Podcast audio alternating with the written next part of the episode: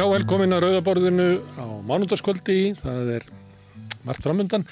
Það er kannski þátturinn einkennist af stríði, maður ætti eiginlega að segja. Hérna í lok þáttarins að þá ætlum við að spila viðtal sem ég tók við Hilmar Þór Hilmarsson, professor og Akureyri. Hann kom inn um daginn og við erum að ræða um svona ástand alþjóðamála og öryggismál í Evrópu og pólitíkina út frá Úkrænustríðinu og svona í lok þess viðtals að þá voru við komin að gasa og þá ákváðum við að bara taka nýtt viðtal þar sem við myndum tala, kannski með samskonar sjónarhótt, út frá átökunum í gasa og sjá til hvort að við náum svona skleggri mynd á þetta. Þetta er náttúrulega ótrúlega árið miklir atbyrðir sem við erum að lifa bæði í Úkrænu og Gaza og þeir eru að hafa mótandi árif á Evrópu, okkar alfu og heiminallan, heimspolítikina, alþjóðlega stopnarnir og hvaðina. Í, í lokina þá við þessa yfirferð með Hilmarið Þór Hilmarsinni en fremst í þættinum þá ætla ég að slá á þráðinn til London þar sem Erlingur Erlingsson, hernaðarsakfræðingur býr. Það var hérna um fyrir örfáum dögum voru tvö orðiðin frá því að rúsneski herin reðst inn í Úgrænu. Ég ætla að ræða þess viðan að því tilefni, fá hann til þess að greina hver staðan er á výgvellinum ákvarðat núna.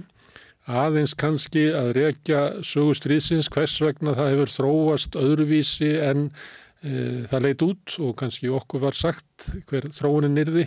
Þið muni það að það er kannski eitt ár síðan að það hefur verið að segja okkur það að rúsneski herrin var við það að gefast upp og fullnagað siður Úkrænu skamt uh, handan horsins. En nú er staðan svo að það er aðeins 10% eurubúa sem hafa trú á því að Úkrænumenn geti unnið sigur þar. Förum yfir þetta með honum Erling hér rétt á eftir. Uh, og spurjum hann kannski hinnar klassísku spurningar sem alltaf er spurt á tímamótum hvernig mun stríðið enda.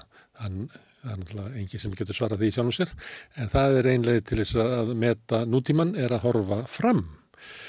Uh, hérna fyrir skömmu síðan að þá tók ég sjöviðtöl við presta sem allir hafðu rétt upp hönd og sagt að þeim væri ósart um það þótt að aðri prestar og, og reynda djáknar líka myndu tilnefnaðu til biskupskjör. Þannig er formið í þjókirkjunni að fyrst fá prestar og djáknar að tilnefna og þeir, e, þau sem eru þrjú efst á þeim lista og vilja verið kjöri fara síðan yfir í biskupskjör og þá munu fleiri koma að leikmenn fulltrúar úr öllum söpnuðum landsins, líklega um 3000 mann sem að kjósa sér fórsta. Þessi yfirferða á þessum, uh, í þessum viðtölum var náttúrulega kortlækninga á kirkjunni og svona hugmyndum kirkjunnar um samfélagið að mörguleiti og ég ætla að fá hérna tvo presta sem ekki eru í frambóði, skúla S. Ólofsson sem er prestur í Neskirkju og Sigurvin Lárus Jónsson sem er prestur í Fríkirkjunni til þess að koma og, og fara svolítið yfir stöðuna á kirkjunni og biskuskjörunu svolítið út frá þessum viðtölum. Hérna, og við höldum eiginlega kirkjuþing hér á eftir við rauðaborðið eins og við höfum verið að gera undarferðið. Það er ykkur hluta vegna þá er það eiginlega bara rauðaborðið sem hefur á, á þessu biskuskjörið eða nýti tækifærið sem að það gefur til þess að fjalla um kirkjuna og um samfélagið okkar og, og, og allt sem að því tengist. Það verður kirkjuþing með tveimur klerkum, skúla og sigurvinn hér á eftir. En áður en að því kemur að þá ætlum við að fara í bíó. Það er mynd sem að, að Bíóparadís frumsyndi núna bara um helgina sem heitið The Zone of Interest sem að fjallar um fólk sem að býr í Auschwitz, sem að rak Auschwitz, hössjónin sem að byggu þar með börnum sínum, reyndu að búa sér til þar litla paradís bak við vegg en hinnum við veggin var verið að myrða geðinga í þúsunda, tugþúsunda, hundraþúsunda vís.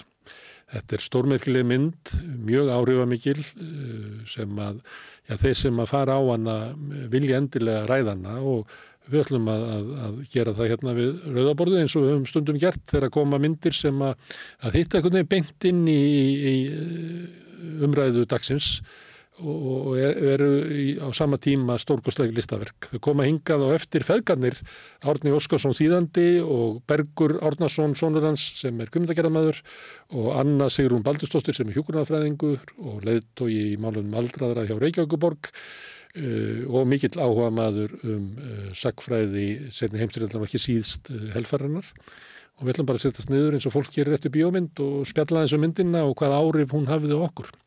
Þetta er prógram kvöldsins uh, í fjölbreytilegt efni uh, sem að verður bóðið upp á hér við Rauðaborðið. En áður en að við skellum okkur í við tölv kvöldsins að þá vil ég minna ykkur á að samfélgi, nei, uh, samstöðin er samstagsverkefn okkar sem erum að búa til þætti hérna, bæði hérna megin myndavillennar og hínum megin og gestana sem hinga að koma og ykkar sem eru að hlusta og horfa saman búum við til þennan fjölmiðl, þennan fundarstað sem að, að rauðaborðið er og samstöðun öll. Þið getur verið virkið þáttaköldur með því að benda vinum og vandamönnum á það efni sem eitthvað líkar. Það er mjög mikilvægt vegna þess að samstöðin hefur ekki efni á því að vera að auglýsa sig upp, kaupa tíma í öðrum miðlum, hann er að hún hefur bara byggst upp orðspori. Og þið getur ekki þátt í því að dreifa út orðsporinu með því að benda fólki á að það má finna efni okkar á Facebook og YouTube og öllum hlaðarsautum, við erum í útvarpinu já, á stór höfuborgarsvæðinu erum við 89,1 á FM snjált að stilla útvarpið í bílnum á það. En því sem er auðvitað þess að svæðis geti nálgast út að sendinga þannig á spilarunum Hann er bæðið á netinu, spilari.is og svo er spilarin líka app sem má hlaða niður í síman og hlusta á samstöðuna og allar íslenskar útastöðar hvað sem er í heiminum, allstað það sem er netsamband. En svo erum við líka komin í sjónvarpið. Við erum númer 5 á fjárstýringu þeirra sem að fá sjónvarpið sitt frá símanum. Vonandi munu önnur fjarskiptafyrirtæki bjóða sínum viðskiptafinnum upp á síman, nei upp á samstöðuna í framtíðinni. Við vonum að það verði. Þið sem að viljið taka virka þátt í að byggja upp samstöðuna geta gæst áskrifendur. Það kostar 2500 krónur. Þá farið þið inn á samstöðin.is, það er nappur sem ástendur áskrift og þið getur skráð ykkur þar fyrir áskrift. Þið getur borgað meira eða viljið og þið sem að kjósið getur látið áskriftina renna sem félagsgjöld inn í alþjóðufélagið og það er alþjóðufélagið sem á og rekur samstöðuna. Allt sem er í bóði hér á samstöðunni er gjöf frá árutum okkar og við þokkum kærlega fyrir hjálpina og vindum okkur síðan í viðtal dagsins eftir örstulli.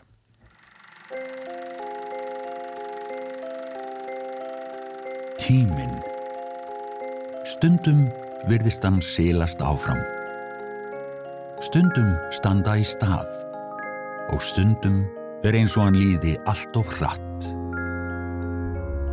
Tíminn er okkar dýrmætasta eign því hann fáum við aldrei aftur.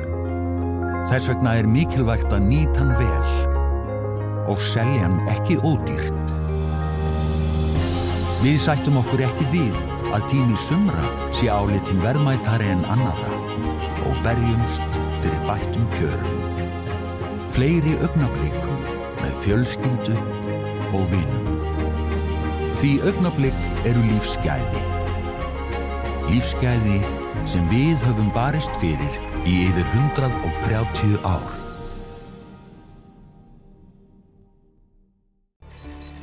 Erfileikar heimila verkafólks hafa hrífi vestnað frá árinu 2021.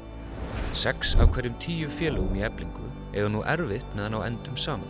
Hvernig getur við réttlætt það? Ebling stéttarfélag. Baróta fyrir betra lífi. Ertu á leið heim úr vinnu? Stiltu á FM 89,1. Já, herðu, við ætlum að ræða núna stríðið í Úgrænu.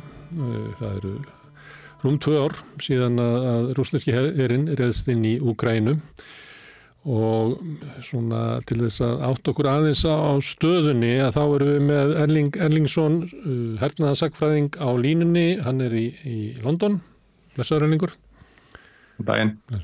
Herðu, já tímamótum að þá er alltaf fristandi til að horfa þess aftur og yfir farin veg eins og sagt er. Það eru núna í aðdraganda þessa ammalis þá hefur verið dreyið fram að, að minkandi tiltrú Evrópumanna í skoðanakonunum um að, að úkrænumenn geti sigrað á vývellinum og aðdeglinn hefur frekað verið þar. En í uppafi, kannski ekki fyrstu tvær vikunar eða þrjá vikunar, að uppafi þá var allavega hérna upp á Íslandi voru sko fréttaflutningurinn var sá að, að rúsneski herin var í illa búin, hann var að sökva í leðjuna, þeir hefðu bara einhverja skoblur til þess að, að berjast og annars líkt og það var alltaf svona hjekk yfir umræðinni að að fullnaða sigur Úkrænu á výgvellinum væri raunhefur. Hefur eitthvað breyst á výgvellinum eða uh, hvernig menn sá, uh, sjá fyrir sér sko hernar uppbyggingu annars var Úkræni og hins var Rúslands? Hefur eitthvað breyst í raunheimum eða var þetta mat kannski þarna svona fyrsta árið uh, var aldrei innistæði fyrir því? Ég held að vonandi að hann ekki margir tala um yfirvofandi fullnar sigur Úkrænu en eftir að rúsneski herin stóð sem mun verð en flestir áttu vona og við vitum núna að áallanir þeirra fyrir innrásuna voru bæði frekar ítla og útfarðar þar byggðu í sér mikla áhættu. Aðferðin sem þeir ætlaði að beita til að taka kýf mjög hratt með liði sem þeir flutt úr lofti virkaði ekki. Og eins höfðu hersveitir ekki verið undirbúinar eða þjálfaðar varðandi þessa árásáall þannig að það var ákveðin veikleiki og, og rúsneski herin stóð sem mjög illa í upphauðu stríðis eins og við vitum nú og, og samanskapi var voru varnir úkrænum mjög hetjulegar og sterkari en flestir áttu vona á. Síðan má segja að fasið 2 í stríðinu hafi verið þessar gaggsóknir úkrænum sem hefnuðist mjög vel. Rúsar dróði lið tilbaka norður frá Kív inn, inn í Kvítarúsland og svo náðu úkrænum að keira mjög upplugar hraðar gaggsóknir í kringum Kharkiv og frelsa mjög mikið landsvæði um 20% af því landi sem rúsar höfðu tekið. Síðan þá hefur Vílinar hrefst mjög lítið. Uh, það voru mikla væntingar til þess að Úkrænumenn getur sótt fram af krafti uh, síðasta sömar. Þá hefur þeir fengið tölvöld mikið af vopnum, aðalega brinnvögnum og skriðdryggum frá Vesturlandum en að samanskapið hefur það takkmarkaðan tíma til að þjálfa sig og innliða þau vopn inn í sína aðferðafræði.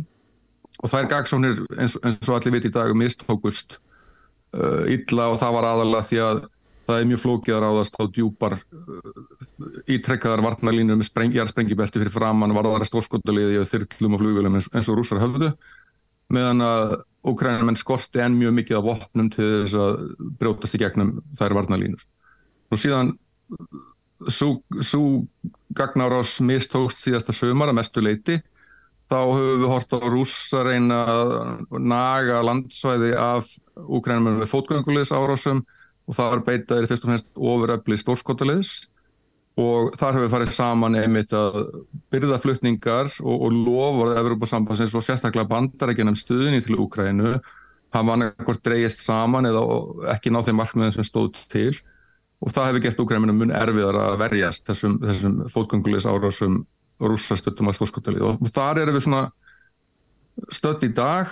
Kannski hliðarstríðið sem átti sér stað á sama tíma var baráttanum Svartahafið það sem var rússar ætlaði að loka á kortflutninga frá Odessa, útflutning Úkrænum á kortni og þar hefur Úkrænum tekist öllum og óvörum að sökka fjölda rúsneska herskipa þar á meðar flagskipi Svartahafsflótans og tryggt að þeir flutningar geti nú átt sér stað sem er mjög óvendur árangur og mikið afreg. Mm. Þannig að, að leið rúsa til þess að ná svartahafinu væru þá hvað landvinningar að ná Odessa sem að miða við hvað þeir eru að kroppa á landinu eins og svo var það að það er kannski ólíklegt að verði. Það er, já, ég myndi segja að það verður útilokað eins og staðan er núna á vývæðlinum bæði yfir mestir sóknarþungi rúsa verið í, í austrinu. Þeir hafa reyndað að útvika yfiráði við Donbass hér aði eina því sem þeir hafa innlimað ólöglega. Þeir hafa mjög takmarkaði getu til að flytja lið annarkvæmt frá Krími áttinað Odessa og nú hafa þeir raun og verið enga getu til að lenda liði frá sjó af því að þau landgönguskip sem eiga hafa verið meðal skotmarka og þeir hafa sökt tveimur eða þreimur að þau með í mannrétt mm. Það hefur mikið verið talað um dróna. Hafa þeir eh, breytt stríðinu eða breytt hernaði eh, varanlega, kannski eins og skriðdregarnir gerðu á sínu tíma. Og, og því að þessar hérna, sigrar úkrænumanna á svartahafi það hefur ekki allt verið svona hefðbundin þetta er ekki stórskotaliðs árásir á, á, á, á skipin Nei, þar hafa þeir beitt drónum sem eru rétt undir yfirborðið sjávar, hálfkafbáta drónum fyrst og fremst til þessar árása og já, í sinu stóra samingi þá er þetta einhver fyrsta meiri hátta stríði þar sem að, sem að drónahernaður er, er að sína hvernig hann mun gerbreyta hernaði framtíðarnar. Við sáum ákveðin merkjum þetta uh, þegar Vesturlöndu voru að herja á ISIS í Mosul og víðar. Þar notuðu báðir aðalega dróna með tölvöld miklum árangri, bæði til að afla sér upplýsinga um hvar óvinnurum var og til að gera árásir. En í þessu stríði hefur, hefur notkun dróna algjörlega markfaldast og við þekkjum það að rússar beita írönskum drónum til árása á skotmörki í Úkrænu og svo á vígvellinum eru mýmörg dæmi um það að, Úkrænumenn og rússar núna í síöknum mæli sem er kannski að vinna upp forskot Úkrænumenna í þessu beiti miklum fjölda dróna til að finna, finna skotmörk, sjá hreyfingar anstæðingsins og bregðast á við annarkvort með árásadrónum eða með hefðbundum opnum, stórskotaliði eða, eða, öðru. En hef, hafa drónarnir og eða þessi aðferð til hernaðar gert einhver sem sagt, tæki sem áður voru notuð hérna, óhæf eða vanhæf eða, eða ekki eins máttu og þau áður voru? Það, það sem að þetta hefur gert er að allur sínileiki, ef, ef, ef, ef við setjum okkur í spór annars aðilega átakana, það er mun erfiðar fyrir okkur að fela öll okkar vopn. Hefðbundir stórskotulegs hernaður þýðir að þú ert með fallbissur langt aftan výlinunar eða eldflögar og sem eru oft ekki í mikill hættu frá, frá vopnum anstæðingsins en, en með dróna sem geta verið að skanna all landslægið handan výlinunar þá er miklu meiri ógn þannig að þú ert að vera með miklu hreyfanlegri stórskotalegisvopn eða, eða þá hvernig þú flytur liðsablaðin, flytur skriður eitthvað undirbýr undirbýr árásir eða gegnumbrot það er allt miklu erfiðar að miklu erfiðar að koma aðstæðinum á óvart. Þannig að í raun hafa engin vopn orðið úrælt allavega enn sem komið er en, en dróna þróunin á vissulegt að halda áfram og, og er, það er ekki séð fyrir endan á því hvað áhrif það hefur Þetta er ekki það þannig að, að drónarnir geta alltaf sínt anstæðingum hvað þú ætlaðir og þar leðandi þá getur þú vel ekki gert neitt og getur ítla, ítla reyft til að mingar reyfalega heraplans. Það, það er ekki þannig að, að, að stríðið frjósi já, út af þessu. það, það gerir öllum mun erfiðara fyrir að, að ná að koma varnarliði á óvart og, og það hefur verið líkil atriði í hernaði bara um árþúsundur eins og við vitum. Og dró, dróna eftirlit með fram allir í výlínunni gerir þetta mun erfiðara. Þannig að niðurstaðan er svo að það er mun erfiðara að ná umfansmiklum árangri með gegnumbróti mannfallir vantanlega meira í árásum þar sem að uh, áður hefur hægt mögulega að brjótast í gegn. Þannig að drónanir eru vissilega að breyta mjög miklu. Og við höfum séð að eins og ég sagði, Úkrænum hefðu mikið forskot í upphafi stríðs varandi notkun dróna en rússar hafa verið að sækja sig veðrið bæði með að framleiða meira í dróna og, og fá annars staða frá. En átöki núna, það er výlína og það er hart barist á výlinni og það eru fjöldin sem að fellur og enn fleiri sem að verða örkumla af þessu. Uh, miða við fréttir og þá er þetta landræmur sem að, að rúss, rússar ná núna síðustu daga undir sig uh, engin hraði á sókninni. Hvað út á hvað gengur svona hernaður? Er verið að, að reyna á þreg anstæðingsins uh, hvað, um hvað snýst þetta? Já, ég, þetta er það sem ég herrfræðunum kallast War of Attrition sem ég hef leift mér að íslenska sem mulningsstríð að það miðar að því að valda anstæðinum tjóni, fella herlið, eigða vopnum og búnað og tækjum og á endanum grafa undan barhættu þreiki anstæðingsins. Uh, þetta, er ekki, þetta er ekki hernaður sem leiðir að sér öllu gegnumbróti eða mikla breyting á výlunni og þá sérstaklega eins og rússar er að framkama þetta um þessa myndir með að beita fótgöngulegs árásum og missa gríðanlega fjölda hermönum uh, sérstaklega í samhengi við þann árangur sem þeir eru að ná. En, en þetta setur virkilega þrýsting á úkrænumenn hvað þeir geta staðist lengi og, og í eflir spurninguna um það er stuðningu Vesturlanda tryggur eða, eða er að molna undan honum eins og við erum að sjá sérstaklega gagvart frá bandaríkjanum. Það sem er áhugavert samt í þessu samhengi er að Selenski, Úkrænu fórseti, saði nú að það er 30.000 ukrænskri hermenn fallið í átökunum og áallanir Vesturlanda virðast það að vera um það byrjum tvöfaldar þetta mm. en það þýðir samt að mannfall Rúslands megin eins og áallanir hafa miðað við er þrefald eða fjórfald þannig að þeim er ekki gangið sérstaklega vel á vígvetinum í, í þessu samhengi. Mm. Hvaða trúna á maður að leggja á það þegar annar aðalinn er að lýsa yfir sínu eigin mannfalli eða mannfalli anstæðingsins? Er, er nokkuð trúnað að þetta leggja á þetta? Nei, þetta var sérstaklega áhugavert að þetta verðum helmingur af því sem að svona sérfræðingar og matsaðalar hefðu reknað sér til þannig að raunverulega talan er kannski einhverstað þarna á milli. Uh, maður setur alltaf stór spurningamerki við svona yfirlýsingar, það er vissulega áróður áróður er hluti af stríði og það er mikilvægt að halda því fram að óvinnunum gangi veru og, og, og, og þínu fólki gangi betur kannski en raunberðvitni en áallanur um, um mannfall Rúslandsmegin og hvaða tæki þeirra var mest byggir mjög á svona opnum upplýsinga opin upplýsingaöflun, það sem eru til myndir, vídeo og alls konar upptökur af reynlega hermennir sem falla í árásum, skriðdryggum sem eru eðulaðir, vopnin sem eru eðulega, flugurinn sem eru skotna niður. Þannig að það er tölvægt áræðanlegt mat á því dæmis hvað rússar hafa mist í þessum hernaði. Mm.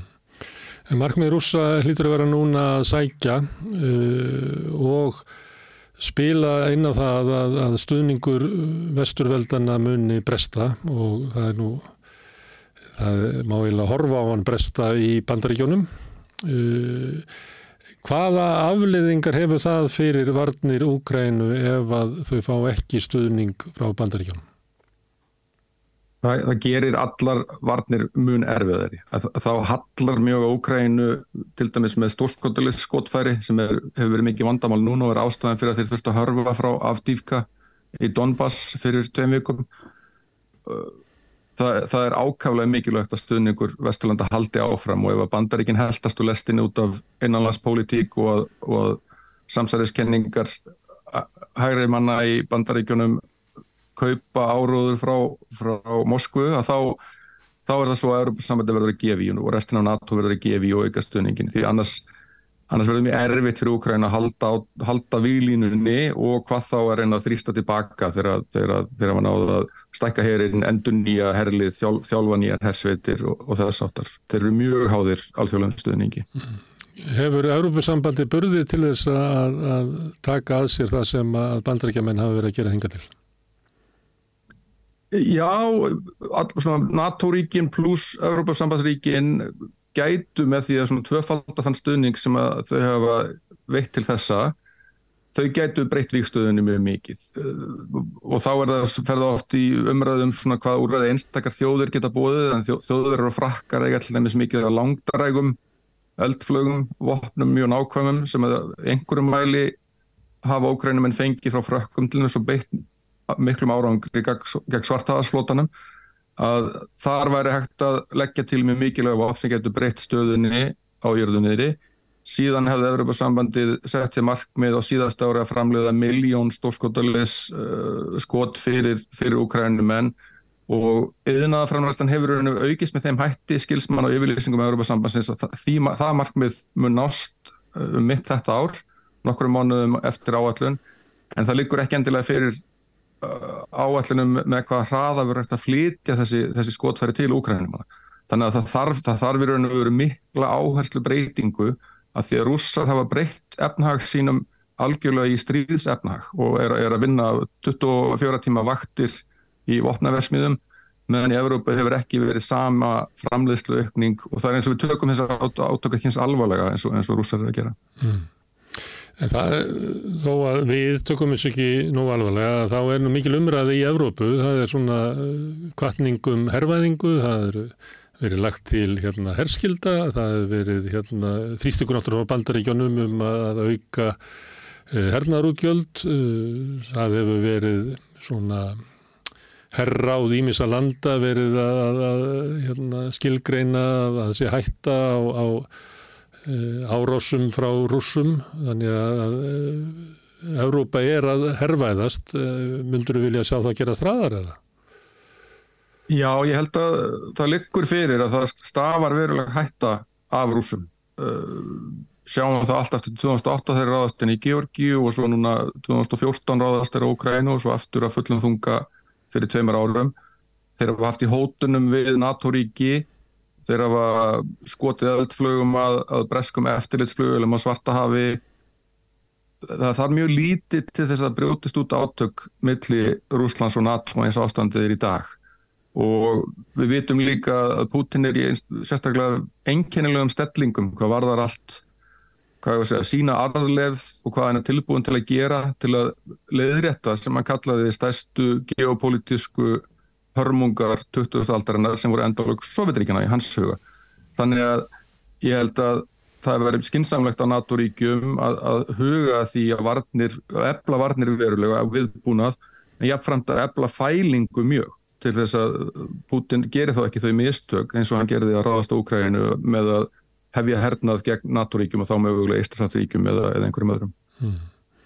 Þetta er ein leið, einhver geti sagt að það var önnur leið sem væri það að reyna að, að stoppa stríðið, hætta þessum mannfórnum og skapa, draga úr hættunni með diplomatískum leiðum. Ég veit ekki hvað hernaðarsakfræðingurinn segir að það er að taka af honum stríð, stríðið. En er það ekki samt þannig að það eru oftast sko diplomatíska leiðir sem að leiða til fríðar. Það er fágæti að hernaður uh, leiði til fríðar. Já, stríð enda yfirleitt annarkort með samningum eða, eða einhvers konar uppgjöf eða fullnaða sigri. Nú Vietnamstríð endaði enda, með samningum en að lokum með hernaði. Við höfum séð stríði miðasturlöndum sem hafa lokið einhverju leiti með hernaði frekar en samningum og það verður mjög fróðilegt að sjá hvernig þetta, þessi átök enda og það verður margi möguleikar í því. Samningar er, eru mögulega einleið en, en þá verður að skoða hvað er raunhæft markmið í þeim, þeim samningum, hver getur verið ásættileg nýjumstada og hvernig getur við þá tryggt að Úgræna reynilega þurkist ekki út? Því að eins og Úgræna menn benda á ef að, ef að rússar hætta að herna því þá endar stríðið, ef að Úgræna menn hætta að herna því þá endar Úgræna. Þannig að og Vesturlund er ekki bara, það er ekki bara orðin tóm, það hefur verið stuðnins yfirlýsingar mjög skýra frá innráðsson hófst. En síðan maður ekki gleyma því að 94 er, er Budapest samkominnulega gert þessum að Úkræna afsala sér kjarnarkuvopnum gegn öryggistryggingu að, að Rúsland og, og Bandaríkin muni virða landa með Úkrænu. Þannig að þeir eru í þeirri stöðu að þeir get ekki lengur treyst á pappir sem öryggistryggingu. Þeir þurfa eitthvað sterkara en það og hvort sem eru þá einhvers konar tvíhliða varnasamningar við Bandaríkin eins og, og söm ríki hafa þar á meðal Ísland eða þá aðalda NATO sem veri ákjósanleiri kostur. Það þarf að finna einhverja leið til að tryggja að átök brjóðast ekki út á nýjanleik þegar rússar hafa náða að byggja, byggja styrk sín upp ef þeir ná ekki fullna, fullnustu markmiðu sínum í, í þessum átökum. Og eitt vandamál í því er náttúrulega að trúverðuleiki uh, varnarsamninga bandaríkjana er, er svolítið undir spurningamerki í dag með að við stöðuna í innanvægs í bandaríkjunum og, og, og orðuræðu Donald Trump. Mm. Og ég fæl hægt að nefna Afganistan í því samíki. Það er ekki alltaf sem að bandaríkjaman hafi staðið með, með sínu bandamönnum uh, til enda. Algjörlega og ég, ég myndi að segja að megin reglan er eiginlega gagstæða og, og, og Putin veðvíðar svolítið á það. Úttalt vesturlanda, hvort sem það er í beinum átökum eða í stuðningi við ríki átökum, hefur í gegnum tíðin að verið takmarkað meðan að úttald rússa hefur verið næra ótakmarkað og, og getur til þess að, að missa mannslíf sem þeir bera litli verðingu fyrir það, það gerir þess að þetta reiknist það mjög erfitt þegar þú stendur þess, þessar svona valdablokki standa anspannis hvoranari hmm. Og þá ert að vísa bara til sögulegs uh, sögu rússa í hernaði Já, aðfraðfraði rúsa í hernaði er, er, er alltaf að þreita anstæðingin og reyna vera bara að vinna, vinna á úthaldi, vinna á að blæða meira, forna meira og valda anstæðinum tjóni og treysta á að samstæða rofni eh, hinnum með einn. Mm. Það er ekki alltaf reynst vilja á þeim en það hefur verið svona helsta aðferðafræðin, það sem þeirra var sjálfnast haft yfirbyrðið í hernaði. Þá lítur maður að spurja um sko þreg Evrópuríkjana þegar að vera að ræða um, ég veit ekki hvað það er alvarleg tillega um herskildu en það er verið að tala um að verja tölvört meiri fjármunum í hernaðar uppbyggingu sem að mun náttúrulega draga úr annari uppbyggingu innan samfélagana í Evrópu. Eh, nær hérna, hernaðafræði þín yfir því að, að meta hversu viljur almenningur uh, í Evrópu er að fara þessa leið núna þegar kannanir sína að trú hans á, á sigur úgrænumanna á vývellinum eru frekar litlar að, að þá er ekki víst að almenningur í Evrópu sé til í að standa að baki þeirri stefnu og taka á sig einhverja fórnir. Ég, já, ég held að kannanir í Evrópu undanfært misseri hefði þó sínt að, að almenningur hefur áhyggjur af þessum nágranna í östri og við höfum ekki séð kröftug mótmæli gegn þessari skuldbindingu sem að öll NATO-ríkin undirgengust fyrir tíu ára síðan akkurat í tengslum við innrás rúsa í Ukræn og innlimun á Krím 2014 að ná því markmið að verja 2% af þjóðafræðanleslu til varnamála það verðist nokkuð klár pólitísk samstæðu um það þvert, þvert á Európaríkin uh, herrkvæðning og herrskilda er, er mjög vond verkfæri, er einhvern veginn neyðarverkfæri, það, það gefur þeirri viljt verri, verra herlið þegar öllur á botning kvólt, þannig að ég held að tala um það sé meira já, eins og um hirt frá yfir hersöðingum sænska og norska hersins það er liður í því bara að gera, gera almenningi grein fyrir því að hér stöndu við frammi fyrir raunverulegur hættu, það er her hernaður hér við landamæri NATO. NATO er ekki einangrað frá þeim átökum og getur dreyjist inn í þau átök með einhverjum hætti fyrir óhæfni eins og eða einhvers konar tilviljun eða, eða slís eins og við höfum séð yfir Svartahafi þar sem að rúsneska flugvilar spilaði mikið hættu spil gagvart NATO-flugvilum eða þá reynlega rúsar láta reyna á sameigilegt varnar ákveði allarsarbandavæðisins 50 greinina með einhvers konar hernaði óbeinum eða beinum til dæmis gagvart Eistræsarsríkjunum og, og, og þar erum, erum enn að huga að eldum vörnum. NATO-lið hefur verið staðsett þar núna um árabil, NATO sinni loftrýmisgestu, allt þetta miðar að fælingu gagvart rúsum og, og, og, þeir, og þeir séu nú, ef, hvernig sem þeir koma út úr Ukraínstíðinu, mögulega herrvættar en þeir hafa verið áður og Putin orðin eldri og enn meðvitaðir er kannski um sína arðulegð, það er ákveð hættuspil sem við stöndum fram með fyrir í Európa. Mm. Við sjáum sem afleðingar af stríðinu svona félagslegan óróleika í Evrópu. Við, það voru gekk yfir kreppa yfir Evrópu, orkukreppa sem hafið mikil áhrif á lífskjör fólks. Aukin herutgjöld munu líka að draga úr lífskjörum, eitthvað staðar verða peningarnir að koma. Við sjáum að þá órói sem að efnarslega órói sem hefur í Evrópu hefur leitt til valda fólk sem að Já, við hefum gett að setja hér fyrir fjórum árum og fimm árum og talað um það næstuði sem sko bandamenn Pútins í pólitíkinni, við höfum séð það í Ítalíu og, og, og vöxt uh, Le Pen í Fraklandi, uh, við sjáum uh, alls konar stjórnmálaöfl náð fram, er ekki hægt við að, að stríðið og afleðingar þess geti á einhvern nátt breytt valda hlutvöldunum í Vestur-Európu og fært til valda þar uh, stjórnmálafólk sem að bara fyrir örskömmu síðan voru raunverulega bandamenn Putin. Ekki hernaði heldur í svona uh, íhaldsemi uh, andof gegn svona mannréttinda sigurum síðustu ára gegn... Jú. Já.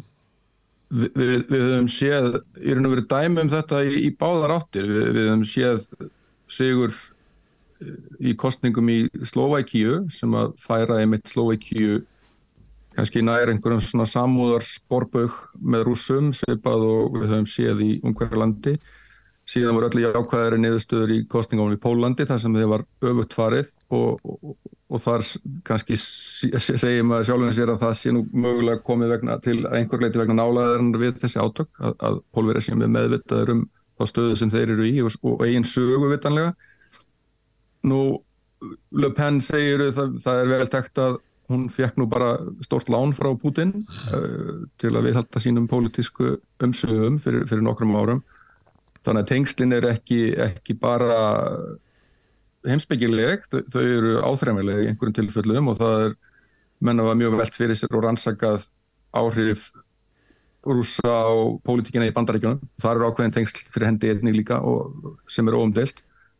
Þannig að það, það er mögulegt og, og, og ég, ég minnu við þess að meðan að Þískur hér var að milja undir sig Frakland voruði 1940 þá held ég að Frakkar hafi skipt þrjusvarum ríkistjók. Þannig að pólitík er vissulega eitt svið átakana og, og, og svið sem að Putin horfir mjög til.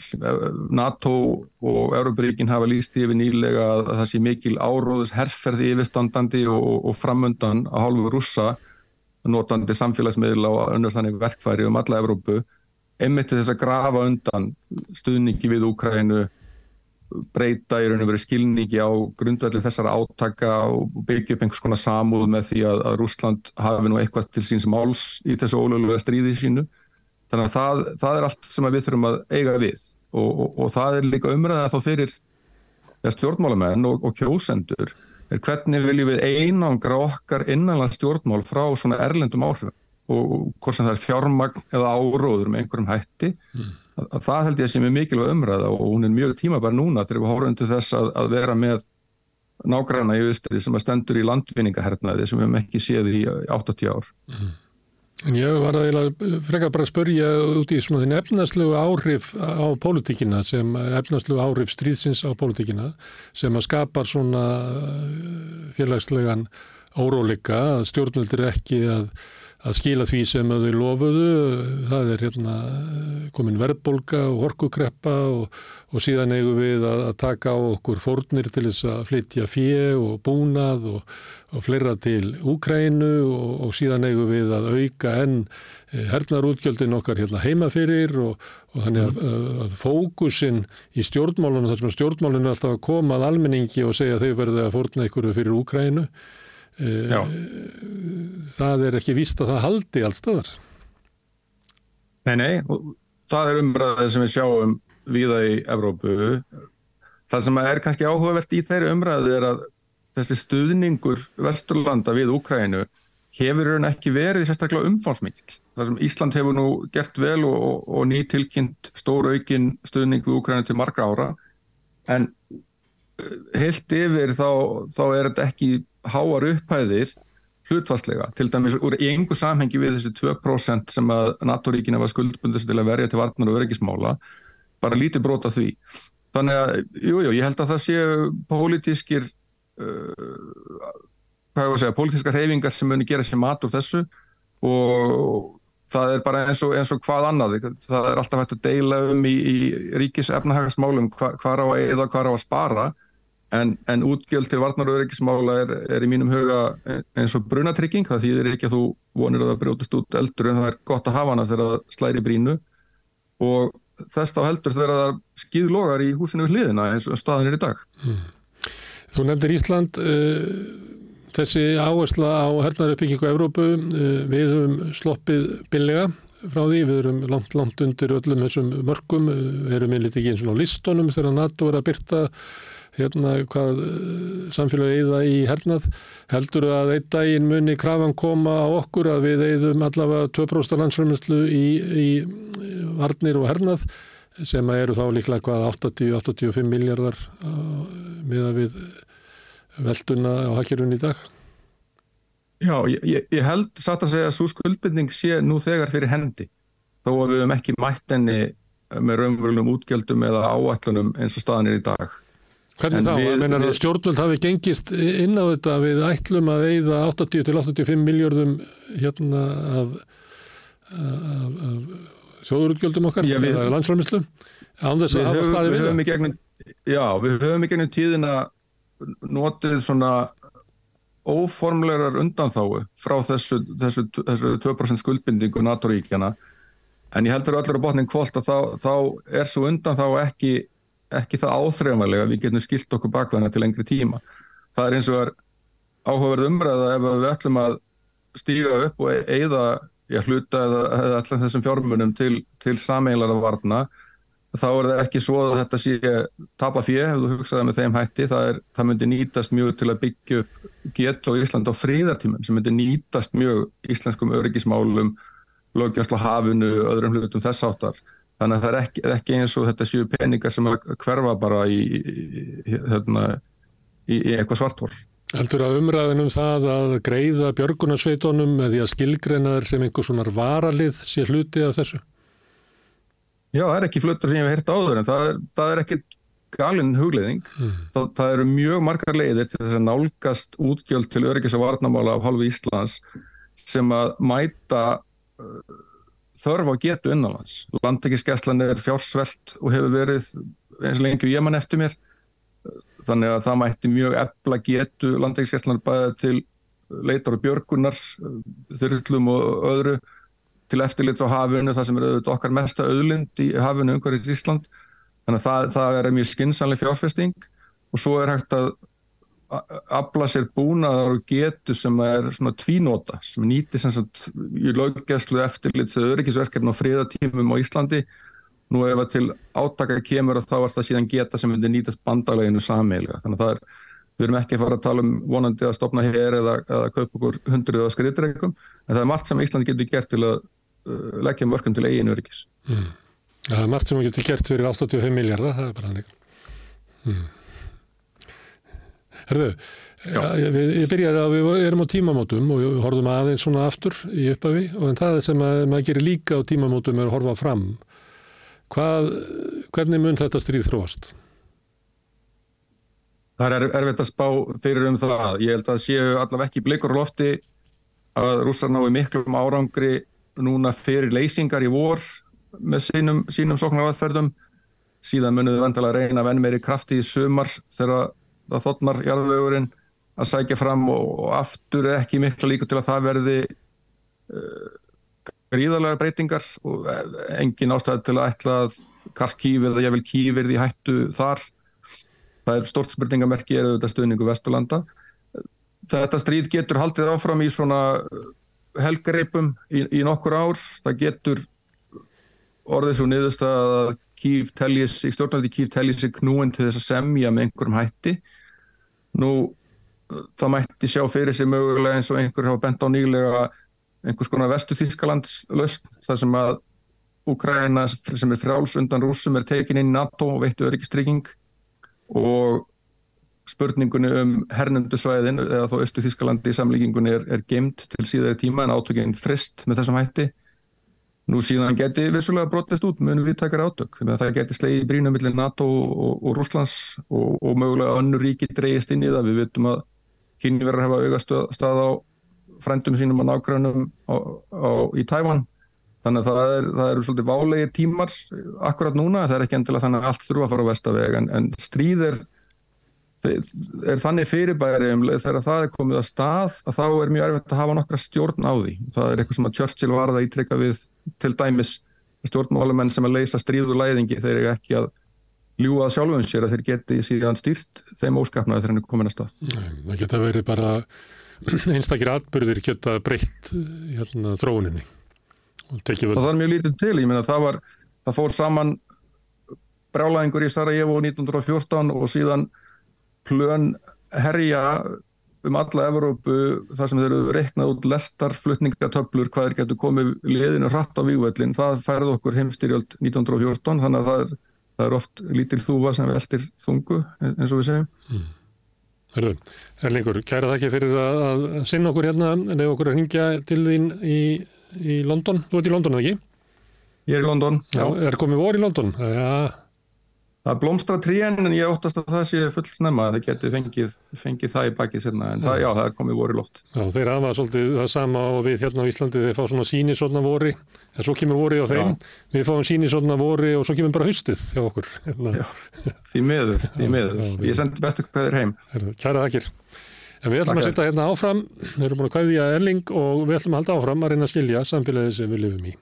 Næsti kapli eftir augnablikka. Um 60% eblingarfólks á erfitt meðan á endum saman. Hvernig er þetta réttlæta það? Ebling stjættarfélag. Baróta fyrir betra lífi.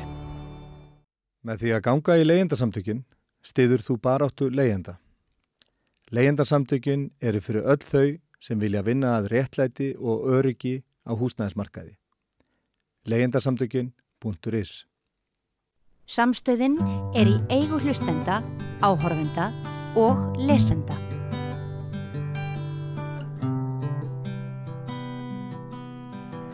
Já, erðu nú ætlum við að fara í bíó. Hér er sínisotn.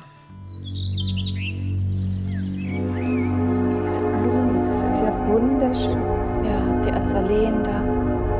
Hier gibt es auch Gemüse. Ein bisschen Kräuter, auch Rosmarin. Hier ist rote Beete. Das ist Fenchel. Die Sonnenblumen. Ja. Und hier ist der Kohlrabi. Die Kinder essen wahnsinnig viel Kohlrabi. Die herrliche Zeit, die wir im gemütlichen, gastlichen Hause verlebten, wird immer mit zu unseren schönsten Urlaubserinnerungen gehören. Im Osten steht unser Morgen. Herzlichen Dank für eure nationalsozialistische Gastfreundschaft. 拍了一条。拍了一条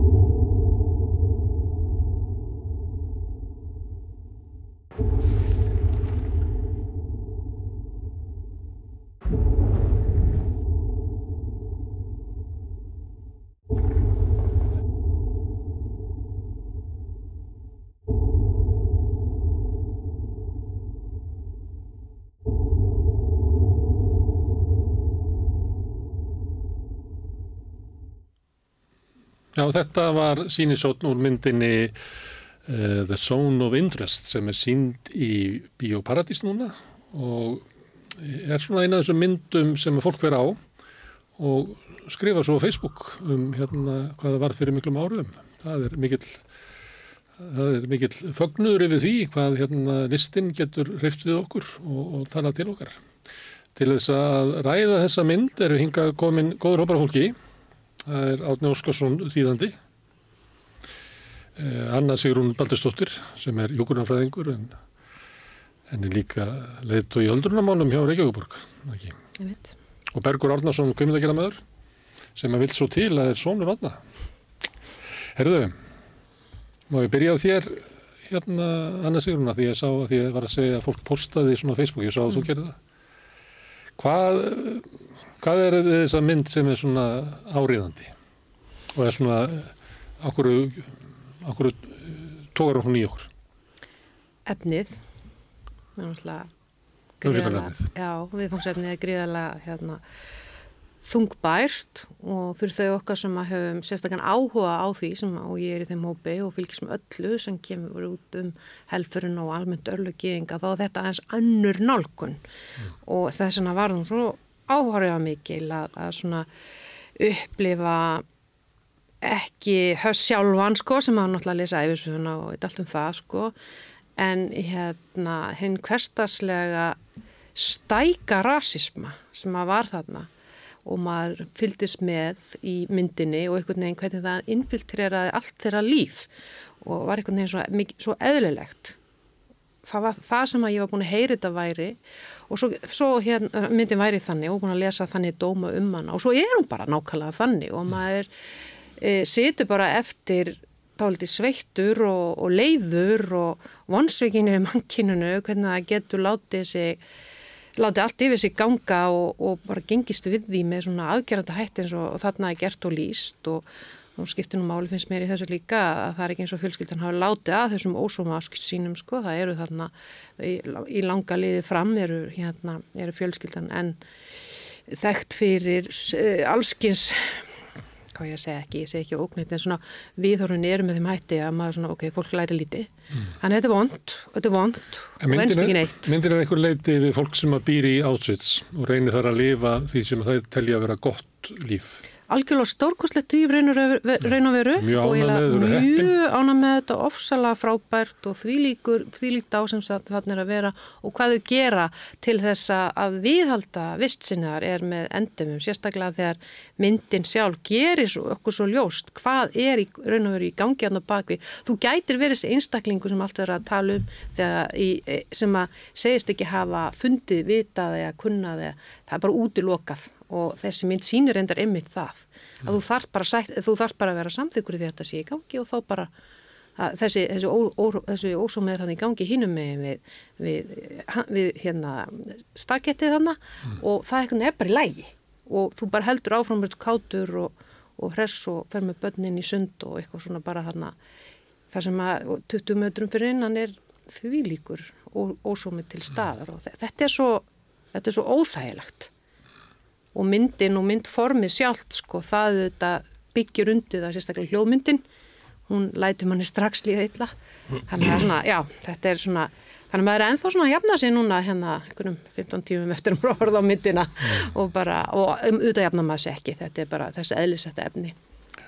En Átni, um hvað er þetta? Er þetta um er þetta um þá sem að taka þátt í, í grimdinni og hvernig þeir selja sér það að, að þeir séu að gera eitthvað sem er normalt eða er þetta um samfélagið okkar hvernig e, fólk getur sko hérna, verið misþymt og drepið bak við hérna rétt handan við og meðan að við lifum meðlilugu lífi eða um hvað er þetta? Já, þetta er sko hann er hort á gerenduna ekki fórnalömpin við sjáum þau eiginlega ekki mjög lítið mm. Og uh, það er verið að skoða þetta fólk af því að hvað er það í svona vennjulegu fólki sem að geri það geri það verkum að það tekur þátt í svona e, Það er bara verkvar ílskunar og ílskan sjálfs. Já, já, já og, og hérna þannig að e, þess vegna svona, þú veist, þetta er fólk svona að mörguleita eins og við, skilju mm. Meina, þetta, þetta eru það, einmitt, ég las það þú veist, þessi hjón, þau voru úr verkalistjætt og þau eru svona og konan er, er alltaf að hugsa um efnislega hluti og hún er að máta hérna loðfeld sem er tekin af gýðingum og, og eitthvað svona alls konar klingur sem hún sækist eftir. Og og algjörlega sko hugsaður ekki neitt, hún framkvæmir alltaf, hún er alltaf stöðugt að, að hérna, vinna í gardinum og hún stoppar aldrei og hún bara eh, veist, hún hugsaður ekki og hérna og, hún er frábæðilega leikin. Algjörlega frábæðilega leikin þegar hún er að hlaupa já. eftir manninu sinu já, er alveg ótrúlega já. ég hef aldrei séð leikar að leika ég aftur vel í svona með því röðu göngulagi slass uh, hlaup. Akkurat Ég vel að einmitt var að lesa eitthvað viðtal við hana og, og, og hún sko sagði að þetta hefur svo ræðilega erfitt að, að hérna, þú veist, nálgast þetta hlutverk. Af því að hún gæti ekki samsama sig þessu, þessu hlutverki, hún gæti ekki lifa sig inn í þessa personu, heldur eða svona hort á hana meira svona utanfrá og bara hérna sem er, já, mjög hérna svona óvenjuleg hérna, staða fyrir leikara Já. Það mátti eiginlega ekki setja það inn í þetta er... Nei, nei akkurat Já, Því að þú finnur samsöruna þá þetta að hlaupa út Já, Já. En e, þetta er með fólk sem er kannski, er þetta einstakt? Er þetta verið að segja okkur að þetta fólk sé einhvern veginn öðruvísin allt annað fólk eða er verið að segja okkur að þetta er nú Þetta er bara skildur ekki fólk í, í samfélagi og það uppsker hérna, ákveðna svona vexendir fyrir að standa sig vel. Það er ekki að brjóta gegn hérna, lögmálum þessar samfélagi sem maður býr í. Nei, nei, það, þetta er hlýðið fólk, það er hlýðið reglónum, það fer eftir reglónum. Rís upp fyrir eigin verðlegin já, já, reyndað. Akkurat og, og hérna þannig að e, þetta vekur alls konar spurningar mm. og, e, og hérna Eh, já, svona, þú veist, og, og líka þessu leiti er þetta spurning sem að höfða bara til okkar sem bara vennilegs fólk, skiljum. Hvað, hva, að hvaða leiti eru við eitthvað ólík þessu fólki? Eru við þáttakandur í þessu? Eru við þáttakandur í þessu. Já, finnst þið það ágeng svona spurning? Já, mér finnst Já. það svona undirlíkjandi þarna og sko, og það er líka, sko, merkilegt að skoða sko, hvernig hún er tekin myndin að þetta er ofsalega svona hérna objektív kvikmyndataka, hún tekið með mörgum myndavölum földum og, mm. og hérna og mér skilst að leikstórun hafi verið sko ekki að ásettinu heldur var einhver staðar fyrirfram að einhver að skerma í fjarlæðs því að hann vildi svona fylgjast með þessu eins og mannfræðingur meira mm. og hérna og uh, þannig að það, það, það er ekki sko, myndin er ekki að hún, hún er ekki að gefa mjög ákveðna tólkun eða þú veist mm. þetta er, það er mjög mikið látið eftir áhörfandan að tólka mm. þessa mynd og er líka annað svona í, í hvernig hún er gerðið einhvern veginn að þetta er náttúrulega perjóðu mynd í raunni og gerist í sin, sin höfnsturljótinu og en, en hún er algjörlega strípuð af öllum svona sko tækni sem að myndi venjulega búast við oft er svona lítaður út svona brúnart kannski eða þú veist mm. að nota alls konar, hún er fullkomlega digital, rosalega svona grá eins og myndi bara taka einhverja venjulega myndavel svona í dag og byrja að skjóta eitthvað sko sem að, einmitt spurningum sko ég, ég, ég las hérna gaggrinni sem var að tala um að þetta væri svona pælinga með sko að, að, að rjúfa þú veist koma árundunum eins nálagt einhvern veginn þessu fólki sko. Þú hefur getað tekið þetta á iPhone-ið bara í gær. Já, svona, svona það er sá blær á henni. Fyrst, Það er smá svona tilfinningin allavega sem að svona tekninótkunning gefur frá sér. Mm. Marga senunar eru svona til dæmis þegar hann lappar um og er að slakka ljósin mm. sem er svona, hann feð bara að slakka ljósin. Og marga, bara verið, þetta eru bara hverstaslegustu hlutir hvað hérna en svo vitum við hvað þetta er. Og þá náttúrulega fær allt annan svona, annarkort er það allt fær aðra merkingu. Eða þá að það verið að segja okkur að, að hérna ég fletti nú eitthvað starf upp á ljóði sem að Leon Cohen skrifaði Mækman sem að er eitthvað í þessa veruna sko, hérna meðalmaður að hæð og meðalmaður að þyngd og, og þú veist, hérna góður fæði barna sinna og eitthvað svona blá blá en við er byggustuð, hérna hala og hornum eða grænu slefi eða hvað, af því að sko grimdin er bara eins og við. Ég verður veltaði fyrir mig sko þetta með hérna þessar senur af þessu hverstastlegu hlutum sko. Þegar maður horfið til með sá þegar hann er að slökka Já. þá svo er hann þessi fjölskyldufæði sem er að vernda fjölskylduna sína, passar allar hurðar séu loka, ljósin séu slögt og svo endar hann með því að bera þarna dóttu sína í rúmis þess að sem að gengur í svefni. Þannig að hann er bara þessi venjulega ábyrðafulli uh, fjölskyttu fæð Frábært að stóla á hann nefn að hann er bara hinn með vekkin er hann að myrða fólk já. í bílförnum Já, já, rúmlega það en það er svona áhugavert og líka finnst mér mam, tengdamamman áhugaverð týpa, hún kannski hún kemur og þá kemur um mjög vel fram úr hvað umhverju, eða það kemur fram úr hvað um, umhverju þau eru sprottin hún lýsir því að hún hafi, hann hafa langað svo mikið til að kaupa gluggatjöld hjá, af, af sem sagt, á einhverju svona garsölu eða þannig í kjölfar þess að eigandin hafði verið sendur í útrýmingabúðuna. Það sem hún hefði þrýfið í búðuna. Það sem hún hafði verið, hafði þrýfið og hún er svo ána með hérna hvað, hversu langt uh, dóttirinn hafði náð í lífinu verandi komin þarna á þennan stað eftir hérna og þannig hún var svo glöð. En svo reynda hverfur móðurinn allt í einu. Já, og maður áttast ekki alveg á því af hverju hverfum bara. En hún var líka þess að senu hérna sem hún sér hérna reygin um nóttina. Hún sér hann. Sem að, að hún, það sem hún er að sjá þá, hún er ekki að sjá reygin, hún er að sjá þegar þið sprengtu þriðja, hérna, það, það er sprengingin mm. sem að verður í ásveits, ég man ekki alveg dagsendinguna, en það verður sem þegar hérna Sandukommandós sprengja upp einn af gasklefanum, það er það sem hún sér. Já ég, það er mín tólkun sko. Mm. og að því að það hefur verið svo mikið allt í hennu og svo er hún bara farin. Mm. en hún hefði líka gert aðtóðsandi hvað eru bara gýðingar í húsinu.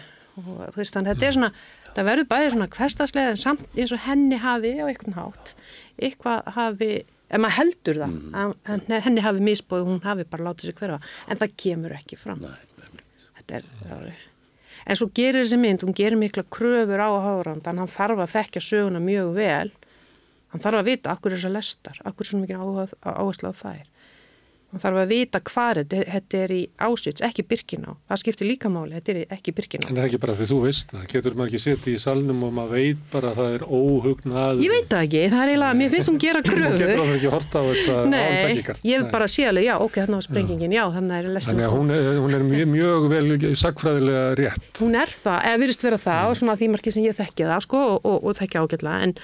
það, mér finnst hún gera kröfur og það er ekki nógu að vitra sig eitthvað hryllingur, þú veist þú, þú skinnjar hann líka sko. Það, ekki, það, það væri ekki nóg fyrir mig að þú hefur aldrei heyrt um helfurina sem ég gerum ekki ráð fyrir að sé. Það er ekki, þú finnir náttúrulega engan sem að getur farið í bíu á þess að heyrta helfurinni sko. Já, ég var alveg að hugsa samt um sko yngra fólk sko, er, er því lengra sem þú kemur frá þessu, hversu svona aktuelt og, og djúpur skilningur er í raun og veru, þetta eru 80 ár. Mm. ég er að hugsa um eitthvað sem að ef að ég var í tvítu, hvað gerðist á 1900 og þá var það fyrir heimstyröldin og ég vissi ekkit um því að tvítu nema hún hafi byrjað 1900 og eitthvað Við erum með unga mann hérna við borðið. Já. Berg. Heldur það sé munur á upplöfum kynnslóna? Já, ég veldi fyrir mig sko, ef þú myndir hóla þessa mynd og einhvern veginn ekki leggja saman 2 og 2, þú veist, sem að, jú, rúglega einhvern tíma hann eitthvað staðar, skilju, en sko, náttúrulega af því að þessi saga er, hún snýst svo rosalega mikið um einhvern veginn að þú ert bara að fylgja þessu fólki og þú sér þetta er bara fólk og það er að vinna vinnu sinna og þú veist það er mikil svona mikið gert til að fá þau til að einhvern veginn samsamaði með því. Þannig að jafnvel þú þú held ég horfður á þessar mynd og farið sko, á, þetta er nú skrítin mynd og farið svo á Wikipedia sko og það er já, þeir voru nú að brenna gýðinga þannig ég held að það sé nú alveg sko áhrifaríkt ef eitthvað er sko. Já, umfangi er bara svo svakalegt að maður, svona, mér finnst þetta að gera svona ákveðna kröfur sko á áhörandan að, að svona að aðeins vita og, og flestir vita langt mest sko en mér finnst þetta bara að ég pælt í þessu því að maður velta fyrir sér eigin bönnu sem höfðu þekkja sögun og allt svona en, en ég er ekki vissum að þeirra upplifun væri með sama hætt á mín sko en ekki það skiptinu einu máli, mér finnst myndinni erindi til allra sko og rúmlega það. En það eru marga svona áhrifamikla myndir sem að eru svolítið svona húðaðar sko, svolítið svona, ekki segja sigurhúðar, en svona gera það er, jafnvel þó þú sett að horfa á hryllingin, þá er það jafnvel þægilega að horfa á heldur nefnir þessi. Sem er þægilega. Mennar að mann er sér gefið ykkur svona í lóksöguna eins og Amerikanar vilja helst hafa sína myndir en maður gefið ykkur svona relíf í lókin. Eitthvað, eða bara þú veist, þú... Ykkur vel, þú... velum fyrir þau góða munið sigra. Það er reyndar svolítið í þarna það er í þessari, já, já. Þá finnur hann fyrir svona ógnaði og er, vill æla mm -hmm. og þá er kliftið svolítið fyrir nútíman. Mm -hmm. Þannig að það er svona það er verið að hjálpa manni aðeins við að lifa við, við þetta. Mm -hmm. En það er kannski ekki alveg það sem ég átti við heldur Nei. bara þú veist að þú að hérna það, það er mikilvægt að, að sjá líka að það, það má ekki alveg loka það úti þó þess að gert á svona góðan hátt eins og þannig er að þessu, þessu mynd hafi bara annar hlutverk hans mér. En síðan eru myndir sem falla með beinum hætti um, sko, um, um aðferðina sem beitt var. Og þær eru oft svona, er, man, man er svolítið hlýft þar stundum. Og, og það, það er ábyggla bara því annars horfur hengið náta en, en þú veist það er hérna, en þetta er bara svo áhört að pæla í þessu. Hvenar er hryllingunum mestur? Eða þú horfur hann beint í augun? Eða þegar þú Upp, já, hva, já, hvað er verra? Ofta segir fólk að best að horfa, óta, horfast í augu óttan. Þannig hlæðist hann bara upp í svona... Þannig að gera hann og maður bara, og hún er verið orðlagt og manni líka. Fyrir að, hann er náttúrulega alltaf hinn með veginn samt, sko, það er náttúrulega kannski einn svona... Já, góða punktur. Og er í hljóðrásinni. Já, einmitt, og er... Hljóðrásinni er rosaleg, sko. Já, rosalega spes. Það, maður veit ekki hvort að það sé tæknilegt afreg að það var hljóðrásina hérna svona góða eða það er náttúrulega staðriðin er að ógnarinn er í henni sko. Það því hann fær ekki að vera annars. Já, þetta eru tvær myndir hefur verið sagt sko, hljóðmyndin og, og myndin sko. Það er kannski líka þessi svona, þú veist, að þetta passar ekki saman sko. Já. Það fyrir ekki saman hljóða mynd. Já, þú horfir á einhverja konu og garðinn og já, þetta er allt svo fínt og flott og svo, en, en það er alltaf verið að skjóta og bara öskur og eitthvað svona í bakgrunn og það náttúrulega er, -hmm. er kannski svona Já. Það er í samfundu við þetta með kynslaugnar að, að hann hefur sagt frá því leikstjórin Jonathan Glazer að, að hann hafi sko sagt föðu sínu frá þessu uh, þegar hann var að byrja að vinna í þessari mynd sem var mjög lengi í vinslu og þetta er sko gíðinga fjölskylda uh, þetta Glazer og, og hann, gamli maðurinn hafi sagt ég skil ekki hvað þetta bara róta í þessu mm. let it rot sko, bara, mm. ég meina, látt þetta eiga sig hvað er það mm.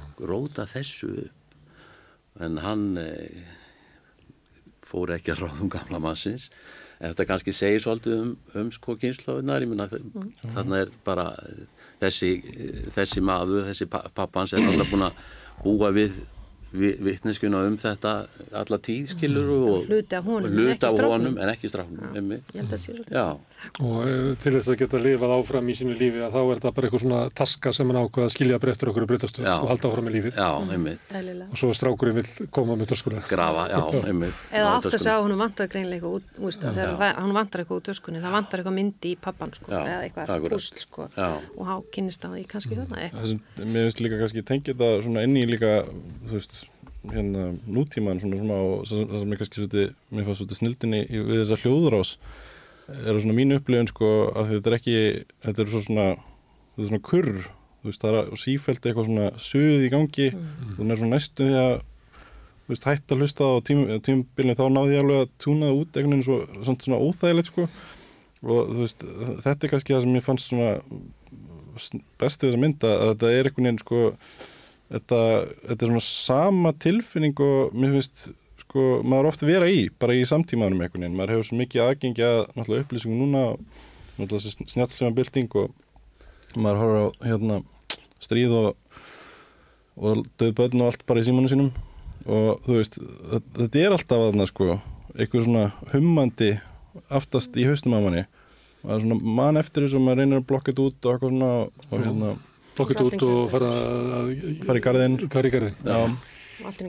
Finnst þið það að þessi mynd bara tali bara beint inn í okkar samtíma? Af því að hún fjallar náttúrulega um, um atbyrði í miðja síðustu öld. já, Eh, Þú veit að, að tólkana þannig að hún er eiginlega að fjalla um ástand okkar. Að þetta væri ja, við höfum sérsóleismyndir eins og hérna, hvað hún aftur hérna, söðu kóriska sem var svona mynd sem að fjalla eiginlega um ástand okkar. Hérna, Parasite. Já, Já, að, að sömuleit er þessi mynd líka þannig eins og, eins og þú ert að tólka Já. Út af því að þá eru þau viðurum í, inn í garðinum sko og erum bara til þess að geta lifað í þessu svona falska heimi sem við lifum í þá þurfum við að blokka frá okkur sko hryllingin sem að sömuleiti garðurinn okkar veldur. já Mér, þetta er frekar svona þetta er einn ein lestur á myndinni Mm. og svona það sem ég hef verið að hugsa um bara eftir á síðan sko.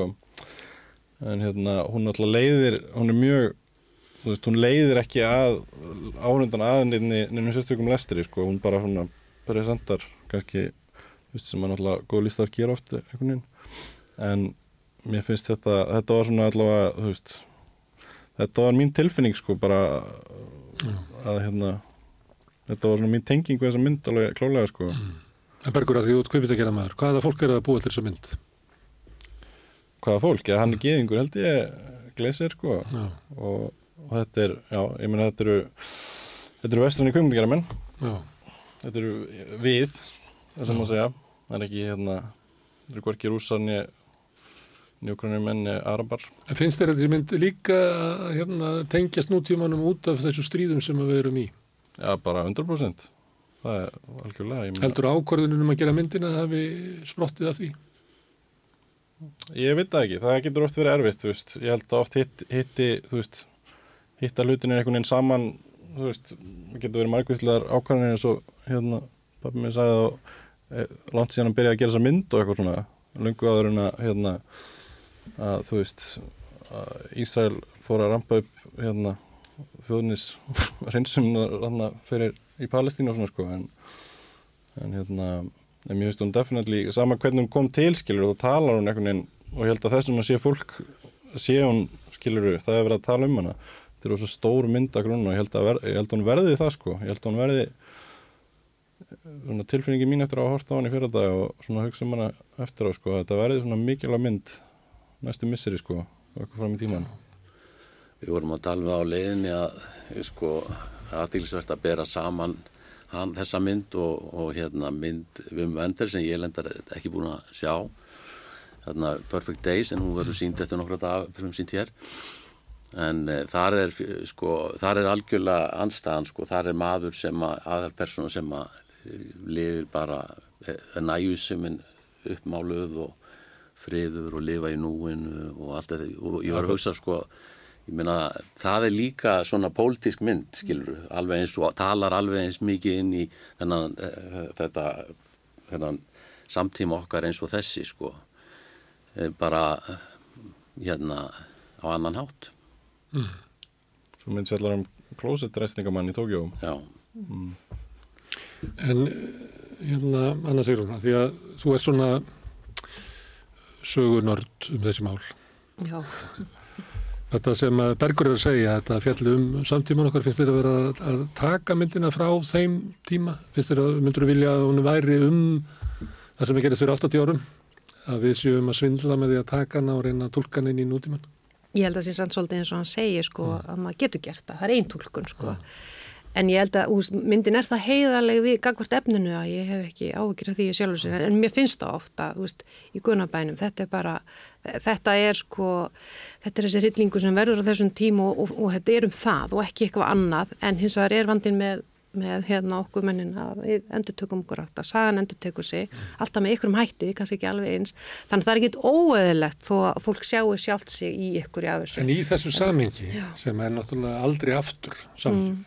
þá er það eiginlega svolítið skeri ef að við upplöfum að byttu, kannski eru við fólki í garðinum, sko. Já, ég sé það ekki þannig reyndar, en hérna við hefum hins vegar að passa okkur að vera það ekki. Ég held að það sé verkefnið að þessi mynd kannski mynd getur mynd mann á það hversu auðvelt er að verða svona compl complacent, eða ég maður ekki alveg hvað heitur á íslensku, eða svona complacent vera bara svona, eða bara... Samtuna. Já, bara verða einhvern samdöina einhverju og muna mennskuna sko, þegar þessi mynd Uh, hún, svona, hún lemur síðan rosalega vel á okkur með það þegar, þegar hérna aðalpersonan, konan, fyrir að múti, fyrir að berjast fyrir því að fá að vera það náfram, þá einhvern veginn er manni öllum loki bara. Þetta er paradís. Já, já. þetta er paradís og maður bara, já, og þá hugsa maður með hversu langt er þetta að fara í í, í þessum að verða svona ofbóslega samtuna ríkala ástandi en vissilega svona ideologist eru þau alveg á línunni sko mm. það skiptir mjög miklu máli þannig sko var stum að eins og maður velti fyrir sig hvort mamman hafi verið það í raun og veru tengdamóðurinn var hún í raunverulega nógu ideologisk þegar hún sá hvaða þýtti mm. og fór bara, mm. getur það verið, ég veit það ekki þannig að, að þú veist, hún gefur líka tækifærið þannig að þessa mynd sko mm. Þau voru, voru á línunni sem að var bara lína dagsins í þeirra samfélagi. Þetta voru það. bara hérna, fundir hérna, þríekisins á hverjum degi sem var að segja þetta er línan. Þau voru, voru bara hlýðin. klára á línunni en þess vegna veldi ég fyrir mig hvað að því mamman var það greinilega þegar hann fór, var alltaf fyrir sér glukkatjöldunum en svo kemur hún aðna og lætur sig hverfa. Gerist, það er eitthvað sem gerir sem að kveikir á henni. En hún er samt stolt á dótt þegar hún kemur þá er hún bara ánað og stolt og gleð, gleðist. En þannig að það, það er alveg tækifæri aðna til að því að það voru ekki allir hérna í, á þessari línu. Það var náttúrulega alls ekki þannig. Nei. hún sopnar og vaknar. Og svo sést hún ekki meira eftir það ekki. Já, það er svo leiðis og búin að, og búin að brjóta búin að búa um sig og skilur allt eftir tipptopp og fyrr þannig að það er svona gefið svona, maður getur alltaf að setja á tólkunin að hún hefði svona stökkun neginn vaknað. Mm -hmm.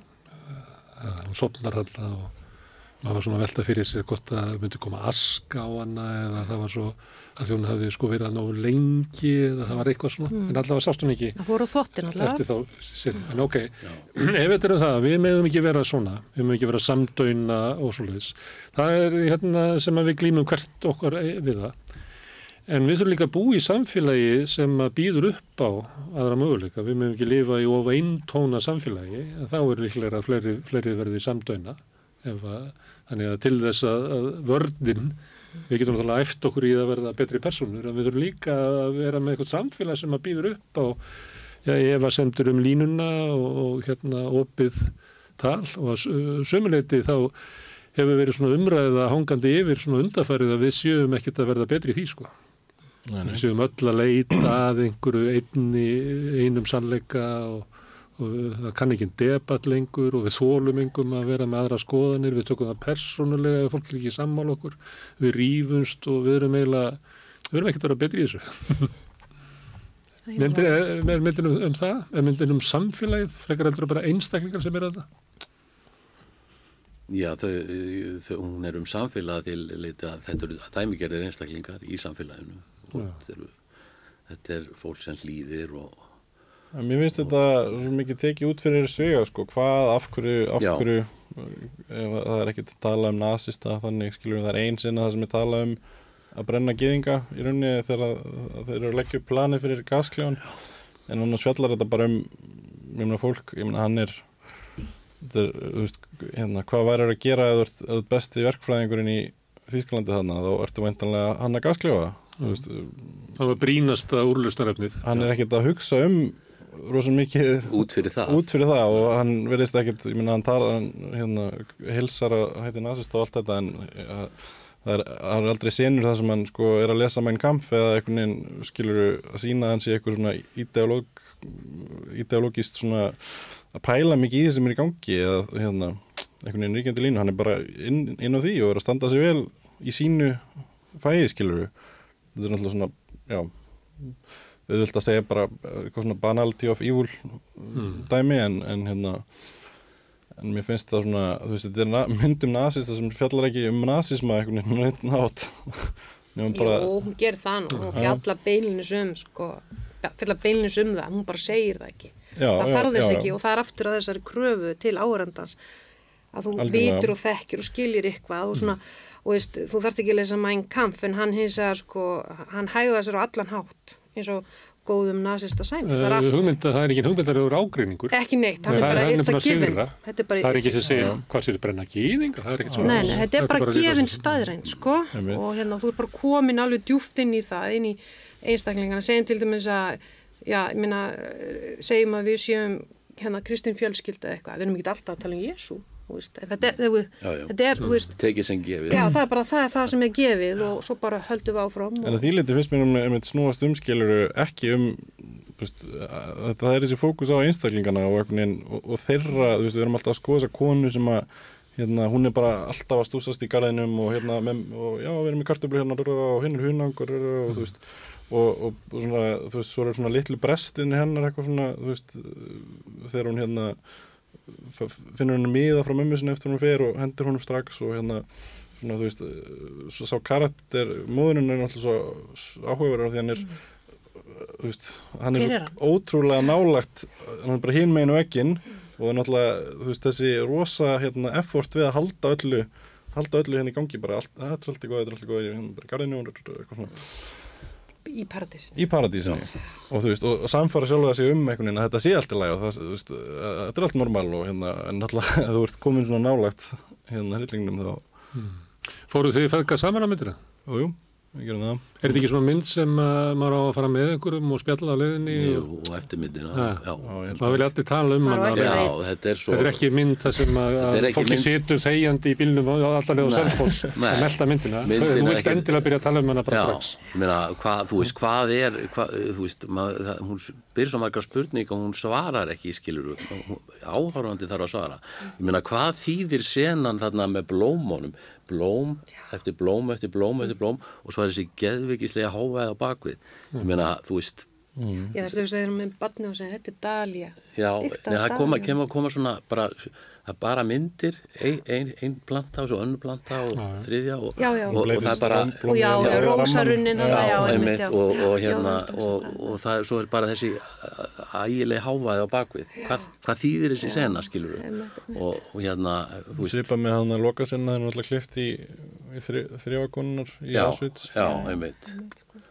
Það, já, já, það, ma- já, maður velti því fyrir sér, Já. það á deila, veist, hvað, byrju, hvað, að það, þrátt fyrir að ílskan sé hérna handa við hodni þá getur samt hérna vaksið eitthvað, já, ég veit það ekki.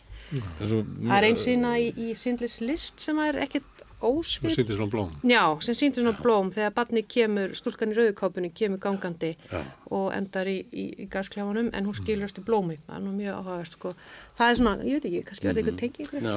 Það er hérna, ég var eins og það mjög löngu göngutúr og þá tók ég svona, því að maður með síma, maður með myndavel, þá var ég að mynda alls konar svona snigla og dót sem að ég sá. Svo var það einn daginn að þá myndaði ég allt sem að var svona outstanding fallegt, sem að voru einmitt svona útsprungi blóm svipu að sínt þarna. Og svo þegar maður skoða svona daginn hvernig maður tekur, þá fannst mér þessi dag, þessar myndir náðu enga veginn sem ég að ganga. Já, svo kannski og var það er, eiginlega þegar málið. ég sá þessar myndir alltaf, þá hugsaði ég, já, þetta er svona.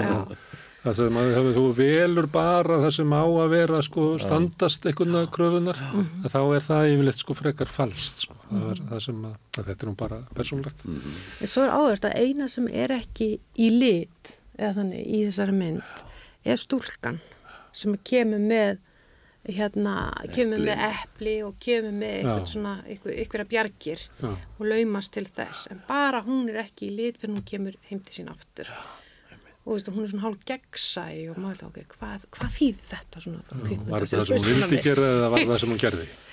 Já, hún alltaf augljóslega vildi að hún laði sig greinlega mikla hættu En vildi hún, eða, vildi hún gera þetta eða gerði hún þetta raunverulega? Já, meinaru, já, já, já hún Af því að ef þú tekur viljað eitthvað út sem er bara óraunverulegt með Mm. mm. inn einu, Mhm. þá veist ekki hvort það sé. Nei, maður veit það ekki Það sem, hefði, það sem ég hefði, hvað segir í hérna, pálpástuli, það sem við vildum gera en gerðum ekki. mm Kannski, Það ég sem veit að það ekki við hérna, vildum ekki gera en gerðum. En mögulega er hún án bara að tólka uh, samfélagi sem var hann í kringum og svim og, og sem að vissu þetta Mm. og þá sem að þó gerði eitthvað Herðu, þetta er myndum uh, svaklættirni og hún er mjög sterk og áhrifarík en að því að við erum líklega að fara að hvetja fólk til þess að fara að sjá hana. E, þetta er ekki mynd þannig að, að hérna, maður liggi sko lamaður undir henni, það er ekki eins og maður sé að fara að hlaupa út í ofbóð eftir klukkutíma. Eða fólk er ekki að vera orða okkur trilling. Nei, það er Nei, nei, hún er ekki það löng heldur eins og því. Hún er Það er 100 og eitthvað mínútur, 100 mínútur held ég bara, eitthvað svona cirka bót. svo myndu voru í Kanada. Já, já. Já, þetta er ekki svona eina sem lungu. En hún, hún kemur sín til skila, finnst mér eftir hvað við viljum hún hafi gert, sko að segja. En, en mér var allavega, ég myndi eindrið hvetja fólk sem er til að sjá hana, bara alla, hvort sem vita mikið um, um söguna eða ekki. Þetta er bara minnskost að eftir að að kveikja áhuga af hverju, hvernig getum að gert svona mynd um eitthvað. Þannig að ef þú veist ekki um hvað, hvað er hann á bakvið, svo ólíkla vill til og veist ekki hvað gerist með löstunum, að þá vi- viltu líklega vita það eftir þessa mynd. Þannig að það er þá allavega. Ég held nefnilega að hún gerir svona, þú veist, hlut sem að, þú veist, góðar myndir, skilur sem að sér ekkert alltaf að gera, er, þú veist, að hún skilur eftir með eitthvað tilfinningu sem að þú kannski þarft ekki endilega að fara í gegnum eitthvað svona intellectualization, sko, þú veist, það er bara þessi ónótt svona og þú veist, þú kannski, þetta er svona mynd sem á, maður þarf ekki endilega að skilja allt, sko, vera með eitthvað, eitthvað, eitthvað lestur á nákvæmlega mitt öllu, sko, En, en ég held að bara upplifin sko að sitja gegnum hana og bara svona sitja með henni sko að það sé, þú veist það sé mjög áhrifaríkt og svona sko allir einhvern veginn fá einhver svona frekar sterk, já. Mm. þetta, þetta já, talar einhvern veginn inn í fyrst mér svolítið Já, þetta er bara Ástand. alvöru innleggin í samfélagsumræðina, þessi mynd. Já. Við gerum þetta stundum að ræða um myndir sem að eru í, fólk getur farið og skoðað. Við ræðum hérna um, um leikús og bækur, en bara örsetunum myndir. Eh, Síðastælti hafum talað um græn landamæri sem var einmitt um rosalega erfitt mál, alveg geðvikislega góð mynd.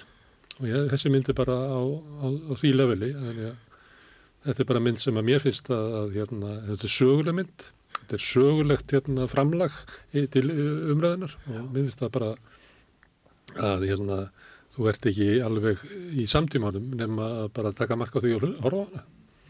Samanlega því. Það er hérna, þannig upplifið ég þetta.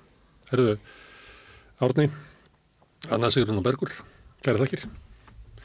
En uh, við ætlum að sitta hérna hins vegar áfram og taka fyrir næsta kapla í þessari leit okkar að einhverjum skilingi eftir augnablik. Fjárhagserfiðleikar eru afgerandi meiri hjá eblingarfólki en öðrum á vinnumarkaðum. Hvernig getum við réttlætt það? Ebling stjættarfélag. Baróta fyrir betra lífi. Félagar og forvitnir eru velkomnir í Sósilista kaffið alla laugadaga í bólótti 6 kl. 11.30. Tökum pásu frá kapitalíska hversteginum og njótum góðra stunda með félagum okkar.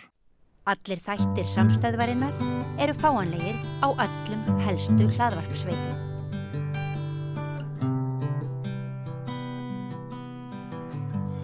Já, herðu, það er biskupskjör framöndan, við erum nú aldrei svjallað um það hérna við rauðaborðu, við höfum fengið alla þá presta sem að hafa rétt upp hönd og sagt að þeim var ósárt um það ef aðrir prestar og reynda djáknar líka myndu e, nefna þau til leiks.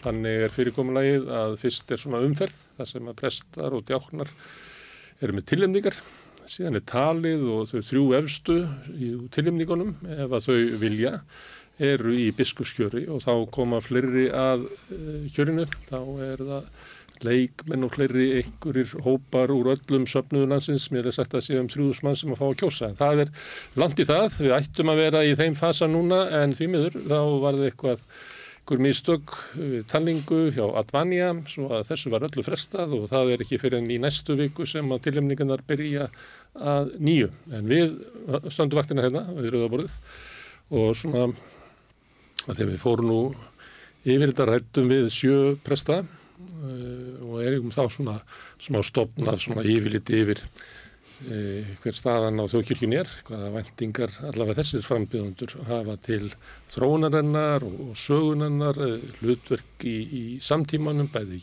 kirkjunar og kristinnar og kris að þá ætlum við að fá hérna tvo presta til þess að velta fyrir sér stöðunni á þessu kjöri, eh, stöðunni á kirkjunni og kannski fara svolítið yfir það sem að hér hefur verið sagt við rauðaborðið í þessum vitturum. Það er komin hingað tveir prestar, Sigurvin Lárus Jónsson sem er prestur í fríkirkjunni Já. og ert ekki aðilega þessu máli. Nei. Þú færði ekki að taka þátt. Nei. Nei. En Skúlias Ólafsson, hann er í Neskirkju Já. og þú ert, þú mátt tilnefna. Já. Herðu, á ég ekki byrja á utan uh, kirkjumanninum, Sigurvinn, hvernig þetta kjör, hvernig, uh, mynd, ekki, þú vilt ekki kjósa það, nei, þú vilt ekki í þessu félagi. Nei, eh, sko ég er í prestafélaginu. Já. Uh, Við erum fimm prestar sem störfum í, í fríkirkjum, tveir í fríkirkjum í Reykjavík og tveir í Hafnafyrði og einn í Óhaðsöfnunum. Og bara svo sé sagt, uh, þá erum við uh, stramti tekið í kjöri, það er að segja að það má tilnefna okkur til biskups ef einhver hefur áhuga því. Já. Við erum reyndar ekki Alla felli- víða menn og konur. Já, eh, sem sagt, alla þeir sem að eru vígðir af, af, af, hérna, af, biskup Íslands, ég er vígður af Karli Sigurbjörnsinni, en við fáum ekki að, að, að tilnefna, við erum ekki, sagt, þannig að ég hef ekki kostningarétt í, í, í, í þessu kjöri. Og sko fríkirkjan e, e, gerir gagn og hefur, hefur gert frá upphafi með því annars vegar að, að, að halda uppi gaggrinni á e, fyrirkomulagið. Mm. Lárus Haldursson sem var hugmyndasmiður fríkirkju í Reykjavík, hann talaði mikið fyrir aðskilnaði ríkis og kirkju og, og fyrir sem sagt jafnbræði trúfélaga undir lok 19. aldar. Og, og fríkirkjan verður til af því að það er ekki rými í domkirkjunni fyrir vaksandi millistjætt í Reykjavík og, og, og þá uh, taka mann höndum saman og stopna fríkirkjuna. Mm. E, Það er og- svo þetta bárta. e, a- ekki spurning. Og, og hérna, sko, á þessum deglu tíma þá var það hjálpræðiserinn sem að syndi hinn um fátakustu og, og hérna uh, katholikar tók uh, byggðu upp heilbríðskerfið okkar eins og við tekjum þetta. Sittinu veiku. Já. Fríkirkjan millistéttinni eða Já. svona yðnaðmönnum Já, og svona nákvæmlega, sjálfstæðum og- Íslendingum. Já, og, og En byggðu- dómkirkja sagði að þetta var embættismannakirkja. Já, byggðu þessu kirkju upp bara með, með, með, með sko berum höndum. Um, og vinur er, sátt, er til vams segir og, og hérna og kollegi minn Hjörtur Magni hefur nú aldeilis verið duglugur að, að, að, að gaggrína þjóðkirkjuna í gegnum tíðina e, e, og, og það er bara mikilvægt. Og sko í því samengi að því ég stend utan við þetta þá, þá, þá slærða mig hvernig að þessir sjö viðmælendur sem að þú Já. tekið e, viðtöl við e, e, frábær þjónusta sem að þú er gert þar tala margir um líðræðisvæðingu þjóðkirkjunar og, og, það er vel. Hún er á tímamótum, hún er ekki lengur ríkistofnun. sko við kannski getum rætta aðeins þegar líður á viðtalið hvað það þýðir nákvæmlega en, en, hérna, en þetta fyrirkomulag að prestar og djáknar taki ákvörunum þrjá e, e, e, frambjóðundur án alls samtals eða samráðs Mm. við fólki í landinu e, það er e, í besta falli e, e, ámælsvert Sko 2012 þegar við kursum síðast biskup að, að þá gáfu uh, átta kost á sér til biskups. og Íslenska þjóðkirkjan held þar úti kynningasíðu þar sem fólk hatt gert grein fyrir sjálfum sér og áherslum sínum. Og síðan voru haldnir kynningafundir uh, með öllum átta í Borganissi, Ísafyrði, Akureyri, Eilstöðum, Selfoss og í Reykjavík. Og, og hérna E, sko, ma maður getur rætt um fulltrúa líðræði, e, auðvitað ætti að mínu vitið að vera þannig að, að sagt, allir meðlimir í Íslensku þjóðkirkjunni Mm. eru 225.000 e, e, ættu að fá að kjósa um uh, biskup Íslands en, en það eru stór hópur sem lætur sér kirkjuna varða, sittur í sóknarnefndum og, og hérna út um alland sem að færa að kjósa. En þetta tilnefningaferli er e, sko í, í bestafalli ólýðræðislegt. Þetta er svona svipað og ef að þingmenn myndu velja þrjá sem að við fengjum síðan kjósa um hverjir er fórseti. Já, nákvæmlega. Um, og, og sko það, uh, þetta var nú aldeilis ekki óumdeilt á, á kirkjuþingi. Um, ég fann hérna á vef uh, kirkjuþings uh, tillögu þar sem að, að hérna átta kirkjuþingsfulltrúar, enginn þeirra uh, prestur, setur fram gaggríni á þetta fyrirkomulag og mér langar bara, sko, því ég tók þetta með mér að, lesa þetta upp, sko. Já, það er eitt prestur það er ekki? Sko, framsögumæður Stefán Magnússon, flutt af Auði Þorberg Jónasdóttur, Áslögu Kristjánsdóttur, Ólafi Gesti Rapsinni, Jóhannu Gísladóttur, Konráð Gílfarsinni, Stefánu Magnúsinni og Steindóri Haraldsinni. Jóhanna prestur. Jóhannu Gísla, fyrirgifiði. E, e, alveg rétt. Alveg rétt. E, semst, hér segir, það tilnefningaferli sem nú gildir verður að teljast fremur ólýðræðislegt og ekki takti við þau skref sem kirkjan vil stíga í lýðræðis átt.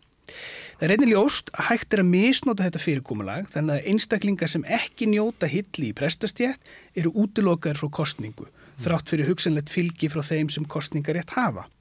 Flutningsmönnum þykir ekki rétt að einungi skuli tilnefna þrjá til að kjósum, ekki síst er ekki um neina faglega síjun að ræða. Það er því ekki hægt að halda því fram að tilnefningaferðli byggist á hæfni þeirra sem tilnefndir eru, heldur geti sjálfum sér hvaða forsendur sem er leiði til grundvallar tilnefningarinnar. Og ég hef ekki séð á vettmjöki kirkjuna neina sko, umræðu um áherslu þessara frambjóðanda og ekki á hérna, vettvangi prestafélagsins heldur þannig að sko, Þannig að þetta erindi var ekki drætt neinstæðar í neinum stofnunni kirkjunar. e, þetta var lagt fyrir á kirkjuþingi og, og, og þú veist að betur en ég skúli e, hvernig því reyti af og hvernig umræður voru en, en, hérna, en, en ég kannski bara tala um þá stöðu sem við erum Já. komin í dag og, og, hérna, og þú hefur gert e, e, mikið gagn e, bæði sko, kirkju og kristni í landinu en, en ekki síst bara almenningi að taka þessi sjö djúpviðtöl við, Mm. við þá frambjóðundu sem við erum að ræða hér í dag Mm. en, en hérna en, en sko að mínu viti er það þannig að, að það er ekki bæði sleft og haldið ef að þjóðkirkjan vill vera þjóðkirkja, biskup Íslands ekki prestur prestana einungis e, þá ætti þjóðin að fá e, meira um þetta að segja Ég talaði við Davíð Þór Jónsson hérna eh, snemma í haust. Þá kom svona biskuskjörið aðeins til hans og þá var hann að segja að það ætti allir að vera í kjöri og var að tala bara um almenna presskap, vildi Já. fella í burtu að prestur eða biskupi þurfti endilega að vera víður maður. Já. Þetta var allir í kjöri og allir, eh, allir sem væri í þjókjörkjöri ættu að vera hérna, með já. Þetta er svona eh, að stilla upp á móti stofnuninni, einhverju svona hugmyndum svona líðræðislegt samfélag. Já. En- Ég er ekki vissum að Lúter hefði viljað ganga svo langt. E, e, e, Hvað, hversu langt til þú ganga, skuli? Eða, Ég tek tvo það með spámenn, Davíð Þór og Lúther. Ég, ég var með sjálfur sem sagt tillögu sem að náðu nú ekki langt þegar ég var á kirkþingju sín tíma um það að gerður yrði einhver sem sagt mælikvarði á svona þá, þá hlutlægu mannkosti sem að einstaklingur hefði til þess að geta farið í þetta vandasam embætti sem biskupsembætti er. Og þá horfði ég til mentunar og starfsreynslu og og hefnisnefnd. Já, yrði einhvers konar hæfnisnefnd sem að væri sjálfsveit ekki mjög líðræðislegt en væri kannski frekar faglegt. Og er svolítið í þeim anda eins og segum við las upp í þessari breytingatillögu sem er gerð eða þessari tillögu sem er gerð til, a, til að bylta þessu kerfi En af hverju þetta hefnisnefnd til þess að aðtók hvort að viðkomandi sé bara nógu vel lesinn og, og nógu hæfur í Já. því að, tólka textan og, og sé ekki með einhverju alvarlega karakterpresti. til dæmis, rauksendirnar voru einf- einfallega þær að, að samfélag okkar í dag eh, hefur gengið gegnum mjög mikla svona já, verðbólgu getur við sagt í, í háskólagráðum. Og uh, það skiptir mjög miklu máli að, að sá einstaklingu sem að við veljum í þetta embætti sé hæfur til þess að taka þátt í málumleiri umræðu leiða þetta stóra fjölminna samfélag sem séum við listi á grundvelli þekkingar og reynslu. Ég held að biskupsembætti sé með flóknari embættum á landinu, flóknari störfum á landinu, við megum nota svo það orðalega yfir þetta. Þarna koma saman ymsir þættir sem að reyna mjög mikið á personu þess sem, sem er í því embætti. Þetta var til skamstíma, ég leif mér að kalla það bara stjórnsýslulegur óskapnaður, biskupsembættið það sem að fóru saman sagt, valdataumar stjórnanda Mm. sem að hafiði hæ- hafiði raunverulega völd til þess að taka bindandi ákvarðanir í fjármálum kirkjunar án þess að þurfa að leita til þess samþykkis Mm. hafiði þarna mjög óskýra fjárhans áallun til að byggja á en að öðru leiti var var þetta bara frjálst spil, það var ekkert samþýttar kerfi í gangi sem biskup þurfti að fara með ákvarðin sínar í gegnum. Þannig að tala um bara eiginlega 20 stöldin og langt fram Þarna er ég að tala um alveg fram til áramótuna 2022 Já. og það er graf alvarlegu hlutur að mínu áliti og, og ríkisendurskoðun gerði við þetta aðtúarsendir, mjög alvarlegar aðtúarsendir árið 2011 í greinagerð sem að ríkisendurskoðun vann fyrir þjóðkirkjuna. Var reyndar beðinum að svara allt öðrum spurningum. Það hefði verið heilmikil stefnumótun að vinna og, og kirkjuráð sem er þá aðeista yfirvaldið í kirkjunni undir forsæti biskups óskaði eftir því að ríkisendurskoðun legði mat á þessa stefnu en, greinar, en höfundar greinagerðarinnar eiginlega svona afgreitu hana í örfáum orðum en síðan bara kom heilmikil, heilmikil umfjöllun og gaggrinni Mm. á sjálft stjórnskipula kirkjunar sem þeir töldu vera algjörlega óhæft. Þannig að við vorum með biskup sem hafði þetta stjórnendahlutverk.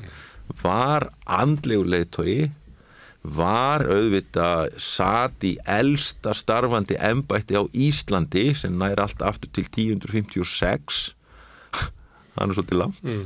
og hafði þar að auki í rauninni ekkert yfirvald fyrir ofan sig.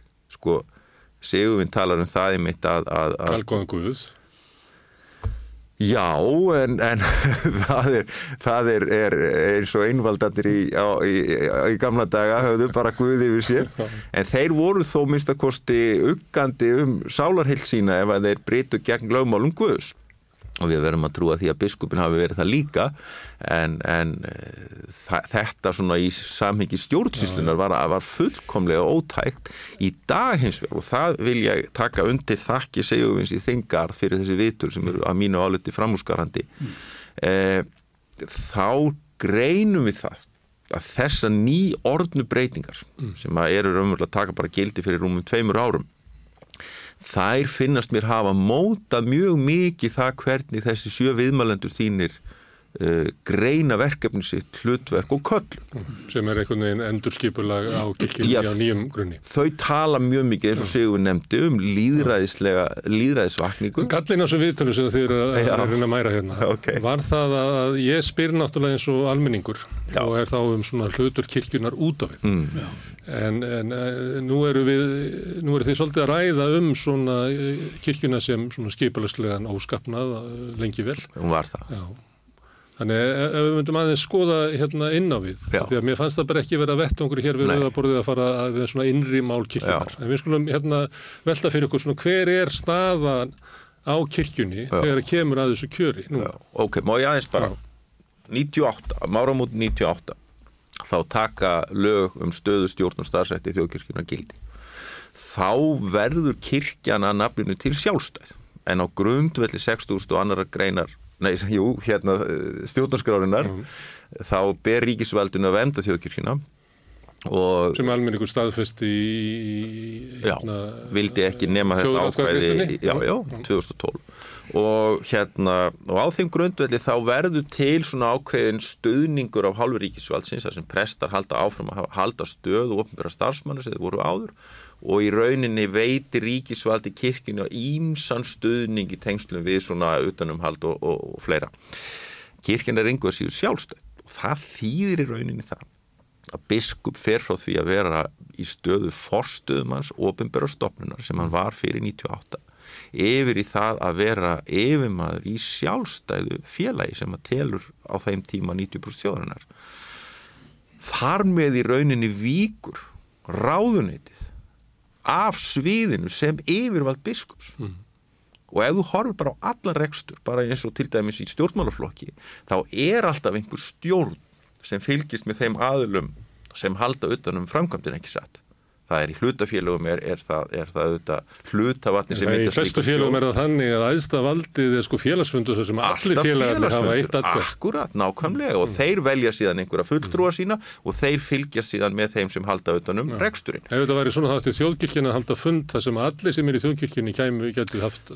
Þannig er það til dæmis í Svíþjóð. Þar eru til risastórir almenningsfundir þar sem reyndar hefð fyrir því að stjórnmálflokkarnir eiga sína fulltrúa þar mm. og er svona oft, hefur oft verið svona hákurar æfingabúði fyrir stjórnmálaflokkana farin á kirkistingið en það því miður þá var einhver uggur virðist vera í kirkjuna á þessum tíma sem byrtist í því að svo nefndinan kirkjunar sem átti að hafa þetta eftirlit er kirkjur ráð mm. átti í raunin að taka við af ráðunitinu orði kemur fyrir í báðum þessum, mm. þessum nefndum eða þessum aðil, stopnunum en biskupin er settu sem forseti kirkjuráðs þannig að biskupin er í rauninni forsetið þeirra nefndar sem á að hafa eftirlitni biskupi mm. og það sem seguvin er hér að lýsa og ég tek undir þessu gaggrinni að prestatin séu að velja þessa þrjáfulltrúa algjörlega óháð öllum mælikvörðum sem við eigum að, eigum að viðhafa. Þetta er svona grein af þessu meiri. Það er einhver ótti í gangi við það að leifa líðræðinu að virka eins og líðræðið á að virka. Mm. og líðræðið getur verið alveg óþúlandi fyrir bæri eins og við fytum með málþófi og kvappi og leiðindum mm. en það er hátíð með að við þau önnur fyrir það er annað form á yfirvaldi sem við getum haft Já. það er hátíð með að við einræðið það er hátíð með að við stjórn leysið og það er nú á mínu áliti bara tvær hliður á sama peningnum vegna þess að það sem einvaldurinn ríkir þar eru bara duttlungar þannig að þetta er í rauninni og ég ætla bara að tala núna hætta að horfa í baksínu speilin og hætta að töða yfir því hvernig hlutinni voru. Við höfum breytt þessu en það er engu að síður mjög mikil træð á kirkjuþingi núna að stíga þetta skref til fulls. Að ganga það skref lengra að biskupin raunverulega sé því hlutverki að þurfa að fá sko að lúta yfirvaldi þeirra sem halda utan úr reksturinn og þeirra sem að bera raunverulega ábyrjaði hvernig kirkjan stend. Er það eitthvað út af bara svona þeirri hýrakíu sem hefur verið í kirkjunni í gegnum aldinnar að það þykir einhvern veginn ekki passa kirkjunni að, að, að kirkjuþing sé yfir biskup? Kirkjuþing, sangvært gömlu þjóðkirkjulónu frá sagt, 97, það var af 20. grein þeirra, það bara kveðið á um það að kirkjuþing væri æðsta yfirvald kirkjunar nema lögmæli á manna stóði þeim. Eftir þessu var bara ekki farið Nei, því miður það er ekki kirkjuþing hafi ekki tekið ábyrð sína og það er náttúrulega góð mann svona klúður sem álu upp þar sem það glemdist að ráða biskup og... ég, það náttúrulega sýnir það í rauninni hvað kirkjuþing er veikt stjórnvöld. Biskupin getur umverulega ákveðið það sjálfur og þú varst einn viðmælanda þeim víslubiskupin í Skálholti mm. sem var undir sömu ákvæðum settur og ákvæði settur og biskupin um það að þurfa endur nýja skipunutíma sinn. Hann hafði þó rænu á því að kalla eftir korsningum mm. og, og, og fór þó þá, þá lögformlu leið sem gert að ráð fyrir. En biskupin gerði það ekki. Ákvað það bara úr sitt einstæmi að, einstæmi að, hérna, að, að halda bara áfram og skilgreina það sjálf hvernig hún ætlaði að hætta mm. og það kemur náttúrulega inn í það að þetta er eins og ég nefndi áðan þetta er embætti sem það er aftur til 11. aldar og er í rauninni og verður vonandi með svipaða stöðu eins og forsetta embætti hefur í, hjá líðveldinu mm. hefur ekki mikil völd varla nokkur en nýtur fyrir vikið ákveðinar fríðhelgi gagvart gaggrinni og, og allskins ámælum. Og hefur þar alveg uh, þetta vettfangur þar sem hún getur haft stert óformlegt vald? Getur haft áhrif. En þú hefur ekkert mikið formlegt vald? Já, þannig, þannig, þannig finnst mér þetta að vera mm. og það helgast einfallega því að við eigum að hlýfa biskursæmbættinu við þessari hörðu gaggrinni sem við náttúrulega bara í krafti líðræðis og frjálsra skoðunarskiptina beinum gegn til dæmis ráðherrum mm. og, og, og fórstuðumannum ofnbæra stofnun og ímsa annara en þarna hafa menn blanda saman völdum Þau vil ekki missa eitthvað sem að var og út úr því kemur kannski eitthvað flækja. Það kemur mikil flækja út úr því hver sem skýringin er, hvort sem það er íhaldsemi einhver hefðarfesta eða einfallega ótti við líðræði það getur líka bara vel verið sko. líðræði er skæðræði skripur en eins og ég segi það skást það sem vil í bóði Það er líka það er betra að komast að rángri niðurstöðu með líðræðsluðum hætti heldur en að, að eitthvað einn ákveða. Já, það er auðvitað að sætta sig við ránga niðurstöðu ef hún er eitthvað í líðræðsluðu verði En nú ætlum ég að hætta þessu töði, nú ætlum ég að horfa fram á við. Og viðmjölendur þínir, þessi sjömenningar sem þú rætti við, mm. mér finnst þetta fólk í, viðtölu, í, í samtölum sínum við þig tala á þann veg að þau vilji breyta þessu til batnaðar. Mm. Ég finnst það gegnum gangandi þegar við ræðum þetta fólk, eða þegar þú ræðum þetta fólk, að þau hafa sagt, þessa jarðbundnu sín að þau vilji leiða kirkuna áfram til nýra tíma og það fer ekkert á millimála að svo er. Mm. Ég kannski tökum það setna af hverju. Sigurvinn, þetta er náttúrulega uh, þjóðkirkina, þetta skipulega, þetta er svona halvböku kaka eitthvað. Það er ekki hefðir komnar Og það, þá náttúrulega, ef hefðin ekki komið, þá skiptir náttúrulega miklu máli að fólk fari eftir mm. þessu þegar þú ert að breyta ykkur. Það þarf að vera svona samþykki í hópnum Já. að við séum að fara þangað. Því ef það er svona bara óljóskostum að fara, þá eru dregnir með bæði ósiðir og svo einhverjar hefðir sem eru úr gamla kerfinu sem að hafa sig kannski, sig ekki stóðlengur og annað slikt. Já. Þannig það er verkefni fyrir næsta biskup, er að laga þetta. Já. Sko, sko nú ert þú skúli mun fróðari um sögu biskepsembættisins heldur en ég en, en hérna ég var í nám í Danmörku og eftir því sem að mér skilst að þá er kerfið eins og það var við líði fyrir 97-98 hér á landi það sama og uh, í Danmörku þar sem að þú ert með 11 biskupa sem eru jafnvaldlittlir ef, ef svo má segja mm. umsýsla e, e, á fjármunum kirkjunar er í höndum uh, dóms- og kirkjumurraðunetisins í Danmörku og, og biskupandin eru allir með litla yfirbyggingu. Og, og hérna e, e, sko, mér skilist að ég geti, að ég muni svo langt aftur sjálfur að Pétur Sigurkesson hafi verið með biskupsritara og svo eitt og hálf stöðugildi þess utan sko. Þannig að við erum að tala um biskupsembætti sem hafði mjög lit, litla svona yfirbyggingu e, e, og mjög náinn tengst við, við hérna e, bæði þjóð og, og, og, og prestastjætt. Og, og sko þessi mynd af kirkjunni sem uh, ríkisstofnun, nú ætlum ég ekki að fara að tala máli þjóðkirkjunar, það er ekki þannig, ég er fríkirkjuprestur, en, en hérna e, það blasir samt bara við þú skoðar sko uh, kort af Reykjavík. Mm. Það hefði engin ríkisstofnun skipulagt starfsemu sína uh, svona, sko, mögulega gráfarskirkja þar sem að þú hérna ert með eina kirkju sem að, að, að, að þjónar þessu stóra svæði sem var að byggjast upp á þeim tíma. E, en bara laugadalurinn er gott dæmi um það hvernig að sko þau, þau öll sem að réðu því hvernig að kirkjan var skipulöð hérna á eftirstrísárunum e, að þau voru innri öll ekki ytri öll, það var ekki dómsmálaráðunetti sem að ákvað það e, e, það er náttúrulega skrítið að löðanins kirkja sé það sem að hún er og áskirkja sé það sem að hún er og svo ertu með hátinskirkju og svo eru aðrar kirkjur í göngu fjallað sko Þetta snýrist eins og ég skilða eh, um það að eh, hverfin sem að voru að byggjast upp vildu hafa miðstöð í, í, í sínu nær umhverfi eins og var út á landi því að það er mikill fjöldi fólk sem flytur hingað á möluna eftir, eftir stríð. Mm. Og eins og sögulega er nú mjög víða, svona er Þorpin í Evrópu og, Aldilis. og það, það er, er Moska í miðjunni á Þorpunum í Marako. Aldilis og, og það er sem sagt hverfið tekur sér saman og það er til þessi eining sem heitir sókn sem að, að hérna e, og svo er sko prestur ráði með presskostningum, það var nú aldrei líðræðislegt og stundum hafið að farið úr böndunum þessar presskostningar og síðan er það kvennfélagi sem bakar upp kirkjuna sko. Hmm.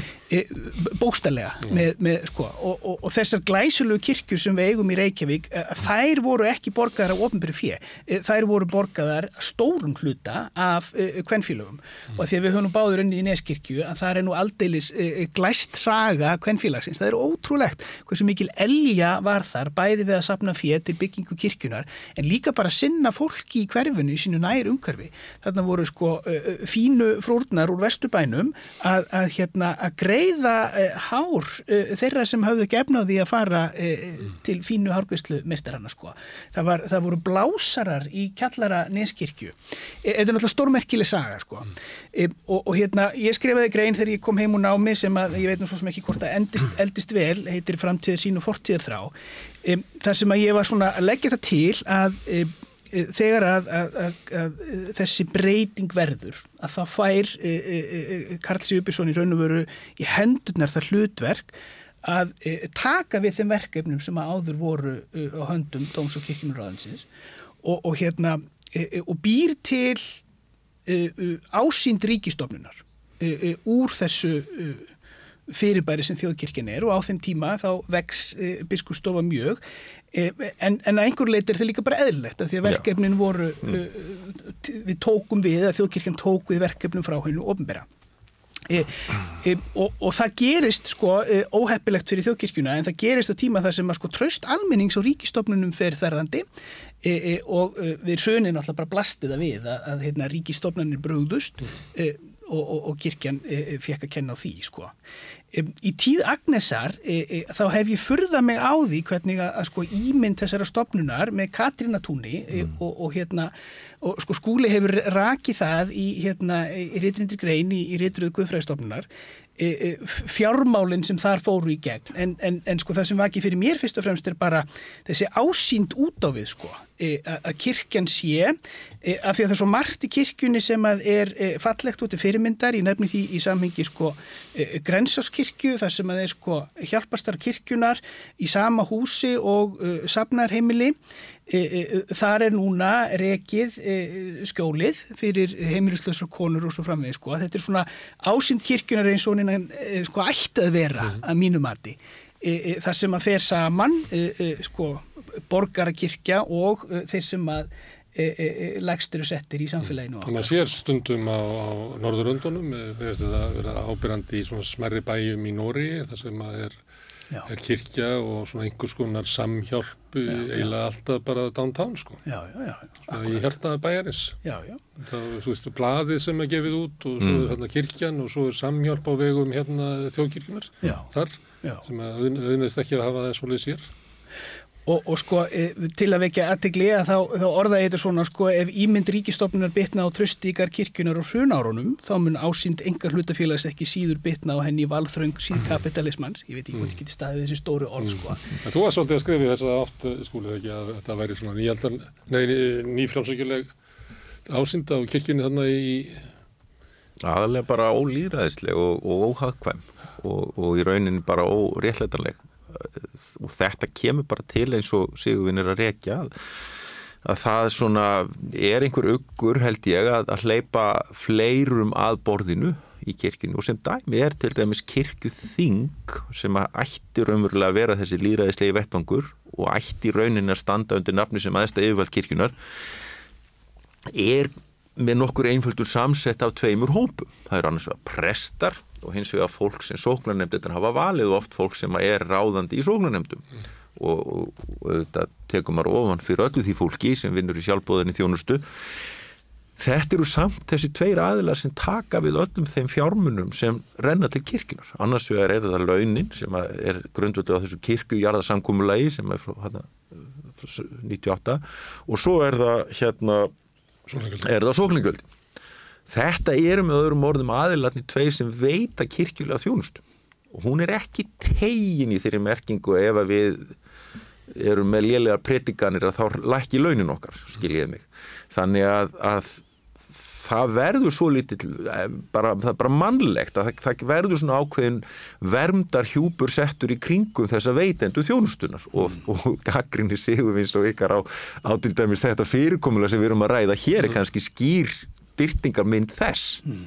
að við erum að passa upp á okkur mm.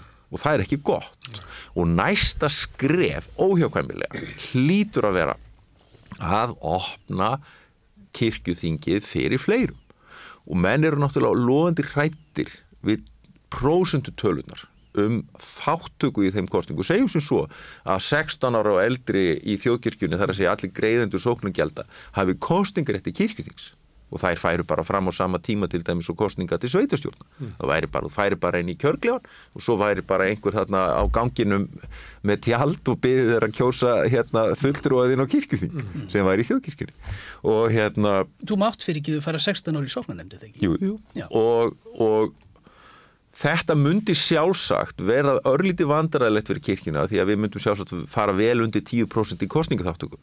En þá spyr ég bara móti, ég meina hver er kostningaþáttökan þegar við erum að velja stjórnir stjættarfélag? Verkefnisreyningin setti sig við þetta eða lifir við þetta og segir sem svo að þeir sem ekki mæta eru meir og minna bara sáttur við hvernig er. Já, nákvæmlega.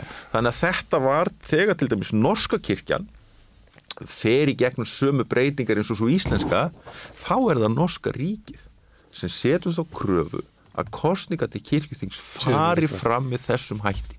Og hafið þið engar ágjör að því þó hlutvallis ekki hátt? Mm. þetta er líðræðið í nótskurð og okay. þessu verður og eins og ég segi, ég hef ákála mikla væntinga til næsta biskups.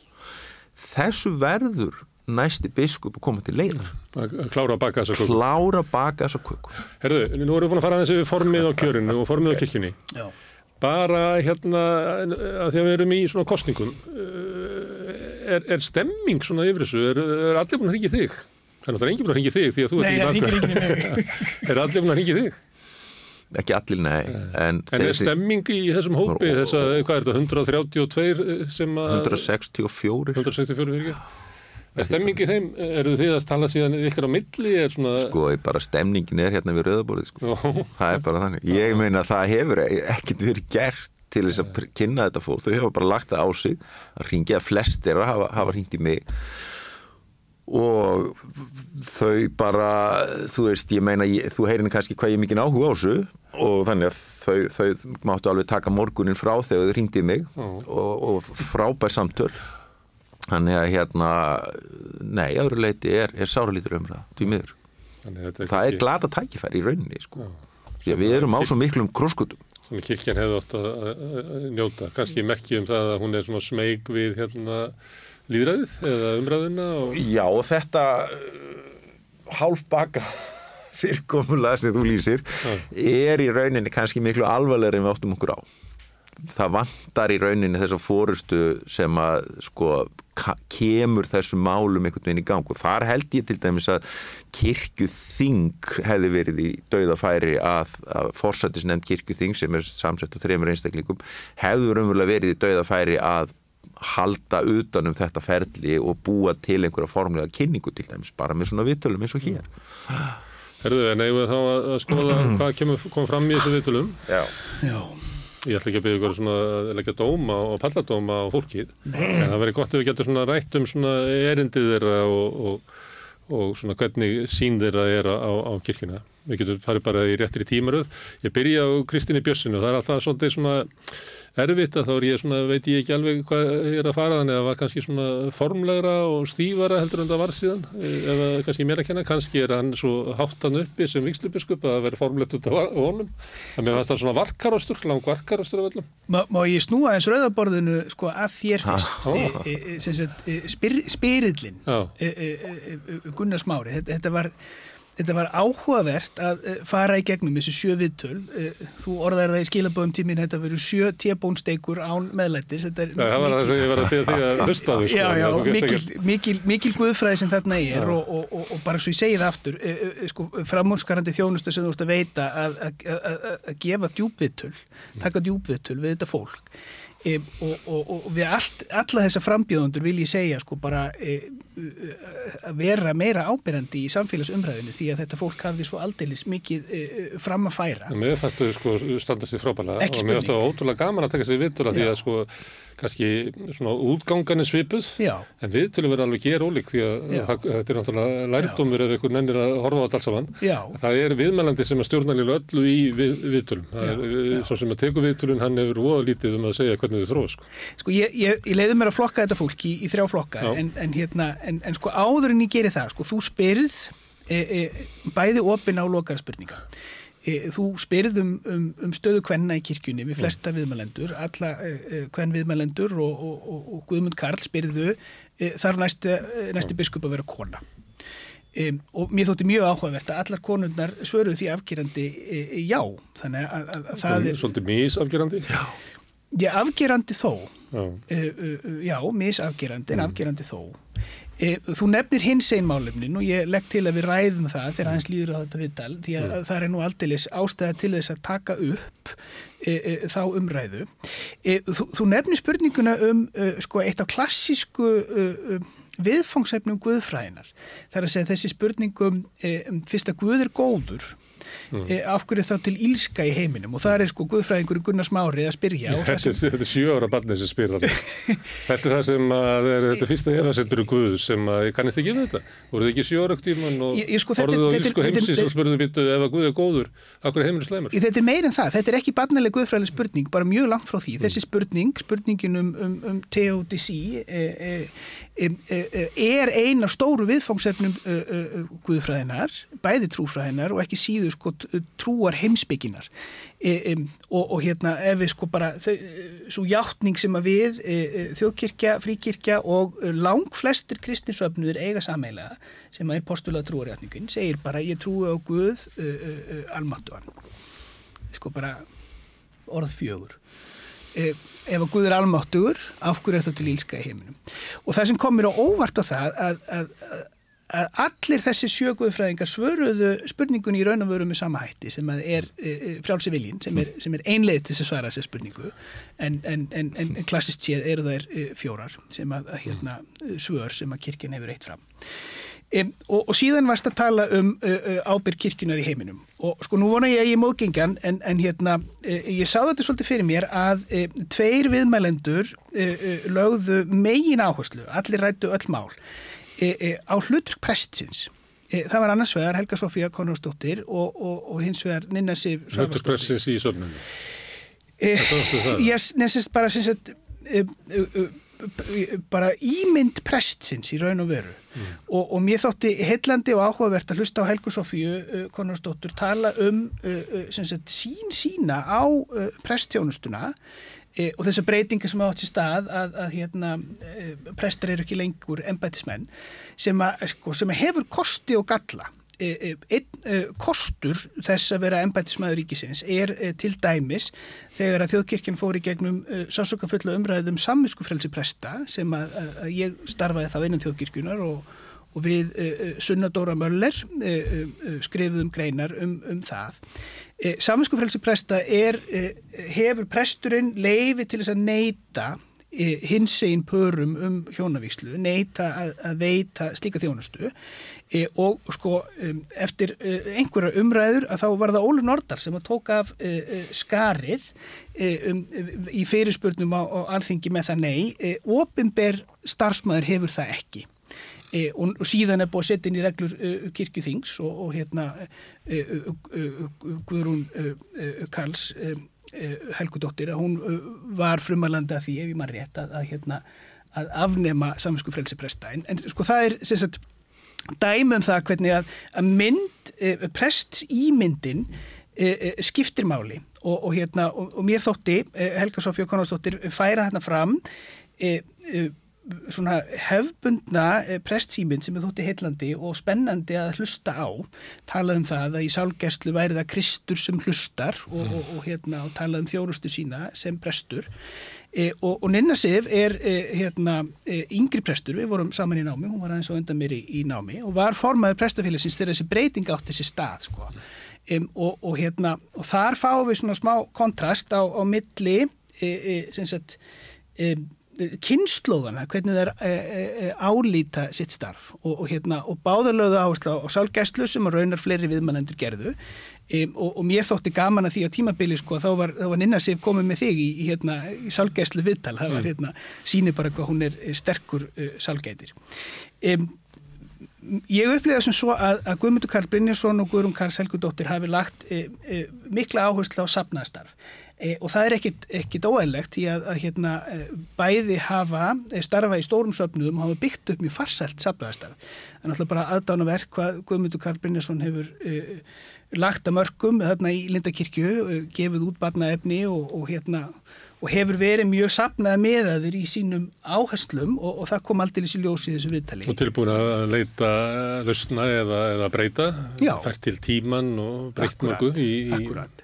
Svona hvernig kirkjan virkar. Já og hann, hann sko tók að skýtt fram minn söfnuður í þjóðkirkju söfnuður og sker sig ekki úr frá öðrum söfnuðum að, að, í neinu trúalög tilliti e, e, en, sagðan, e, ég hef lagt e, e, aðrar áherslur e, hvað snertir tólist og hvað snertir uppbyggingu helgihals heldur en, mm. heldur en aðri söfnuður og, og, og það er aldrei styrðin. Svo messar hann á kvöldin og... Já, aldrei og, og, og Guðrún Karl Sergudóttir er náttúrulega sóknaprestur í, í hérna, e, e, stærsta söfnuðu þjóðkirkjunar Grafavós e, e, söfnuður er, er stærsti söfnuðurinn og, og blómlegt og mikið starf sem þar fyrir fram um, það er ekki þar fyrir að, að, að sko, fyrir viðmannandir töluða sjálfsögðum safnaðastarf en, en mér fannst þær leggja meiri áherslu á starf prestsins.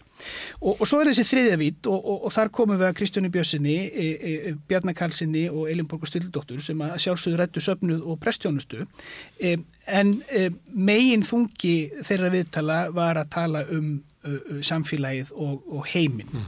Eh, Kristján Björnsson að tala um eh, PN5 eins og að kalla þessar hættu sem stæðja okkur í, í, hérna, í nútíma samfélagi með aukinni polariseringu og, og, hérna, og Bjarni Karlsson með sína e, siðfræði og stóru spurningar sem hann mm. hefur spurt í bókinni sem kom út núna fyrir jólinn e, og, og Elinborg Sturldóttir sem, sko, sem rittskýrandi og, og með, heimsbyggi, e, með sína heimsbyggimentun e, hafði mikið fram að færa. Þannig að ég sá fyrir mér sko að það væri svona þrýr pólar þarna sem að væru e, e, áherslu þættir og hérna Og, og þetta er náttúrulega mjög áhugavert í því sko, því margræða hlutverki sem biskup hefur. Því að, að hann er e, e, inn á við, e, er hann þjálfarinn ekki satt, hann er eh, prestur prestana sá sem á að stappa stáli í, í liðseldina eh, Jörgen Klopp er, er það sem að, að, að, hérna, að þjóðkirkinn er að nú har við að skula Viljum, viljum ekki fá potið tínu Já, hér kemur fókbóltaríurinn fram við, við rauðaborðið sko. E, e, e, sko það er einvít Og, og, og, og þessi faglega vít e, prestsins e, e, er mikilvægur hluti af þjónustu biskups, ekki spurning. En hinn vítin er svo biskupin sem við sjáum út á við. Já, Því að það er öðrustu klopp sko að þegar að hérna, kemur jólaleikurinn að þá spilar klopp leikin sko. Á páskonum í domkirkjunni þá Já. predikar biskupin þannig hann spila líka sko. Já, já.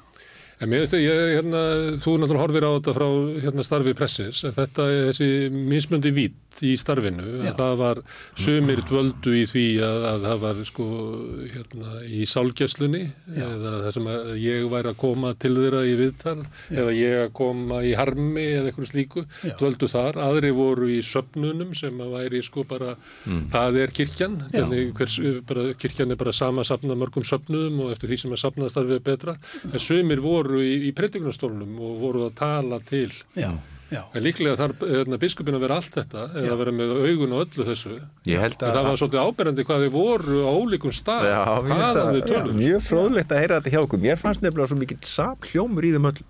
Og þegar ég að horfa á þetta, verandi búin að vera svona, eins og ég segi, svona svolítið nörd í þessum málum öllum, þetta örfá núlifandi, eh, þá fannst mér svona að kannski þessi viðtöl bera með sér að, að, að því við erum alltaf að tala um siðbót í kirkjunni og ég upplifi að við höfum bara á líftíma okkar hérna segjum við eða bara fullónusárum okkar höfum við upplifað tvennskonar með siðbót í kirkjunni. Annars er það málefni samkynnar eða hins eginn fólks sem er miklu miklu starri atbyrður heldur við kannski áttum okkur á. Ég er ekkit að gefa saman hins eginn pör hverja helgi eða neitt slíkt. En umræðan sem áttu sér stað og átökin og það fannst mér til dæmis Bjarni Karlsson koma ákaflega ve, komast ákaflega vel að orði þegar hann talaði raunverulega um það að andófið við þessum breytingum hafi verið nöðsynlegt og, og það hafi bara verið mjög mikilvægt að geta farið yfir þetta út frá öll, allir í okkar guðfræði og allum okkar forsundum til þess að komast að niðurstöð, það var óhjókvæmilegt að það fæli í sér ákveðin átök og uppgjör. Við hefum ekki að forðast átökin og an- anstöðuna því Sko, að að öðru leiti þá getum við ekki brýnt niðurstöðuna. Sko það er kannski kirkjan sem að sko var fyrir þessa breytingar. Hún hafði kannski ekki svo mikinn orðaforða þegar kom að átökum. Um miðja síðustu öld þá voru snörp átökunan kirkjunar á milli frjálslindra guðfræðinga og þeirra sem kölluðu þessu játningatrúa. Og, og, og, og Sigurbjörn Einarsson segir frá því í sína æfisögu þegar hann svona settlar þau mál og býr í rauninni til þá íbyrðað miklu kirkju með skálholtsdómkirkjunni og hefðinni og messusgrúðanum og viða meira rituali sem einhvern veginn náði að sætta þessa tvo arma á þeim tíma og gaf þjóðinni líka vettvang til þess að koma saman í ákveðinu, ákveðinu formi. Þegar aftur múti kemur að því að takast á um erfi mál eins og í þessu tilviki þá, þá þurfti kirkja svolítið að þjálfa með sér þessa snörpu orðræðu þar sem menn voru að takast á um eitthvað og það gekk ekki átakalust fyrir sér sannlega ekki. Og það er heldur ekki markmið en þegar í maður hlustar á þessu viðtöl þá sér maður að hugaflarsbreytingin sem fylgdi þessum, þessum hérna, átökum, hún hefur mótað þessa sjö leiðtúa sem þú ert að taka viðtöl við. Mótar það, þau eru raunverulega á algjörlega á, á sko jörðinni öllum sínum uh, hérna, allir síni nálgun. Og svo er það hinn Þau sögðu náttúrulega ólíkt frá þessu ég meina, Já, en sameilega eigaðu það, samert eigaðu það að þau töluðu öll mannamál. Ég, get sagt- ég kem, kem að þessu eftir ég ætla að segja hver hins síðaskiptin það er sem sagt 22 þegar að nýju þjóðkirkjulögin taka gildi og það er stíð þetta risastóra skref til líðræðis áttar það er sem biskupin fær að vera biskup fær að vera það sem segir í kirkjordinansínu frá 1537 hvað kallar það skref? Síða ég kalla það bara síðaskipti, síðbót þú varst eiginlega að segja áðan að Þetta það verið valla stíðin inn í þetta sko. Já, þetta er minnst að kosti hinn formlega breyting. Þannig er það alltaf siðbótar. Þegar siðbóta. á sér stað, þá gerist hún ekki á einni anda. Hún gerist með þeim hætti að það er fyrst einhver formleg breyting, svo tekur auðvitað tíma fyrir menningun að breytast. Það er alveg eins og með kristintökuna þegar menn máttu halda áfram að blóta í, í, í, í leini er það ekki. Það tekur bara alltaf tíma fyrir menningun og fólki að laga sig að og við erum að upplifa það vil ég meina að síðaskipni sem hörðu þegar að ein hjúskapalög tóku gildi eftir all, öll þau átök að þau eru farin að móta þetta fólk þau eru farin að móta það hvernig fólk talar. Og þessi breyting líka það sem biskupin er í rauninni komið með afmarka svið, fær að vera meira forseti, minna fjármálar á þeirra þetta mótar líka þetta fólk sem er að tala um sálgjastlu, bóðun og predikun. Og ég verða að fá að segja eina lilla sögu að því að þegar ég var nýbyrjar í Guðfræðinni og byrjun tíunda áratugurins þá var einn af okkar profesorum kendi bæði heimsbygginemum og Guðfræðinemum og einhvern tíma spyr ég hann í tíma hver er munurinn á þessum tveimur hópum? Mm. heimsbygginemum og Guðfræðinemum sem eru svona báður að sísla við dýpstu rauk tilvörunars og hann flissaði og saði það er aðalega það þegar nálgast útskrifti á Guðfræðinemunum þá breytist rattblær þeirra. Mm þeir verða hátilegri og einhvern veginn svona upphafnir í öllu tali fara að búa sig undir það að verða náttúrulega norðaða ekki þannig en maður getur tólkað þetta þannig æfi ráðni ríki starfsmenn sem eru handhafar hins ofinbæra sannleika. Mm. þetta sannlega segið já, já, þetta heyrum við ekki á sjömenningunum sem þú rættir við. Nei þau eru öll í rauninu að tala við maður og mann. Kannski vegna þess að ég var náttúrulega sumuleitið að spyrja þaðan. Ég var svona uh, svolítið að spyrja úr söfnunum. Ég, þetta eru einu spurningarnir sem þau fá ofinbarlega að hinga til. Herðu, en að því að þið eru að tala já. um bara á samkynna við erum kannski að tala uh, um það. En, en ég ætla nú að svolítið að lappa yfir opin eins og ég var að hóta að gera á það en ég, að því að þið drægið umræðinu þangað Ég bauði meila flestum upp á sko þrjár, svona mannúðar hérna, svona átök mm. og ja, baráttur, hvernabarátturna, hvernig kirkjan sem mm. hafi verið karlægstofnun, hvernig hún breytist, mm. uh, samkynniðir mm. og svo stilti ég upp átökum dagsins í dag sem eru átökum innflytendur og stöðu þeirra í samfélaginu mm. og sérst, með hverjum stendur kirkjan í þessu barátum mm. Og ef maður ferir við sögun þá stóð kirkjan bara kalla megin í hvernig barátunni mm. þá til að bara hún var eiginlega síðust. Síðan náttúrulega eins og þið eru að lýsa þá bara ríkt í kirkjunni. Það voruð átök, kannski voru þau svona áberandi vegna þess að það höfðu verið svo það höfðu verið svo mikið klaki yfir átökunum að þau höfðu svo miklu brestir sem mm. hörðu og svo er þetta hérna núna að því að ég held að við séum að það er bara rennu fyrir flestum okkur í samfélaginu og maður heyrði það á sömum að þau komi eins og að næstu átök okkar verða umhverfismálinn en ég held að það sé að rennu fyrir okkur líklega að átökin verður sko átt að þeirra sem eru öðru í svo litin, koma úr öðrum deildum jarðar, það eru kannski með aðra trú. Hvað svona samfélag ætlum að halda, hafa?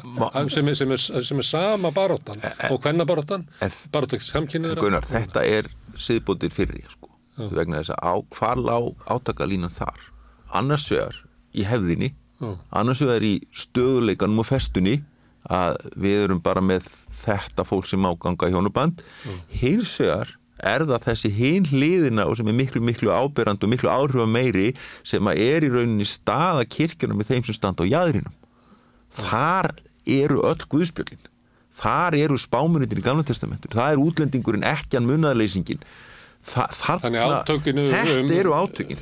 Hjónabandsamkynniðra hjónabandsamkynniðra raki kirkjuna á jæðarinn nei, nei, nei, hún fekk kirkjuna til þess að finna sitt einlega hlutverk sem er að standa með fólkinu sem er á jæðarinn þegar við lesum bara, við erum alltaf að tala um sko, fólk, svona almenningu tala gætið um Galvantestamenti með mjög neikvæðum formerkjum en þegar maður les Galvantestamenti les spáminina og alla þá sem er að gaggrina yfirvöldi þar sem þeir eru náttúrulega hlutverk þeirra, þá er það alltaf þetta hættið að fórna hérna agneitum ykkar í musturinu til þess að fá góða uppskeru hlúiði að ekkjun og munaleysingjan og þetta, og þetta er máli þannig eru við að veita fólki sem stendur á jæðrinum aðgang að einstur stopnum samfélagsins sem er hjónabandi mm. þetta er átökulega, þetta er siðbótin. Og þetta er það sem við þurfum að átt okkur á að þetta er bara risa, risa stór breyting. Ja, Sigurvinn, var það þannig að allir viðmælandunir hefðu sko væru jafn, eh, ákafir í að vera þarna á jæðrinum með hinnum veiku og hrjáðu og jafn sáttur við þá stöðu Mér þótti aðdánumvert hversu uh, uh, mjög þau voru all tilbúin til þess að, að taka einmitt biblíulega afstöðu í mm. þessu og, og hérna uh, margir af þessum viðmælendum bara sannferðu mig með predikun sinni og þekkingu á, á biblíunni.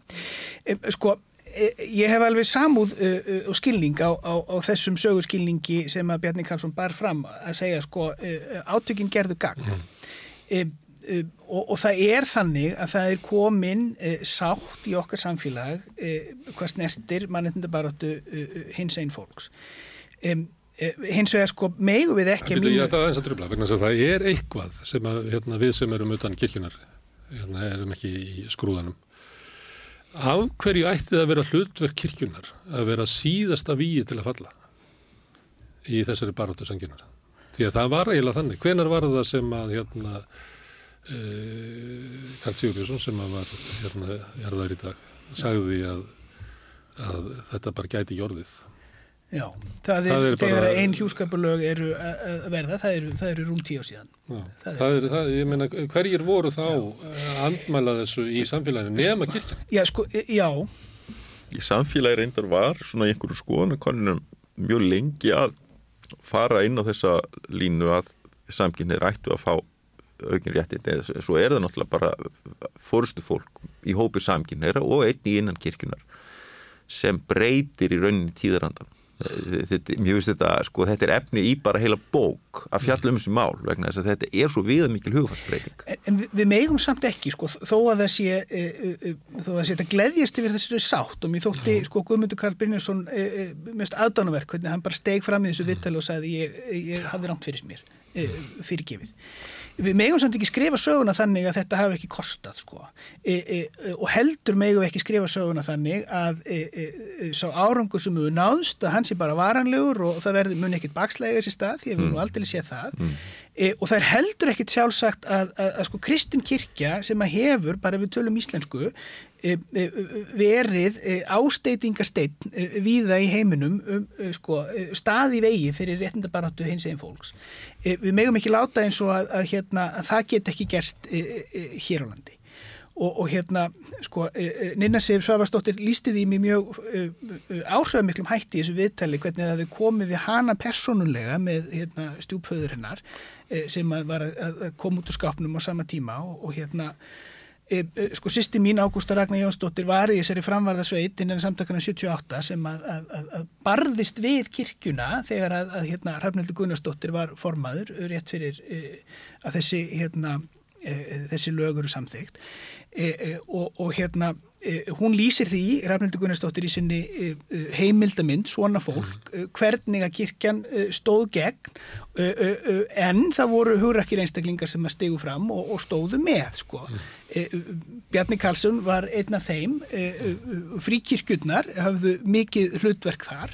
E, Cecil Haraldsson var samkvæmt Rafnildur Gunnarsdóttir fyrstur til að gefa saman lesbýr og Íslandi, var þá starfandi sem fríkirkjuprestur Hjörtur Magni í, í fríkirkjunni e, hefur staðið með fánana og fekk bátt fyrir og, og hérna, Einar Eyjálsson í, hérna, í fríkirkjunni hafna fyrir líka.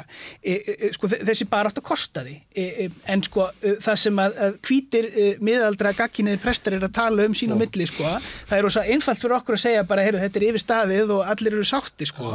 En, en hérna, og, og það er náttúrulega eh, hið góða í þessu að, að þjóðkirkjan sé núna að sapna sögum um þann skada Sárindin út í samfélaginu eftir, þeir sem að kirkjan særið á sínum tíma. Já, já. Ég held að þeir hafi ekki snúið aftur í kirkjuna, sko, af því að allt í einu eru þeir orðin sáttir hérna prestandir, sko. Ég held ekki, sko. Ég held að þessi sárindi séu ennþá Mm. út í samfélaginu, sko. Þannig að kirkjunni hefur þótt að hann hefur tekist að græða sár kannski á prestastefnunni, að þá hefur hef nátt með að græða, hérna, græða sárin sem að hún veitti út í samfélaginu á þessu tímabili. Það, Ég held þetta að er alveg, það er maður að horfa á þetta frá ýmsum hliðum og þetta er, þetta er einn hliðin sem á fullan rétt á sér og auðvitað finnum að til með því. En ég meina breytingi kemur inn frá það eru þarna leitur innan kirkjunar þú nefnir Bjarni Karls, Guðrún Karls Helgundóttir þar líka og fleiri. Þetta og ninna sér náttúrulega og, og, og þessum hópi. Þannig að hérna mm, það var líka þegar að umræðan hefst þá er lítil stemning fyrir þessu held ég, held ég farið rétt með í skoðanakonunum sem voru gerðar. Þannig að hérna, já, já, þetta er það er bara þannig, átök geta leitt af sér sárundi og orð sem eru fælt geta sært sannarlega og, og hérna en nú erum við hér og það er hins vegar það finnst mjög mikilvægt í þessu sambandi er einmitt að hafa vakandi auga fyrir því að það getur orðið bakslag og við þurfum að halda utanum þessu sögu betur það þarf að í raumurlega að fara að taka saman þetta efni og segja þessa sögu því hún er mjög merkil og mikilvæg. Og mikilvæg og eins og ég segja á það endur speglast að mínu áliti mjög mikið í þessum sjömenninga viðtölum þínum Ert þú sammálað þessu með að sko, þessi átökuna kirkjunar séu svona eins og síðbót og þau séu kannski að því að ég var að bjóða upp á þess að þrjár menningabarátur Já. að, að, að, að átökin innan kirkjunar um hjónaband samkynira Já. að það sé leiðarljósi hvernig kirkjan getur tekið á til dæmis átökunum um umflýtendur og fleira. Sko, og, svo var þetta skjóta líka því að meðast hérna þegar Bjarni var að tanna um þetta og þú ert að taka undir það Já. að ég hafði lesið eftir henni hérna, uh, hérna Ruth Bader Ginsburg þegar að hérna, að, hérna Roe vs. Wade Já. hún hafði alltaf efasemtur hann myndi halda Já. vegna þess að þar hefði komið sko stærri sigur heldur en baráttan hafði gefið. Já. það hefði komið svona stökk í baráttunni. Mm. og þá sagði hún af því að við, hérna, eins og við höfum verið rænd átökunum upp að sigrinum Ah, ok. að þar hann leiðandi verður sigurinn veikari. Og mér finnst þetta eitthvað svo þannig að og svo bara glemdi ég þessu. Svo þegar Bjarni var að tala um þetta þá allt í nöðu við þetta upp fyrir mér. Að, og ég, að ég var líka að tala hérna um daginn við hérna ég, eh, sem sagt, svona kynjafræðing í háskólanum það sem að var verið sem við vorum að fara yfir sko baráttu samkynnar annars vegar og svo transfólk hins vegar. Og hversu hratt réttindin komu að þá er náttúrulega valla þetta líkið svo saman. Og mér heyrði það alveg að það var svona hugmyndum það að kannski gætu við, við í mörgu tilfellum þá kemi sko hérna sigrarni kæm og snemma. Þannig að það væri svo mikil átök um það út í samfélaginu það gætu fallið ég er nú bara að skjóta þessu svona inn Góð sem, punktur, mér, að, sko. sem að því að við erum samfélag og við þurfum að hérna eh, sem sagt, eh, við þurfum að fara í gegnum átökin til þess að eiga varanlegar sigur. Það er ekki nóg að þröngva sigri eh, upp á svona, hérna, ég er ekki, ekki það er ekki sem vera anstæða samfélagsins bara hérna, ef þú flýtir þér á mikið, þá getur sigur verið veikur. Já, já.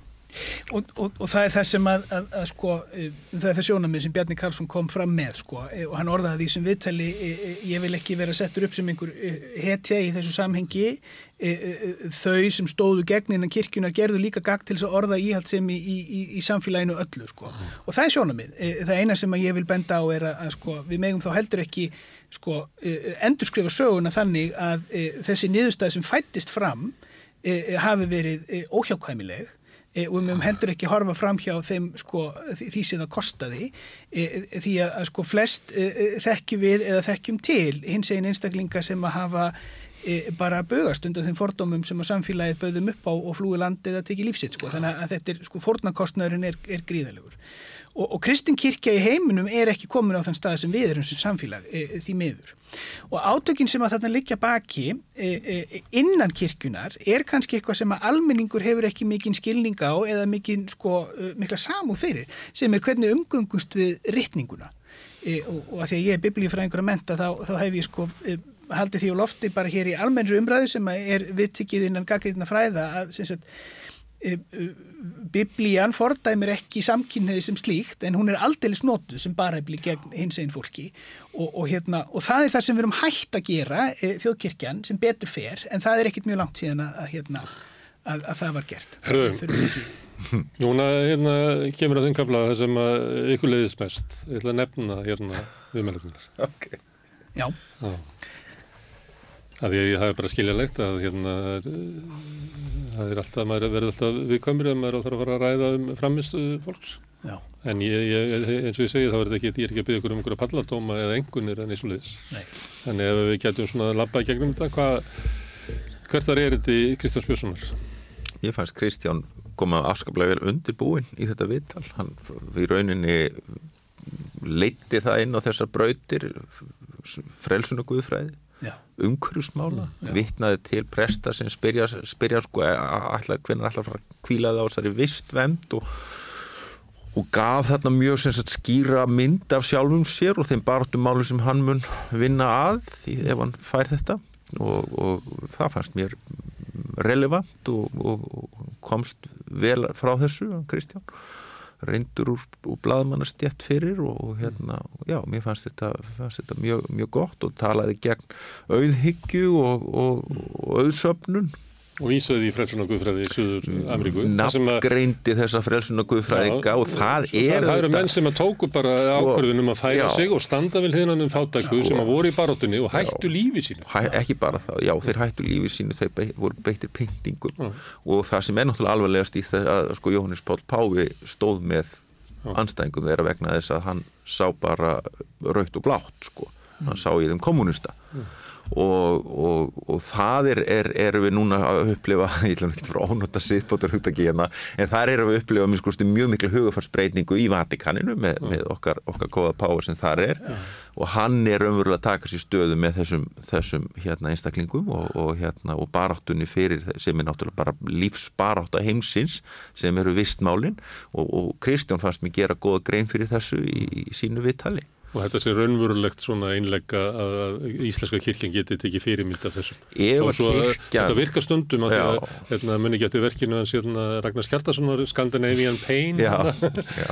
að þeir að vera að vísa hérna úr hérna, söldu tögin okkar hérna, þeir vera að vísa í þessi með sko bara upp á líf og dauða bara átta. Já, og þegar ég er nú með búin að, því við erum nú með hundra fermingabötn og ég er búin að taka, við erum að taka þetta í viðtöl og, og maður reynir að hlýða þeim yfir játningarnar og allt þetta sko og það er svona gengur ímsu en þegar maður spyr hver er gullareglan mm. og þau sko þau tengja strax. Þau orðana bara með sínum hætti. Mm. og þetta er náttúrulega gullareglan í nótskuld hvernig komum við fram við ákomendur okkar og, og all lífrikið kannski? Það stóra viðfónsefni okkar núna bara, bara lífverur þessar plánutur sko. Hvernig hórum við aldingarðin aldingarðurinn ákvæmlega. Þannig að mér fannst Kristján koma þessum mjög vel fyrir og mjög svona yttuð fram, fram í staði hjá hann. Mm.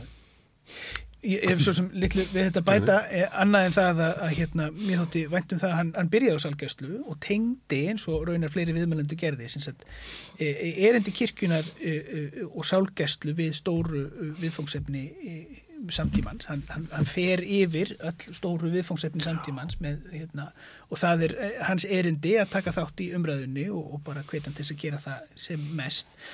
Þú spurður hann í lokin sko, hvað er verið að kjósum mm. og þá nefnir hann trúverðuleika í, í því samengi mm. og það er nú það sem að ég var að fjallum hérna í upphafi hérna þessar samtals okkar trúverðurleikin er það sem skortir og, og það er það sem blasir við sko, hér eru sjö einstaklingar sem öll er að vinna frábært starf. E, e, e, sko, þjóðkirkjan er að gera raunverulegt gagn í sínum söpnum, það, það ég held að sé enginn sem að andmælir því, þið sjáu bara hvað hérna hvað þjóðkirkjan er að gera mikið gagn núna í, í, í Grindavík og það eru nokkri viðmælendur sem nefndu það e, e, með sér að Eilinborgu, það er í, í brotti fylkingar. E, sko e, það er, ég held að séu allir íslendingar sammálum það, þjóðkirkjan gerir gagn í nærum hverfinu, það er e, ásýnd biskupsembættis sem að hefur skort trúverðuleika mm. Og, og, hérna... og svona erindi kirkjunum út í samfélagið. Já, það sem að já. ég, svona enganleg þjónusta sem ég fæði frá kirkjunni já, í sjálfgjæslu eða þeirra verða áfull eða Akkurat. þeirra hérna, fólk er að jarða ástvinni sína og e, ég menna það er, er ekkert mikið deilt um kirkjunu auðvitað, sumt fólk sem að vilja þetta ekki en það er bara þannig. En ég, hérna, ég held að vandin sé í erindi kirkjunar e, hérna þú varst að tala um að biskupin ætti að hafa svona áhrifavald. Já Ég, hérna, ég held að sumir hérna, myndu vilja myndu tala meira vitin í samfélagið já, sem já, er að verða vittlust gríðarlega tinga mikið Herðu Helga Sofía Konradsdóttir prestur í Hátturskirkji Já.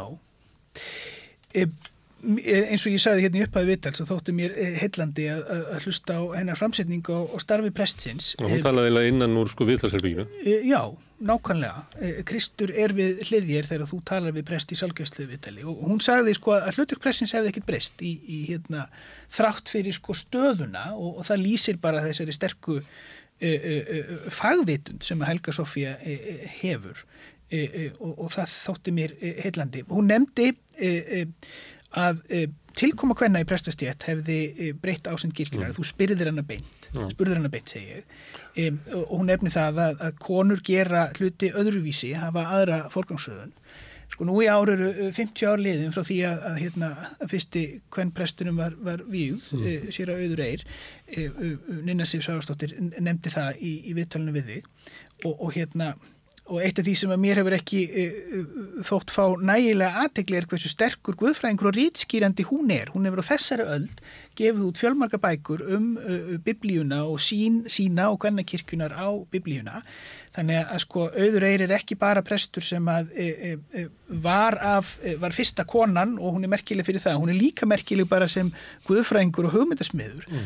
og, og hérna talar oft um svona trúna sem eh, svona þessi svona sjálfsögð verkfæri í daglugu lífi, hún er mjög svona jarðbundin og nálægt manni þegar hún er að tala sko. Guð er vinkona því Já, vinkona því. Já, og, og sko nú, e, nú ætti ekki að gera of mikið úr minni þekkingu en ég er búin að lesa kvennaguðfræði í þremur löndum ég hef aldrei heyrt þetta Mm. E, e, e, sko ég hef aldrei heyrt kvennaguðfræðing á ellendri grundu tala, sko þeir eru uh, misjafnir eins og þeir eru margir sumar tala með kirkju, aðrar móti kirkju og sumar skilgrinn þessu utan kirkju en, en hérna, þessi mynd sem hún hefur, e, hefur haft gríðilega áhrif myndi ég halda á uh, Gott að heyra þetta Sigur, það verður nú fallegt ef okkur auðnaðist það á á 50 ára ammali hérna vikslunar, að liftinni aðeins upp. það er núna í september. Við erum ekki alltaf góð, við- góð í því í Íslands samfélag að lifta upp þeim sem að gera vel. Já, það fannst mér svolítið áhugavert að hún talar um útföruna og ég held nefnilega við hugsaum út í það að útförin er í rauninni sko þjóðkirkjan eiginlega upp á sitt allra besta. Þarna er einn maður í kirkjunni sem þekkti ekki hinn látna og hann er að tala um hann. Kirkjan upp á sitt allra besta. kirkjan upp á sitt fyrir ekki fríkirkjan og, og þjóðkirkjan. Kirkjan. en þarna kemur einhvern veginn kom bara allir á sínu fórsendum og hvað er presturinn að tala um? Hann er í raunverulega tengja störf húsmóðurinnar, bóndans fastegnasalans við verkvöðus í heiminum. Þetta er bara hinn alminni prestungur hann er að færa þetta í einhvern samhengi. hann er ekkit að upphefja manneskjuna hann minnist á veikleika hennar eða eitthvað svo leiðis en hann er að setja þetta í ákveði samhengi. Og þegar vel tekst til þá finnur fólk snertiflutin þarna er þetta eh, sögulega fyrirbæri sem kirkjan er eða kirkjurnar og það er verið að færa líf nonna frænda í eitthvað samhengi sem kannski fólk hafi aldrei gert áður Já. og hérna og mér varst Helga svolítið töffari hún var ekkit að sko hún var ekkit að, að gefa það til kynna, hún ætlaði að fara að breyta sér, hún er með sterkar skoðan, hún er ákveðin kona Já, tæmilega ekkit að- svona, Já, og þegar þú fer svona ganga á hana hvort hún ætla ekki að gerast svona einhver samfélagsrýnir og, Mm. og gaggrina yfirvöldin þá segir hún svona alveg eins geta að fara bara hælt þeim fyrir þeirra starf. Mm. er ekkit að selja, er ekkit að gefa neitt afslátt á sínum gildum það þótti mér mjög lofsvert Mm. og, og, þetta mjög vel máli farin. Það er bara rétt að taka það fram líka. Mjög áheyrileg eh, þetta hlusta á hana og hún nefndi sérstaklega störf uh, uh, prests og presta innflytjenda Tossiki Tóma hefur bara verið Já, fremstur já. meðal jafninga í prestastéttum árabil já, já. er í framvarðasveitinni meðan við erum að, að, að hugsa um og tala um fjölmenningamál og þá er hann bara í skotgröfunum með fólkinu sko. Ég, þau nefndu þetta nokkur, hún fyrst. Og það er nú reyndar eh, annar prestur sem að vinna með honum. Ása Laufey Sæmundsdóttir Já. Ég sko var alltaf að hugsa eh, hvort ég ætti að nefna það að, að er þetta ekki svona að ég kannast ekki við að þegar Trump heldur ræður þá var alltaf eitt svartur í bakgrunnu ah. er, er, eru innflytjendur ekki ómargir til þess að þjóðkirkjan getur bent á einn, já, við erum með innflytjendaprest Sko það sem er trúverðut við þjónustu og starf Tossiki Tóma Já, ég er- það- er það alls- hann- ég er hann- alls ekki að draga úr Nei, nei, já, en hans er sko- tákmynd. En sko hann er búin að vera þarna Já. í skotgröfunum frá því fyrir aldamót og vel það sko. Þannig að hann, hann Ætti kirkjan ekki að vera með átta sko, e, e, þú ert að hugsa um eitthvað annað fjárveitingavald heldur en að, að, þjóðkirkjan lifið En þú heyrir það þessir þjó, þjóðkirkju klerkar sem þú rætti við, þeir eru nú með puttunum púlsinum og eiga náttúrulega í miklu samskipti. Ég var nú prestur í Keflavík sem, sem er orðið mjög fjölmenningilegt samfélag og, og það, það, við vorum alltaf með máltíðir einu sinni í mánuði og það kom fjöldi fólks af erlendum uppruna og átti það gott samfélag og það, þetta er bara er að gerast víða þó að tossi ekki haldi utan um stjórnatauman og geri þetta góða stað. Hérna, Og e, Ása ne, Laufey. neðar í göttunni þar er Philadelphia, þar er vikulega hérna, messað á spænsku. Ein, já, og hjálpraði sér líka. Frábært. Herðu, Elín Borg Sturldóttir, dómkirkjuprestur. Já, hérna, hún er náttúrulega, svolítið, að því að við nú að tala um heimsbygginga og guðfræði nema á þannig, þá, hérna, þá er hún náttúrulega með þann bakgrunn Mhm. og það kom mjög vel fram í máli hennar. Hún hérna nefndi Pál Skúlason og fleiri og, og, og uppbrunnar sinn líka, þar sem hún náttúrulega alin upp í stjettlausu samfélagi út á landi, þar sem að fólk var í nánu samskiptum og hefur augljóslega mótað hana og reynslu hennar líka sem prestur í sveit og svo er hún núna í hjarta þjókirkjunar í, í domkirkjunni og fær að kynnast þar í rauninni störfum biskups, domkirkjan er kirkja biskups og mér fannst Elinborg koma þessu vel frá sér sem að hún, hún stendur fyrir og talaði mikið um, um, um svona þessi félagslegu mál þar sem að kirkjan þarf að standa með þeim sem að eiga undir högg að sækja. Og mér fannst þetta koma vel fra, fram hjá henni. Mm.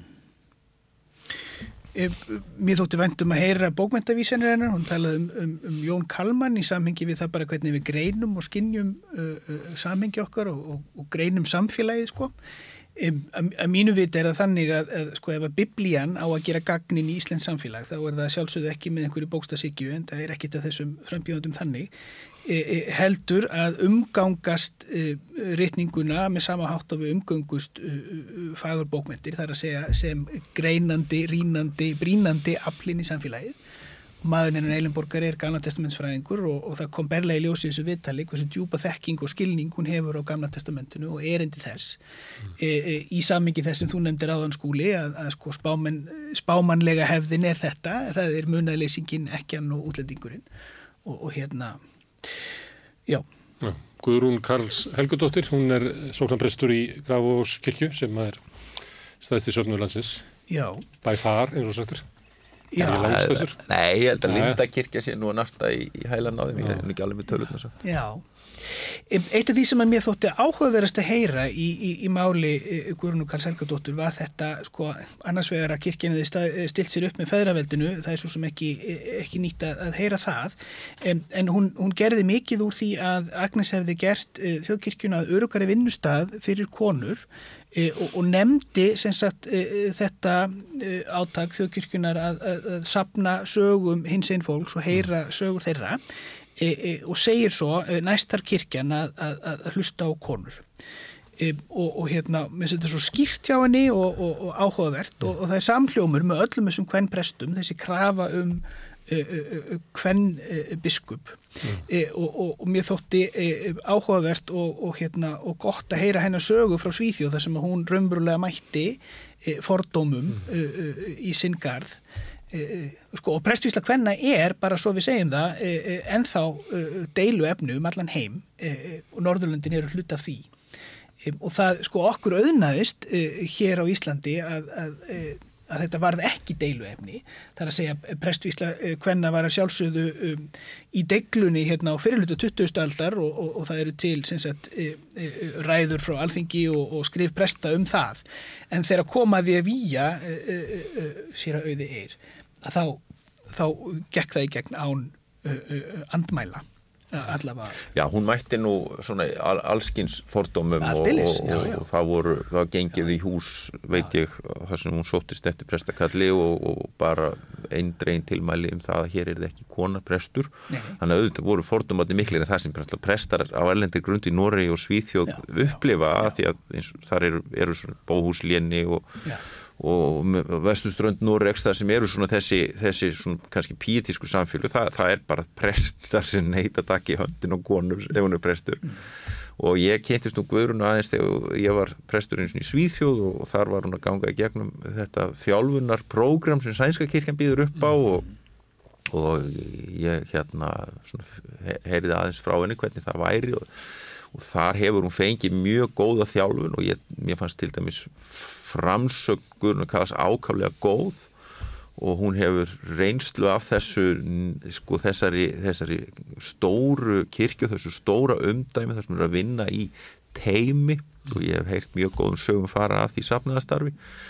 Og uh, þannig að mér fannst eh, mjög áheirilegt hvað sem hún hafði að segja jarðbundið fannst mér ekki, já og fannst kannski ekkit svona ekki mikið um vísanir kannski beinlýnis í biblíu eða guðfræði, það er bara líka kannski sá talsmáti sem almenningur kannast betur við Slót inn hérna þessar því ég held ég að spurtu öll af því að ég ætlaði náttúrulega að spurja konunnar hvort að næsti biskup ætti að vera kona mm. og hvort að gengi að væri tveir karlar vikslubiskup og svo verði biskupi líka sem að ég býst við að væri svona sjónar með kvenna að sömuleiti og, og það kom fram held ég á Guðrúnu að það er ekki nóg að sé bara einn biskup kona og svo komi allir kallandir aftur eitthvað svona, ég held að hún hafi stilt í þannig upp. Í röðinni. Já, já, röðinni sko, það væri hérna að nú takju kallandir næstu hérna þúsund árin aftur. Já.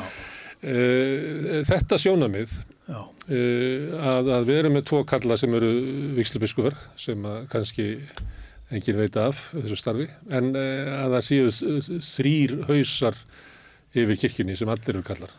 Gengur það, strákar?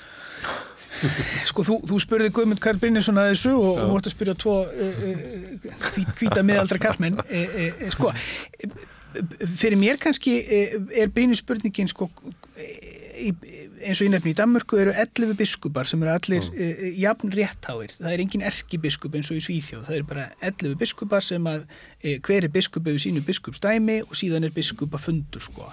E, er það þannig að það eru þrýr biskupar á Íslandi eða er einn sko og, og, og minna, Þið starfið hafið starfað hennar kirkjuna, ég átta mikið á þessum, ég fannst að vera á tímabili svona vilji á að gera meiri sess úr sko, víslubiskupana sko. Nú er ég ekki að tala neitt annað en loflega um þá sem er í vikslubiskup það sé vel sagt, en ég held að Ekki stríða með mig að spurja hver er vikslubiskup hver er vikslubiskup hóla Sá góðum að Gísli Gunnarsson. Hérna eh, ég held að þessi leitun af valdari og óstöðuru ennbættum á Íslandi heldur en þessu vikslubiskup mm. það voru kostninga núna til vikslubiskup í Skálholti, eitthvað tíman í fyrra og kostninga þáttakan var sáralítil fólk í raunverulega hafi sáralítin áhuga á þessu, það upplifur ekki að þessi ennbætti hafi mikil áhrif á líf þess. Miklu áhrif að meira ennbættin en kirkjun eru prófastar. Mm. og þar her ég nú ekki alveg kynja hlutullin og reynu en undan farin ár hefur hafa konur verið ítrekka valdari í það hlutverk. Uh, þannig ég get alveg ímyndum verið þessi orðið nokkuð jæmt okay. og það er miklu mikilvæg það er líka á sko, starfsfólki í kringum biskup sem að, sem að hefur miklu bytni áhrif á ímsar ákvarðanir.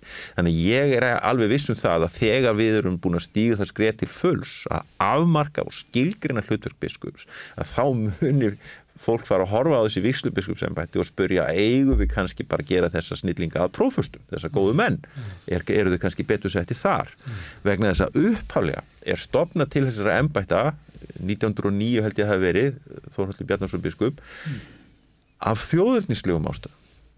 Ástæðan var einfallega svo ef að biskup létist í ennbætti og það þyrti þess að víja nýjan biskup þá þyrti ekki að sigla með þann einstakling til kaupmannahafnarinn í frúar kirkju hérna, sem er sóknarkirkja Danakonungs og víjan þar af fróarskildu biskupi.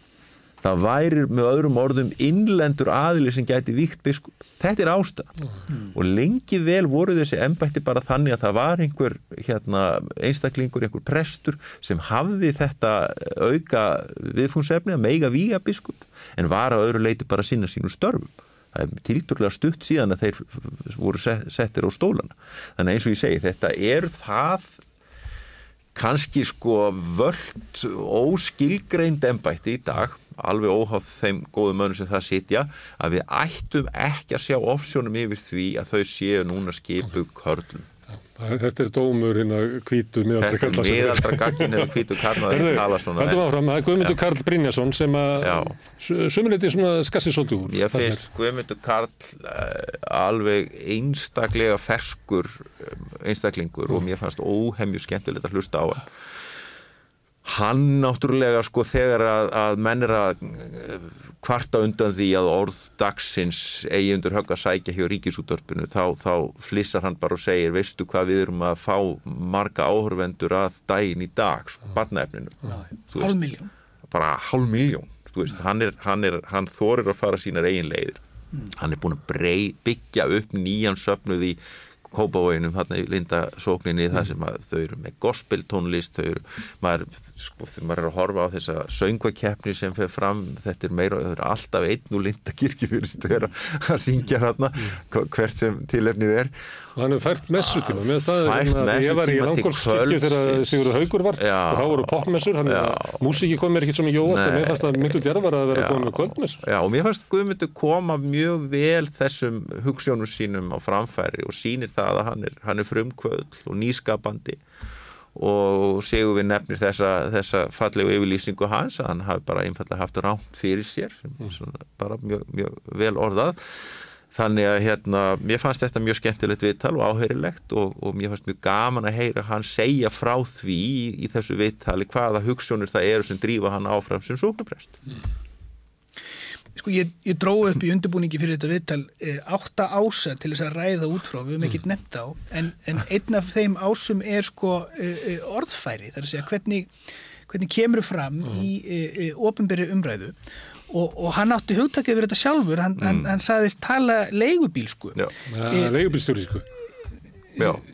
Leigu, já. Ég hef skotið þessu aðan sko. Þetta er gammalt frasi sem ég nota í bladamennskunni sko. að við verðum að bara tala venjulega leigubílstjóri sko. Ég hef, ég hef hérna, en, en hann var í já. því samingi að tala um, um, um Ísak Harðarsson og, og fleiri sko og, og ég bara tek undir þetta að, að sko hann er maður sem höfðar til e, e, e, allra í sínu orðfæri og, og það er hérna til fyrirmyndar um, og, og maður líka bara sem var með mjög stýra, skýra e, trúar sín sko. mm. E, þú spurð, spurður hann hvert mm. er erindi kirkjunar og, og það bara svaraði fagnar erindið um Jésu Krist hann dó fyrir syndur okkar, reysur frá döðum og gefur okkur kærleika sem er sterkar en döðin sjálfur svona mjög skýr afstafa mm. sem að leiður okkur inn í kannski sko annan ás sem er það að allir þessir frambjóðundur eh, stóðu með eh, fjölmenningunni og, og hérna eh, sem að mér þykir fallegt að heyra vegna þess að eins og ég hef rætt um við í fyrri viðtali að þá er mikill áhugi á Norðurlundunum og í Þískalandi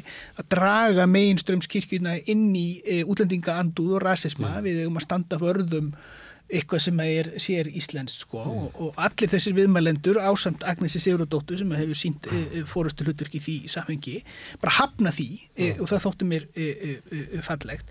En það er líka sko, það sem ég velti fyrir mér í því samhengi er þessi skýra bóðun sko, er hún útilokandi eða innilokandi og í, í samhengi Guðmundar Karls að þá e, e, bara þetta, e, þetta orðfæri sem hann hefur tamið sér er mjög opið og, og alþýrlegt og, og, og til fyrirmyndar. Svona af gólfinu svona. Já. Hann tala bara... Já, hann er... Þetta er, það er svo mismöndi hvort þau eru upp í prettingurstólum eða á gólfinu. Þess, þess, þetta, þessi mállíska sem mm. profesorinn nefndi, þessi himneska sem stundum er kalluð, mm.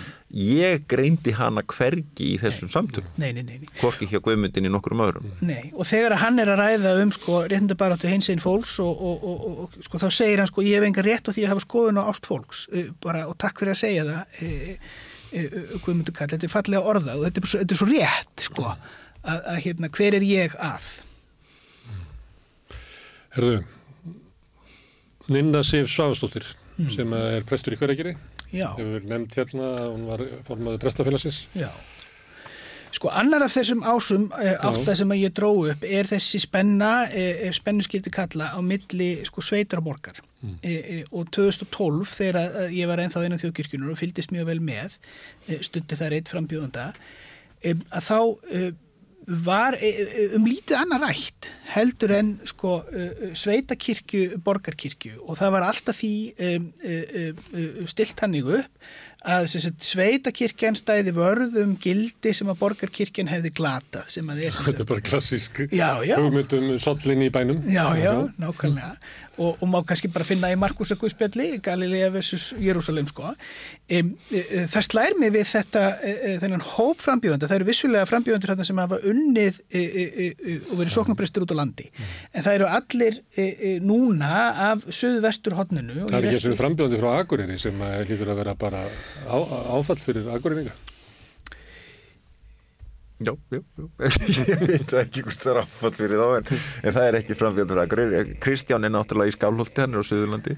Já, en, en sem það sem hún lísti e, e, fallega í sínu viðtali var þetta nær e, samfélagi sem að, að hver að gera er það sem að hún hefur e, e, búið og, og, og, og starfað núna um, um árabil. Mm. og það er kannski kirkja sem að sko, um, maður þekkir mögulega úr hafnafyrðinum en, en, en Reykjavík er ekki svona kirkja. Þetta er, þetta er þetta er prestur sem er í tengslu við sinn söpnuð með, með, með öðrum hætti heldur en að við. Þetta er svona gildi hinn að smerri í samfélaga að þú, það er ekki þetta. Að þú ert bara Já.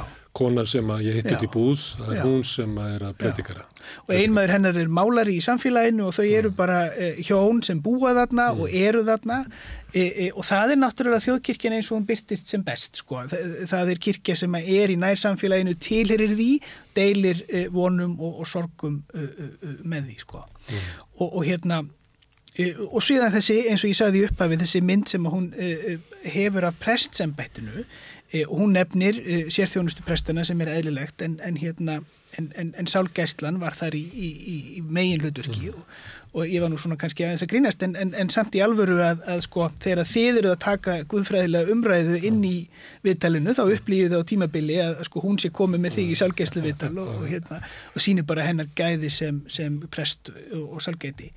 E, og hún tók það alveg skýrt fram e, hún sagði bara mér þykir, mér finnst ótækt að fórusta kirkjunar síu þrýrkarlar e, e, Hún var afgerandi því. hún var afgerandi í því Mér, fannst Ninna hérna, já, hún var, var, var jarðbundin og, og, og það kom reyndar ekki fram sem, já, ég minn- minnst þess ekki minnst að það hefur komið fram, hún hefur reynslu af sveitarstjórnamál og ég sjálfur starfað eh, hjá sveitafélagi Ísafjörðabæ á sínum tíma og það var mér mjög mikil sem sagt, svona áhuga mikil, speigill á það hvernig kirkjan er.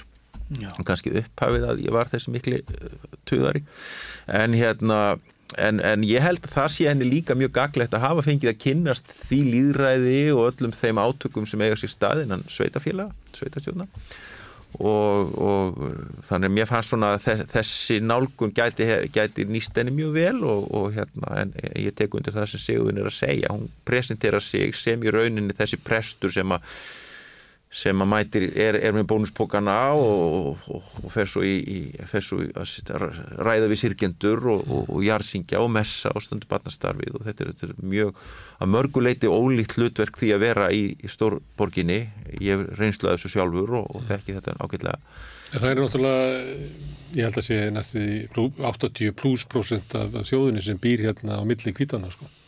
Já, Þannig að vægi þessara litlu safnáta landi er náttúrulega mjög lítið. Það er mjög fleiri sálir hérna fyrir sunna. En þegar kemur þeim sem velja Já, biskup þá er það ennþá e, þá er það ennþá þannig. Þannig að það er ójáft hérna vægi. Já, búið að jafna það reyndar eitthvað en, en það er samt endur speiklar á engan hátt sko demografíuna Það getur haft áhrif í þessu sem við nefndum hérna fyrst sem að er að það eru prestarnir sem að forvelja. Mm. Herðu, Bjarnin Karlsson, hann, er ekki starfandi prestur, heldur er hann prestur og og sálfræði stofnuninni HAF sem hann á með sinni sínum.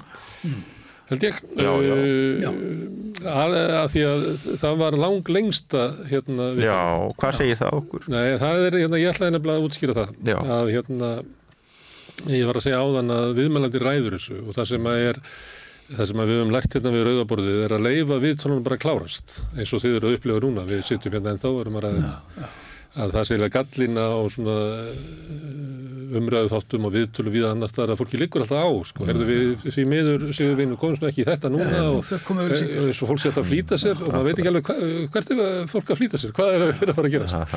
Þannig að ég hef haft á reglu að, að hérna, ég held að hafi verið hérna Guðrún Karls Helgudóttir sem hafi verið stiðst og það kom nú fram hjá þér að hún var bara skorinorð og það var eiginlega bara, hún var eiginlega búið með viðtalið bara eftir 45 mínútur eða eitthvað. Bjarn uh, liggur bara svo mikið á hjarta að til þess að taka viðtalið við Bjarn að þá þarftu að bara gefa honum þá tvo tíma sem hann þarf til að segja allt sem honum liggur á hjarta. Ég Hann sko, er bara þannig já, verið. já, en þú veist, það sem er náttúrulega svo áhugavert með Bjarnar er í rauninni, finnst mér, hvað mætast í honum margir þættir. Mm. Hann er alin upp í þessu, sem sagt, já, þessu, þessu, þessari kristnu grasrót. Hann er að þessari, þessum, þessum, þessu samfélagi, þessari fjölskyldu, það eru fjölskyldur á Íslandi sem tengjast mjög mikið kristnibóði og ímsu kristilegu starfi og hann er vex upp úr þeim jarðvegi.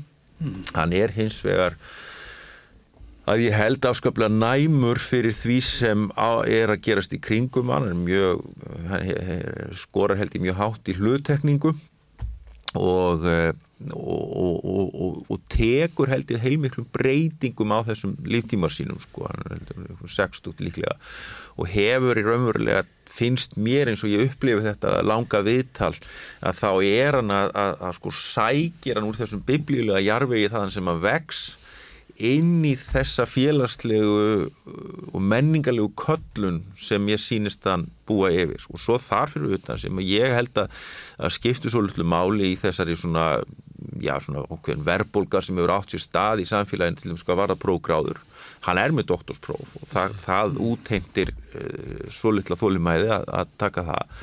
Og, og hefur nýverið gefið út mjög áhugaverða bók sem ég skilst að sé uppselt og, og, og önnur eða þriða prentun á leiðinni. Mm. -hmm.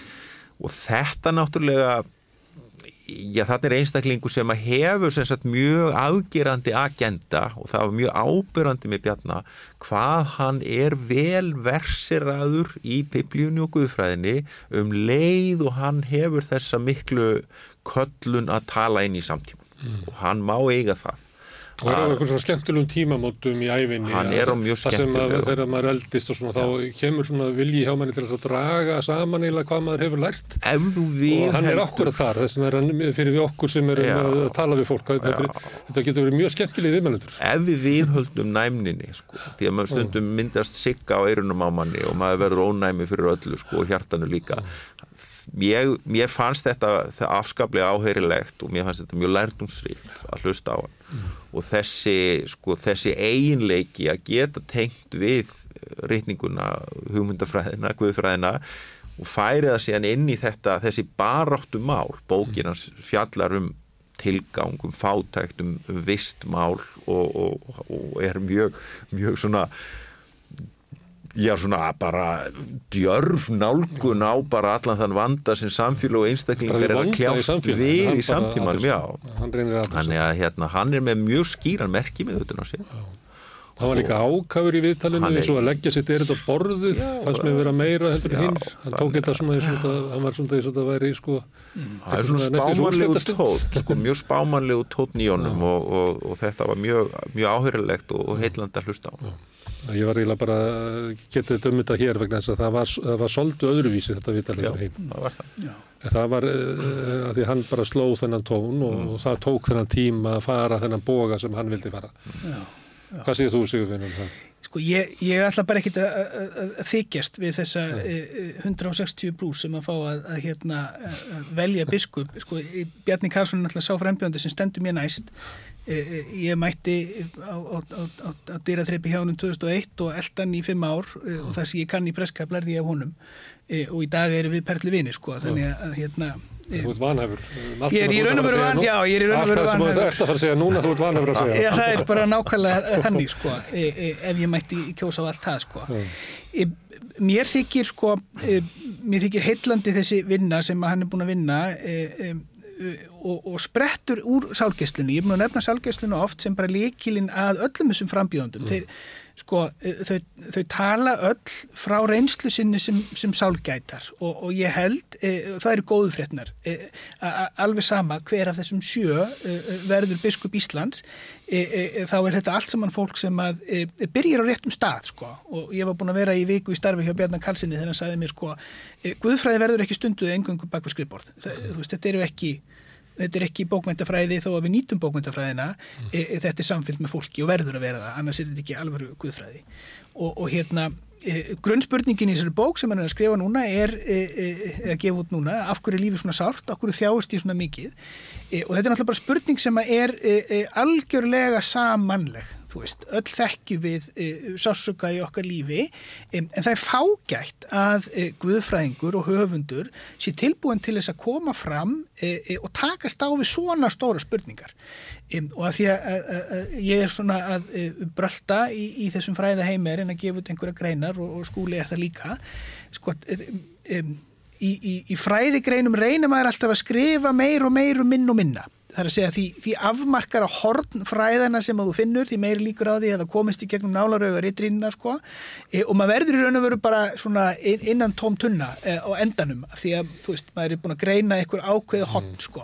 e, Postflutninga í norður múlasíslu 1870 til 1884 Nákvæmlega. E, e, og þá ertu bara trúr þínum heimildum og það er ekki að hanga það á neinu sko.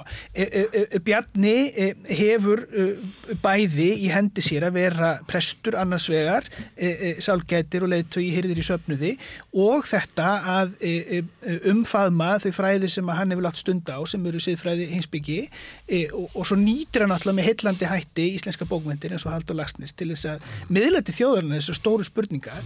E, hann nefndi hverki þessu viðtali e, sumarhúsa heilkenni, þetta er bara e, hugtak sem að hann... Ég var reynda búin að tala við hann um bókina Já. hann fyrir jól, það getur haft að lita þetta Já, viðtal. já, að, akkúrat. að við gáttum ekki endur tekið sko, viðtalið um bókina. Nákvæmlega. Og, og bara öll þekki við e, e, sjálfstætt fólk eða eigum að þekkja. E, ég þurfti bara að lesa bókinu upp á nýtt til þess að sjá bara, þú veist, hann kemur hérna með nýjan vingil sem að, að hérna sem er heillandi. Og, og, og líka bara þetta orðfæri. E, mínu viti er það þannig og, og það nefndi ég fyrir að viðtali við þig að, að sem sagt, stóra erindi biskups núna er annars vegar þessi fjölmenningamál og, og jafnbræði trúfílaga sem að kom ekki fram í þessum viðtölum þínum e, með nægilega skýrum hætti eða mér finnst e, þá ólíku stöðu sem að frjálsu trúfílugin standa fram með fyrir stóru uh, þjóðkirkjunni e, en hins vegar þetta getur að tala við þjóðina sko. og, og orðfæri eins og að vera ekki hrættur við að vera hrættur og miðusín yfir að vera miðusín sko. e, þetta er svona samanlegt orðfæri sem að færir umræðu kristindómsins og erindi kristinar e, e, inn í samfélagsumræðinni En uh, Bjarni Reynslan kemur svona út úr sálgjastunni eitthvað leiti allavega en síðar ár svo er hann náttúrulega uh, bókvöndafræðingur heila og, og alls konar en uh, þá varst að tala um leigubílstjórískuna og svona orðfærið hvað hérna uh, hann er svolítið innblásin uh, óttastu ekki að, að, að hérna erindi hann svona svífi svolítið yfir höstum á, á fólki Ég hefði haldið að... Ég, núna, er að spyr hann núna því hann var svo Já. ákafur í að styðja Bjarnar. Já, já, flott. kem ég með Já, svona já, gaggrigna spurningu á Bjarnar. Sem að ég var ekki að búa til á hinn. Sko nú, nú er ég bara algjörlega ómarktækur af því að ég er búin að uh, uh, uh, Ok. eldan og verið í sambandi við hann og sko ég skil Bjarna. E, e, e, e, nei, ég skil ekki Bjarna en, en, en, en sem sagt, hans bóðskapur uh, uh, uh, uh, á samhljóðum hjá mér. Ég, ég heldur í mig svara þessu að ég held sé ekki endilega að svífi yfir fólk ég held að gárungar samfélagsins komist í feitt vegna þess að sko þegar fólk, fólk er óvant við í dag að heyra einhverja svona afdrifaríkar stóra hugmynd. Við erum alveg með sko ónæmiskerfið okkar er þölvant í að berjast við, við allar slíkar stórar hugmyndir sko. Og hann er með það. Já, já. og gárungarnir eiga örglega ef, að, ef að hann hefur erindi sem erfið í þessu eftir að hafa óskaplega gaman að því sem hann hefur að segja. Og það reynir þá náttúrulega bara á staðfyrstu fólks. Ég held að það verði sennilega sko heilmikið sko aðtigli sem hann muni fá en hún verður ekki öll jákvæð. Skömms gárungunum, við höfum náttúrulega, þetta er ósiður inn í samfélaginu, að fólk, fólk má ekki bjóða sér fram til forseta þess að fólk var að rakirða það sko. Og hérna þeir sem að vakna á mótnana til þess að fara að berga heiminum að það er, hérna, við viljum ekki hlusta þá. Ég held að við höfum komið tími að við hlustum og svoleiðis þess að við erum að glíma við svona, svona stóru spurningarnar Já. um svona bara tilgang samfélagsins Nákvæmlega. og ég held að sé, hérna, við erum búin að horfa allt og mikið á postflutningarna En, en sko hluta því sem að Bjarni er að, að tala um í þessari bók er þessi sko þrúandi krafa um hlutleysi í íslensku samfélagi sem að er að mínu viti bara eh, íllskiljanleg. Eh, í, sko á Norðurlöndunum að þá er í viðtalstáttum alltaf þegar verið að tala um samfélagslega málefni, guðfræðingar, eh, prestar, dregnir að borðinu, kannski ekki alltaf en mjög oft sem að er sjaldan gert hér á landi þess að það var svo hressandi að sjá þessi sjö viðtöl við e, e, málsmetandi guðfræðinga.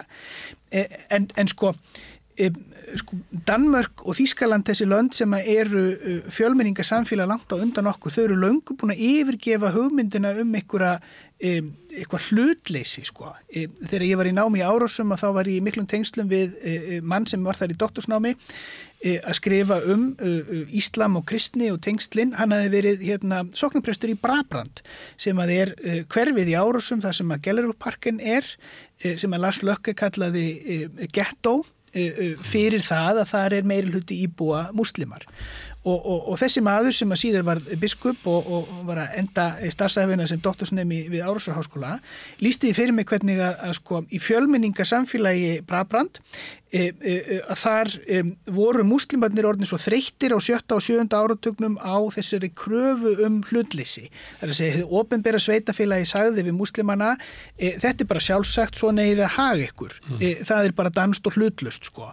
E, og, og, og muslimarnir sögðu á móti nei, þetta eru lútersk e, e, viðþorf sem þeir eru að koma með inn þó þessu falin sko.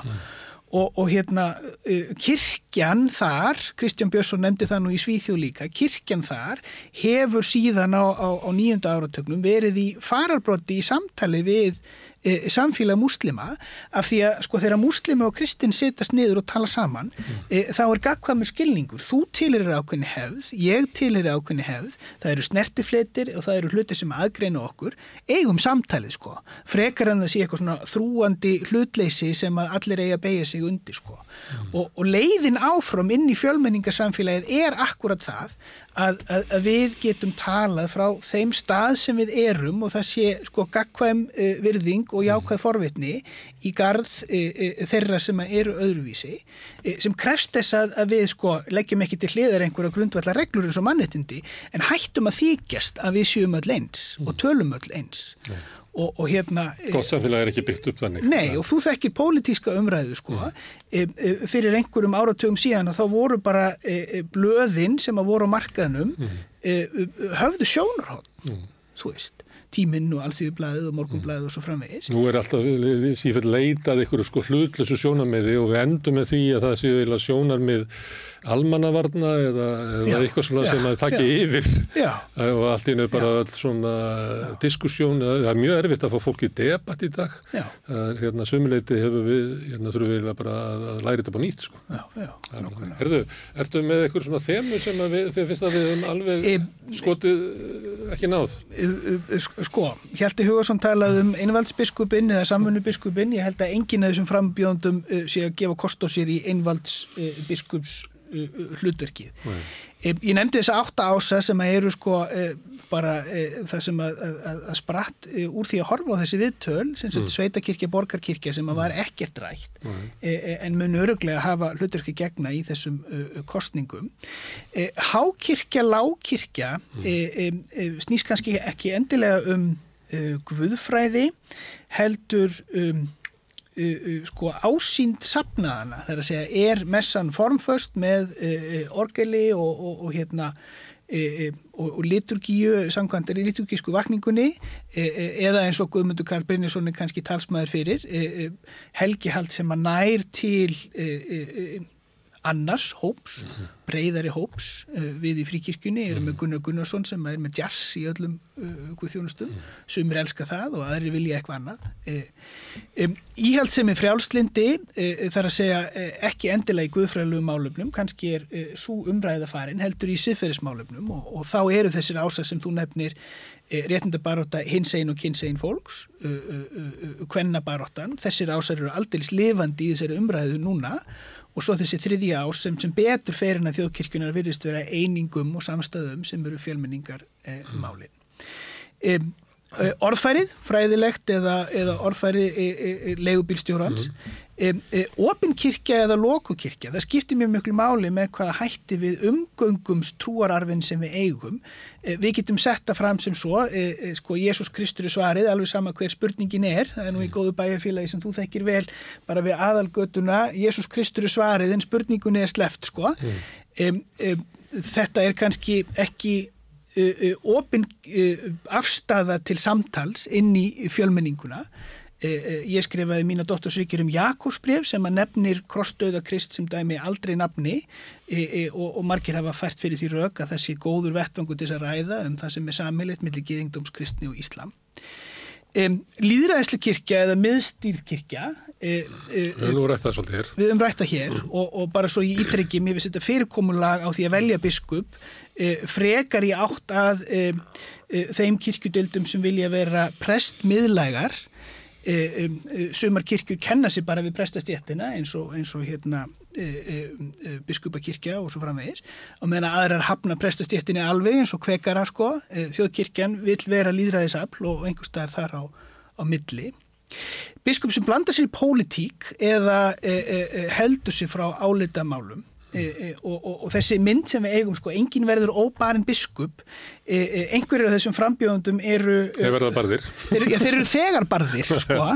E, e, hérna, ég veit ekki hvort að ég móki með því að segja þetta sko, en, en, hérna, en, en Agnes Sigurdóttir var mjög óumdeild þegar hún verður biskup eftir því sem ég best veit. Ég man ekki til þess að hún hafi verið e, e, millir tannana og fólki í starra samengið og ég þekk ekki nú vel það sem hún var prestur í Bólungavík e, e, en hún hefur aldrei verið barinn e, sem biskup sko. Og, og það er náttúrulega eitthvað sem að margir af þínum viðmælendum nefndu, þetta er ekkit öðvöld starf að vera biskup. E, e, ég hef stundum sagt það í gríni, þetta er eina starfið sem að, að, hérna, að ég get ekki hugsað mér að vinna innan, innan kirkjunar e, og síðasta e, vittin e, og kannski svo mikilvægasta er hvers konar kirkja stendur biskup fyrir, það er að segja borgarlega kirkju, kirkju elitunar Mm. E, e, eða kirkju þar sem að þú mátt koma inn e, fullur e, og e, í rökum fötum Mm. Og, og, og svo ég nefni Jakobs bref aftur og, og, það þóttu mér heillandi hvað margir af þessum frambjöðundum voru með e, e, þekktur reikninguna sér til gags og, og, Mm. og, og, og vittnuð í hana sko að, að hérna í öðrum kabla Jakobs brefs er það bara mæli hvarði á kristna kirkju e, e, ef það kemur ríkur maður inn í samkomuna og þú setur hann í heiðu sæti Mm. og, og, og, og, sem sagt, e, og svo kemur e, fátækur maður og þú segir hann um að setjast á gólfið við fótskur mína e, farið þér þá ekki manngreinar álit sko, e, og dómurinn er þessi hvernig, e, e, hvernig komum við fram sem kirkja við þau sem að eiga e, mest undir Eru högg að veikust og forsmáðust. Já. Herðu, skúli. Já, ég... Hefur, Já. já, já eh, þetta- ég, ég ætlaði að spyrja um annað núna. Ok. Hefur kirkjan ekki bara gott að þessu biskupskjöri? Verður ekki meiri umræða í samfélaginu um, um, um kirkjuna og kristnina og hlutverk biskups og, og er þetta ekki bara hluti af því að endur er stundum er sagt að það er svona í pólitíkinni að svona hressandi prófkjör það hérna, skerpir allt og en svo er, er reyndin oft svolítið að það verður sundrandi. Heldur Ég að hefur ekki gott að þessu? ég held að þetta verði ekki sundrandi, þau eru alltaf miklu diplomatar og alltaf skinsamt fólk til þess. Mm.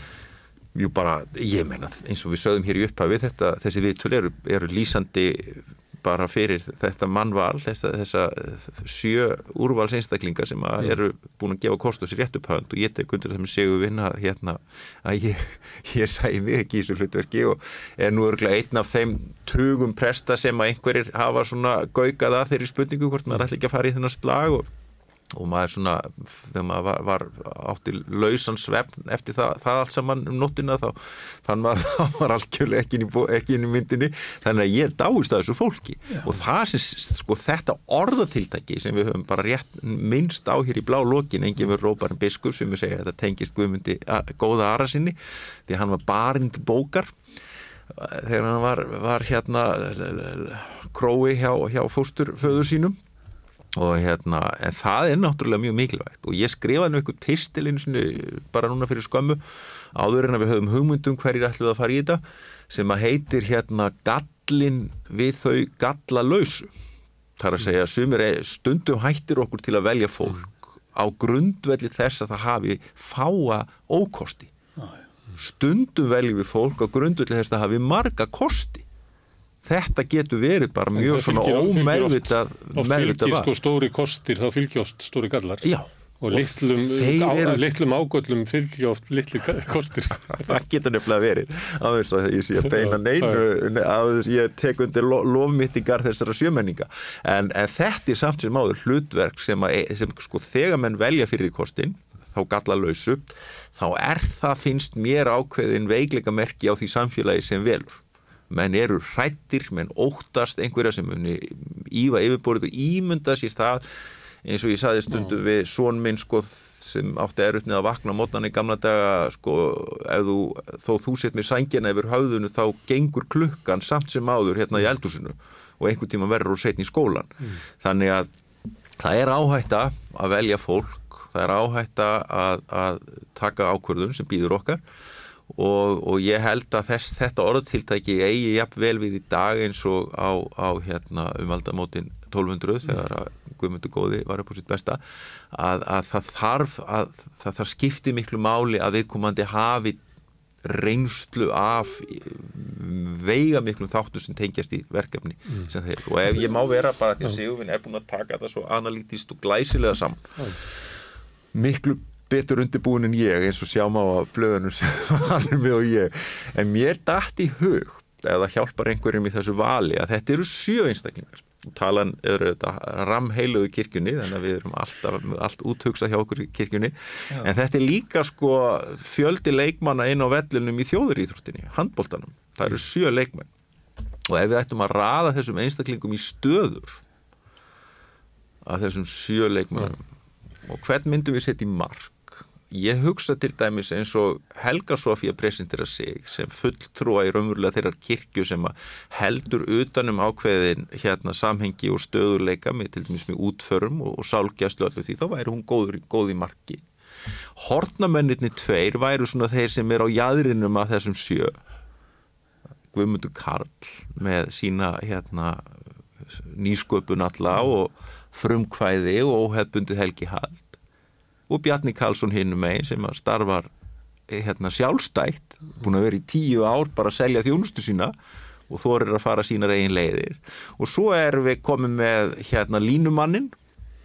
Já ég sæði fyrir mér sko að manneskja sem hefur verið formaður prestafélagsins nýverið og í sveitastjórnamálum og, mm. og er í návíi við samfélagið á sínum heimavellin innar sif, hún væri á línunni er í návíi við þá sem að, sem að hérna eru í, í, í, í samskiptum við. Og svo væru þrýr miðjumenn.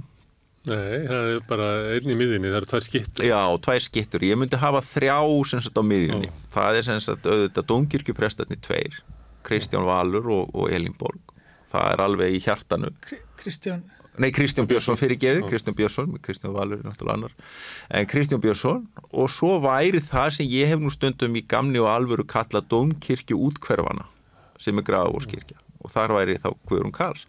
Þannig að þannig erum við með þetta litróf af þessum frambjöðundum, úrvalsfólk, hvert á sínu sviði, hvert með sína sérstöðu og svo bara liggur kvölin og völin hjá, hjá þessum 164 Viljið, viljið markmann, viljið hodnamann Já, eða, eða stórskiptur Ég held þú ætlaði að enda á leikstörðunum og þú ætlaði að tilhjönda biskupin Má, má ég grípa þann bóta? Það máttu gera. E, e, e, Sko, af því að ég er Chelsea maður og, og þú ert Liverpool maður og ég, mér er ennþá svolítið sári eftir gerða einn sko.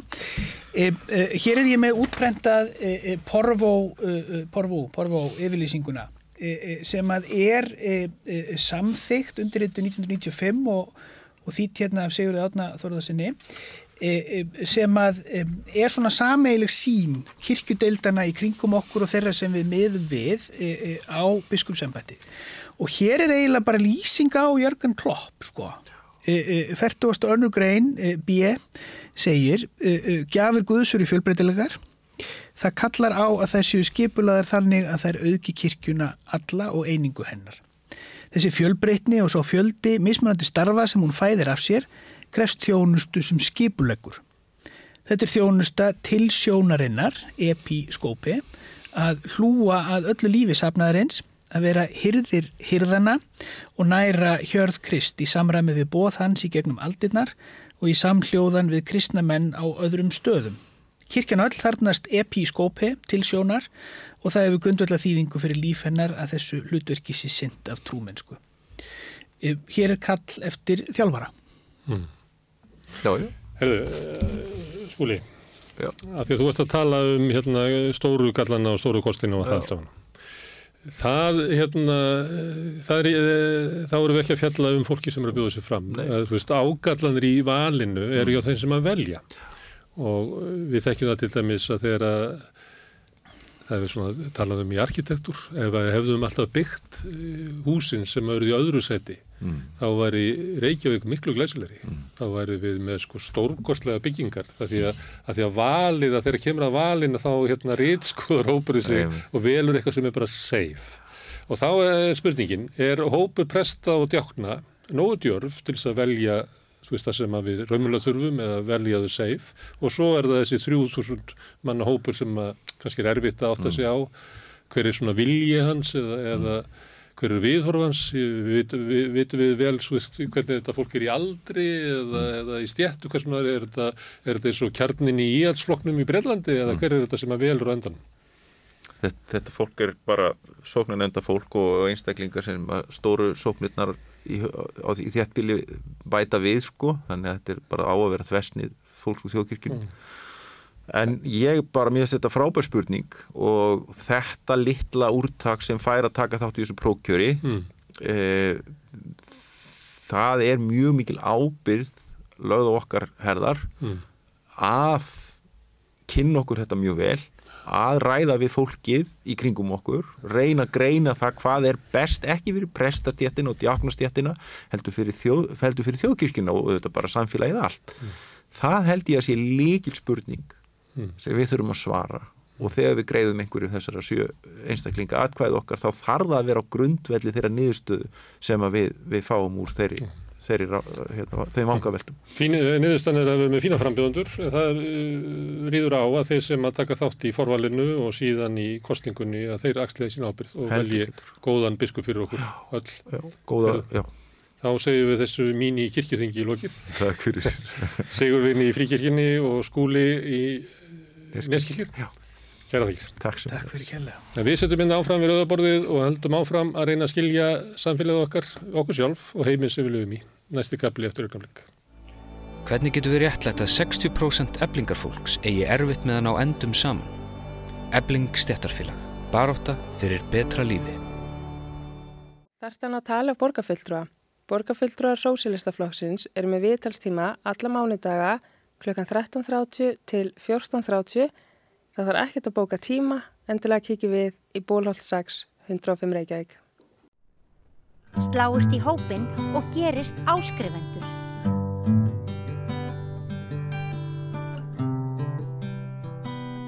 Já, herðu, nú ætlum við að snú okkur að heimsmálunum. Hann kom hérna fyrir helgi, hann Hilmar Þór Hilmarsson og við vorum að ræða um, fyrst og fremst um stríðið í Evrópu, í Úkrænu og, og svona ólíka afstöðu, kannski Evrópu og bandaríkina til þess. Við vorum að reyna að ráða í hver var í afstæða e, Putin og Rúslands og svona hvaða árið þetta gæti haft. Og það var svona augljóst að, að við náðum ekki að klára þetta því það er annað stríð á öðrum stað. Það er hérna í gangi hryllilegar árásir Ísraelsmanna á Gaza. Og það hefur líka árif, ekki bara Ísrael og, og Palestínu, heldur á nágrannlöndin og, og alheinspolítikina almenning á Vesturlöndum og í Arabalöndunum og víðar Þannig að ég fekk bara Hilmar þú til að koma aftur. Þetta er velgóðinn. Takk, takk fyrir, takk fyrir. Ja, þetta er bara þannig að hérna, þetta er, er svo margt í gangi í heiminum. Já. Þannig að við ætlum að reyna svona að átt okkur á þessu að þá flígu tíminn. En það er alltaf. Þannig að nú skulum við bara byrja á gasa. Mm -hmm. Alveg svo við reyndum að byrja í, á vývöldunum í Úkrænu í fyrraspjallinu. Já. Það er náttúrulega bara gengur mulningsvel Ísrael áfram? Já, það er náttúrulega sko uh, verið að hafa í huga að, að, að, að Hamas réðist á Ísrael en það náttúrulega var aðdragand aðeins eins og þú veist að það var þessi hérna India, Middle East, uh, Europe Economic Corridor sem átti að opna Já. sem átti að normalisera sambandi millir Sáti-Arabíu og uh, saminuðu arabísku fyrstastæmina átt að normalisera það við Ísrael og netni á var alveg heimillifandi að fá þessa tengingu þarna í gegnum hæfa höfnina til Evrópu sem Mm. efnarslega fyrir Ísrael var mjög mikilvægt Og, og hugmyndin var, var hún svo að flytja orku sett, frá miðausturlundu til Evrópu í staði fyrir það orku sem ekki kom frá Rúslandi.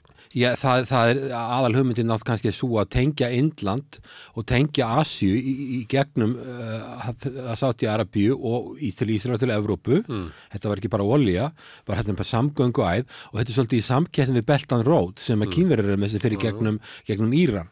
Og En ég spyr um gasið vegna þess að það er náttúrulega búið, búið að skrúa fyrir gasið frá Rúslandi til Evrópu. Já, já, og sprengja hérna Nord Stream. mjög mikilvæg flutningaleið og sátt í Arabi þetta gríðilega mikla oljuríki sem það er og, og þarna og, og, að sátt í Arabi er ekki slutt aðeinslega svo kallega Abraham Accord sem að átt að normalisera sambandi við Ísrael eða kom- taka upp elli samskipti og það má kannski segja þessu svo að það út af þessu að þarna átt að gera hluti án þess að, að, að taka á málefnum palestinumann á Gassasvæðinu og, og bara, Palesti, bara á Ísraelsvæðinu á Vesturbakkanum og þar að það sögðu upp úr. Og uh, svo er spurningin að hverju miklu auðvitað var, var Íran er mjög mikið á móti því að það veri tekið upp eðli samskipti að að tekið upp eðli samskipti við hérna Ísrael. Mjög mikið á móti því. Og við vitum náttúrulega að Hamas er stutt af Íran og svo er Hezbollah í norður, norður hlutanum í Libanon sem er stutt af, af, Mm. af, af Íran þannig að maður veit ekki alveg hvort að þessi tenging á milli allavega eru Hezbollah og Hamas stutt af Íran Mm. og hvort að Íran var alltaf bakvið, ég veit það ekki en alltaf þetta byrjar þarna en svo náttúrulega viðbröð Ísraelsmann alveg skelvilega uh, uh, mikil viðbröð og, og hérna Þetta setur upp hérna í loft upp það samkomulega sem að virtist geta átt. Já og þarna, sko, við veitum náttúrulega að sátt í arbið. Og við veitum ekki alveg hvort þetta sé tengt. Það getur líka verið tengt með þeim hætti að það var augljóst í öllum samskiptum Arabaríkjana, bæði við Ísrael og Bandaríkin að, að palestinumenn voru svolítið glemdir. Þeir, þeir glemdust og það er bara, málega bara það, það er alveg frá því að Demi Carter var fórseti á, á sjönda áratöknum, þá hefur ekki verið unni, að neittni alvöru í Ísrael tveggjaríkja lausn þannig að Ísrael er líkil aðrið aðelinni því að það, þeir sjá í sér hagsmunni í tveggjaríkja lausn bara fyrir að ná stöðuleika í alfunni og, og ef ég hugsa sem hagfræðingur þá er þetta positive sum game. Ísraelar eru hátækniríki með velmenta fólk og þannig eru lönd, þarna stólu lönd þessu sátt í Arabi sem þarf að umbreytast úr því að vera óljuríki, að vera hátækniríki taka upp allt öruvísi hagkerfi. Þannig hefði samvinna geta komið báðum að gagna allir, allir, allir með þessum heimsluta og Ísrael og bandaríkjamannum þetta verið svona positive sum game. Í staðan fyrir það þá verðist vera að, að, að, að þessi staða palestinu manna á gasasvæðinu og Ísrael öllu hafa bara glemst og átt að sleppa taka það bara út fyrir svig og, ger, og ger ekki neitt og þjóður eru ekki vandar ekki að tala um að hvað sé hljóðlátt í miðausturlöndum þá kannski verður þessu sprenging. Og það er náttúrulega þetta sem að segja svo fyrir þá sem frá sjónarhótti palestinu manna er þetta óþólandi og nú er, er er uh, Sáti Arabi búin að setja mjög stránga reglur fyrir því að hvað þurfa að gerast til þess að þeir taki beðlilega samskipti við Palestínu og þar að meðal að Ísrael, alltaf þessi Ísrael hefur sett, neði Sáti Arabia hefur sett mjög ströng skilir því fyrir hvað þarf að gerast til þess að taki beðlilega samskipti við Ísrael og, og þar að meðal er það að það verið sjálfstætt Palestínuríki sem er svona viable eða geti staðið undir sér og fá að þróast og það er sett skilði og það er náttúrulega með við núverendi stjórn Ísrael sem er það sem að Netanyá er í fóristu þá náttúrulega kemur það ekki til greina. Sko Netanyá vill, hann vill sjálfstætt Ísrael, eitt stort Ísrael sem náttúrulega kemur ekki heldur til greina vegna þá eru þau palestínu er bara fljó, palestínu fljót, fljótlíði meiri hluta þar því þeir eru yngri og þeim fjölgar hraðar og það gengur ekki upp nema að, að, að palestínumenn rekist í burtu frá gasasvæðinu og Vesturbakkanum, eitthvað annað til, gasasvæði til Egyptalands eða Jórdaníu eða þessum Vesturbakkanum til Jórdaníu og, og palestínumenn fækki það mikið að Ísraelski geðingar verðir heinum meiri hluta og geti því að þeir vilja ekkit vera minni hluti skiljanlega í sín eigi landi mm. nema þú takir upp sagt, uh, apartheid state uh, það sem að, það sem að að palestínumenn hefði annarkort engan kostningarétt eða skertan kostningarétt það myndi ekki vera í, í anda vesturlanda að taka upp slíkt fyrirkomulega þetta var eins og Suður Afrika var. Mm. það myndi ekki gangu upp. Og svo leiðir varðla hugmynd. Þetta er, það er lengin að ræða þetta nema Nei, ég meina, hver er lausnin, sko, einn lausnin er svo að, að það verið stopnað tveggjaríkjalaus eins og, og bandaríkjastjórn hefur talað fyrir og fósita bandaríkjana alveg frá því að kartið á fósiti Það hefur talað fyrir því en í orði þá stiðjaður allar aðgerðir hérna, ríkistjórnar hérna, Ísrael til að brjóta þá hugmynd niður. Já, þeir hafa allar Það er auðvitað að ráða í það hvað bandaríkjumenn vilja því að þeir segja eitt og gera annað. E, Allavega hafa bandaríkjumenn uh, beitt neittinu valdi öryggisræðu samlið er hvernig það hefur henta Ísrael. Þannig að samlið þjóðunar hafa reynst verið alveg ónýtt stopnun í því reyndar örgisræður úr löngorun úr stopnun. Og þeir styrkja þá þeir fjármagnar öfulega uh, sumuleiti þessar aðgerði núna? Já sko, vopnin eru, eru notuð aðna, mm. er, er mér sagt af sérfræðingum í, í vopnaframleyslu og sem er, ég er ekki sérfræðingur í vopnaframleyslu, koma frá bandaríkjunum. Mm. Þannig að, að, að, að mestu leiti þar á meðal þessar stóru sprengjur sem eru 2000 pund stykki mm. sem er verið að nota allavega með að heyrta að sé verið að nota slíka sprengjur sem náttúrulega er algjörlega anstöð við það að sé verið að sprengja þannig að það sé verið að passa almenni borgar að verði ekki, þú getur ekki ef þú ætlar að, miða á á hérna almenn á, einhverja þessi sem feilítar sem er hriðiverka menn eða einhverja víga menn frá Hamas þá gerir það ekki með svona stóru sprengju því það almenni borgar að verða fyrir því þannig að þetta sko auðvitað þarf þess að leysa máli þá þarf, þurfa að vera algjör sinnaskipt og skoðanabreiting Ísrael sjálfu.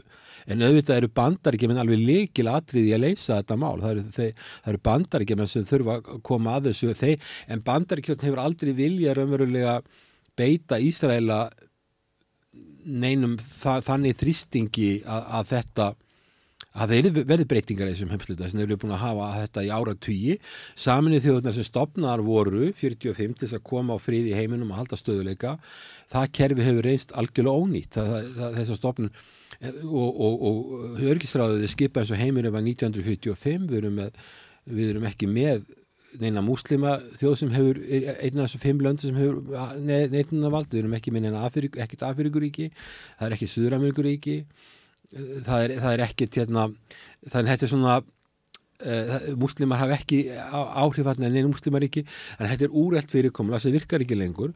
Og svo er verið að veita neyðar ástóð í gegnum samnið þjóðunar það er að segja að það er sprengt aðna og, og svo kemur, kemur þessi stopnum þarna frá samnið þjóðunum og, og, og gefur fólkinu vassopa og svo plástrað og svo haldið áhrifum að sprengja. Og þetta gengur áratum saman. Þetta er náttúrulega algjörlega fáránlegt og svo er líka annað í að bandaríkinn er að tala um það að, að, að það verið að aðfenda vopn. Og svo að sama tími að verið að tala um það að hérna að veita neðurafstöð og það, það er ekkit heilbrikt blanda að, að senda vopn og koma svo með neðurafstöð til þess að plástra þess að bjarga fólkinu sem er búið að sprengja sem er búið að sprengja þannig að þetta stað, staða er óþólandi auðvitað vita bandaríkja með það en það hafa bandaríkja eh, alltaf tala fyrir þessu. En ég held að sko líkillin náttúrulega aðeins er það að Ísraelar þeir finni lausn og, og, en nú er þetta ríkistjórn þannig er þannig hún er ekki, hún vill ekki það hefur nú verið bent á það að, að þó svo að nú er þetta ríkistjórn sé svo hérna vesta í sögu Ísrael að þá sé bara verða breytingar í Ísrael sem að auka ekki líkunar á því að einhvers svona annars konar ríkistjórn með annars konar stefnu geti náð fótvestu. Nei, það, það er landflóti frá Ísrael að fólki sem ekki þólir ástand sem að, að kæri sig ekki um að búa í apartheid ríki sem er með linnulösan hernagakvart palestinumönum en hins vegar laða ríki til sín fólk sem einmitt vil taka þátt í þessu heilega stríði og þannig að og, og, og svo er náttúrulega hægt að líka færa rauk fyrir því að henni heitrúði eigi fleiri börn heldur en henni frjálslindu í, í borgunum og annað slíkt. Já Þannig að, að líkunin á því að það verði til einhver löst sko með einhverju hugafarsbreytingu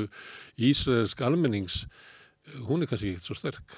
Allaveg ekki, það er allaveg ekki í sjónmáli en hins vegar þá hlýtur Ísraels ríki þeirra hagkerfi að vera fyrir mjög mjög næskjút af þessu. Því að ég minn þetta er ferð, þarna er biblíuslóður þetta er ferðamannaland, þetta er mikið að ferðamannum er að koma mikið umsvið í kringum. Ég sjálfur farið þarna í slíka ferð og, og hérna og þannig að þetta er land Þeir eru líka með hagkerfi sér tengt þessum hernaði, þeir eru hérna selja svona njóstnagræjur og, og þeir selja sko hernaðar hérna getu við, við þeim heim. Já, já, en allavega sko það, það myndi ebla þeirra hagkerfi eða þeir getur tekið upp eðlileg samskipti við nákvæmlega eins og var verið að reyna að gera gera. Mm. en það var bara, þarna er yfirsjón.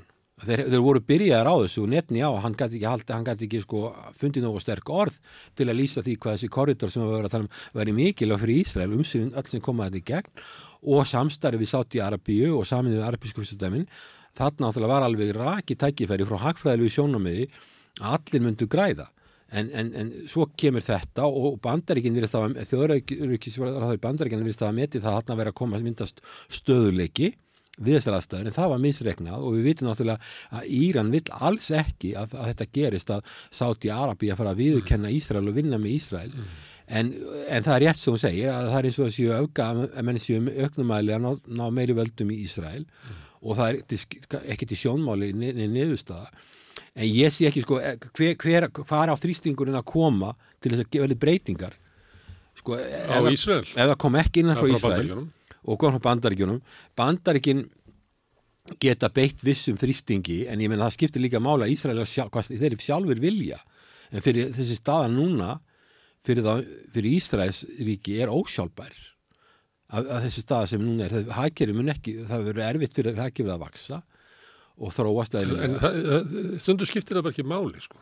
Hérna, ég held að mann geta gælt við það að Netanyahu njóti ekki stuðnings þjóðarinnar og það gæti orðið eitthvað sinna skipti en hljóma svolítið svona svipuðu óskikjan þegar að fólk var að segja að, að stríðið í Úkræni er ekki sjálfbært fyrir Rúsland og endanum hlýtur Rúsland rúsar að sjá það en það bara er ekki að gerast það er, það er, það er að fátt sem að, að hérna, vinnur að, að ef að ríki er í stríði, óvinnurinn er skýr og það Sko- er sótt að okkur og við verðum að verjast að það er ekki góðu tími til þess að ríki fari í eitthvað svona naflaskoðun um það hvert þeir halda áfram í fremdini. Nei, en sko, hérna var þetta Úkræni þá er, eru rússar sko, uh, það sem þeir eru að gera fyrir í Úkrænu frá efnarslu sjónamiði að ná tökum á, á svartahafinu Mm.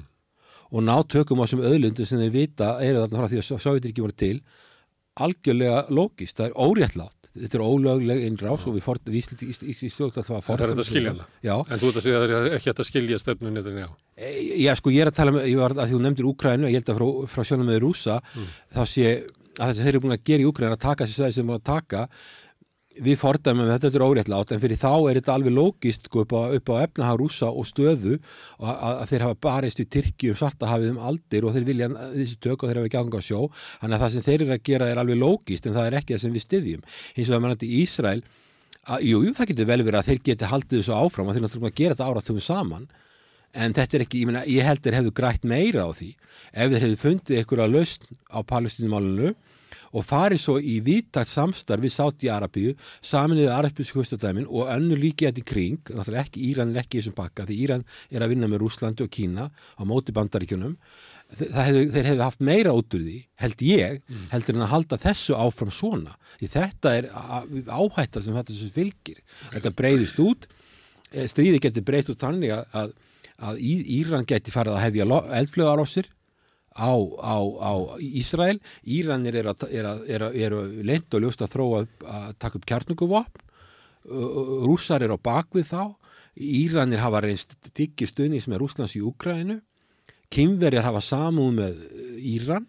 Þeir vilja koma Íran inn í, í Beltan Rót eða Belt og Braut kerfið það er í gegn þannig að, að þeir og, og þú getur ímyndað hvernig Vesturland líti á það að það er að vera játbrautir og vegir í gegnum Íran inn í Evrópu og Íran er í hér jafn ströngu viðskiptabanni við Vesturland eins og Rússland Mm. en ég held að sko að ef að Ísraelar horfa á, á sko hagsmunina þá er þeim betur borgið að ná öllum þessu viðskiptasamböndum og viðskiptum og vinsamlegum samskiptum við nágrannaríkin heldur en að halda áfram þessari þröngu stefnu sem þú ert að benda á. Já. Það getur vel verið að það getur lifað af með þessum hætti að selja vopn og selja njósnabúnað og slíka hluti. En þeir eru alltaf yfir höfði sér að, að, að, að blossa upp ófröður og að þeir hérna verði fyrir miklu mannfalli eins og þeir mistu hérna, í, í, í, hérna þegar Hamas er eistinn í landið.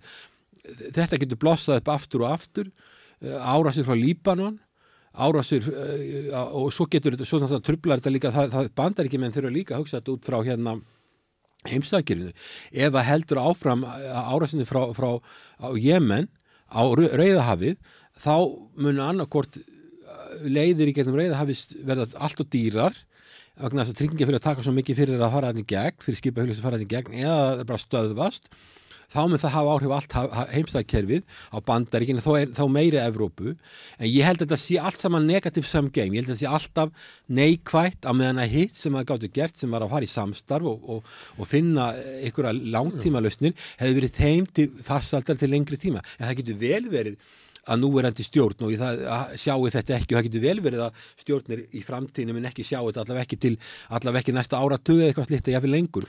Það sem að Netanyahu líklega ætlaði sér hann taldi sig geta náð sko friðsanlegum samskiptum við stjórnvöld nágrannaríkjana og, og, og tryggja hérna efnarslegan uppgang Ísraels í kraftið þess. En á sama tíma beitt palestínumenn hörku, hann held hann kæmist upp með það. Það var líklega það sem hann uh, regnaði síðan þegar það springur í andlitið á honum að þá kemur líka í ljós að, að þó svo að, að sko stjórnvöld í Araparíkjunum hafi verið til í að semja við hann að þá á það alls ekki við um almenning í Araparíkjunum og stjórnvöld verða núna að taka tillitið þess að, að þau verði að ná okkur samkomlagi varðandi palestinumenn e, til þess að geta gert samning við Ísrael. Ég, það er alveg rétt sko til dæmis að, að, að held ég, tökur sátt í Arabíu, almenningur í sátt í Arabíu er miklu hlindar í palestinumennum heldur en stjórnvöld. Mm. Þannig það, það, og, það held ég um öll þessu land sko. Já og þessi, og stjórnvöld í sátt í Arabíu sem er nú ekki vestrandliðaðisríki verða að taka tillit til þess mm. ef að almenningur er að koma ókýr meðal almennings að þau verða að horfa á það upp á sína eigin sjálfbærtni að geta verið haldið áfram við völd, þá verða þau að horfa á það og ég held að það sé alveg rétt að Arabum svíður þetta mjög mikið og hérna og svo er það líka annað að sambandi millir Sáti-Arabju og bandaríkinn hefur verið að vestna til dæmis bara að sá það þegar Biden fór til, til hérna uh, Sáti-Arabju, hann fikk ekki eins góðan móttökur eins og, eins og, eins og Putin Mm. ég meina kongurinn kom ekki á flugvellin þannig að, að sko Biden fekk frekar kuldalegar móttökur þegar hann kom til Sáti Arabíu síðast Mm. Putin hins vegar fær betri móttökur og, og svo er það líka við ykkur aðtekli að, að, að kýmverjar voru búin að taka stöð stöðluð að því að, að það náðust að taka upp eðlið diplomatík samskipti milli Sáti Arabíu og Íran sem er stöðlegt afreg þeim tókst að koma því í gegn Mm.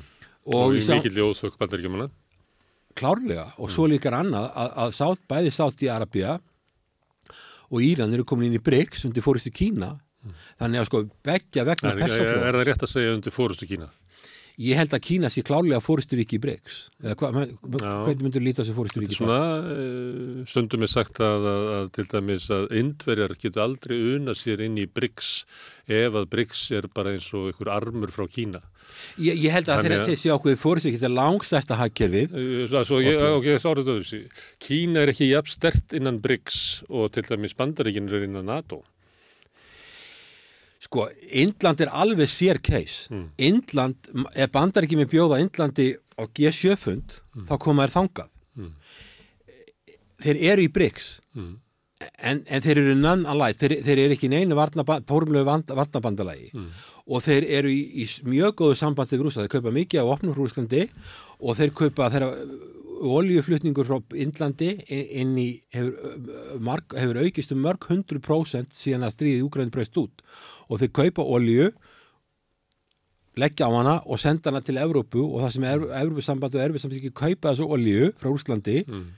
á, á eða dýruverði frá Indlandi þeir eru tækifæri sinnar og þeir, þeir, eru ekki, þeir eru ekki tengdir, þeir eru ekki varnabandalagi með, með hérna með kýmverjum en þeir eru frekar eru, landamæra, eru, eru hverju milli Indlands og í Kína.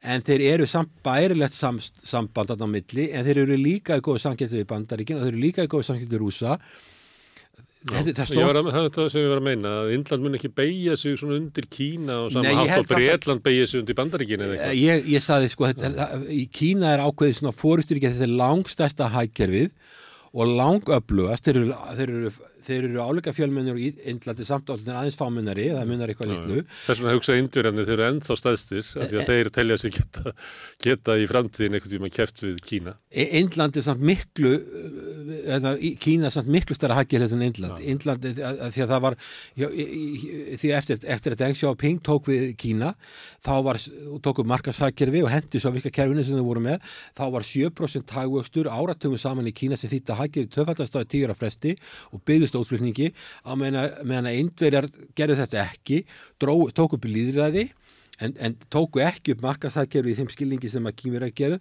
og þess vegna Indland dróst mjög aftur úr en Indland hins er að vaksa núna en þeir eru langt á eftir.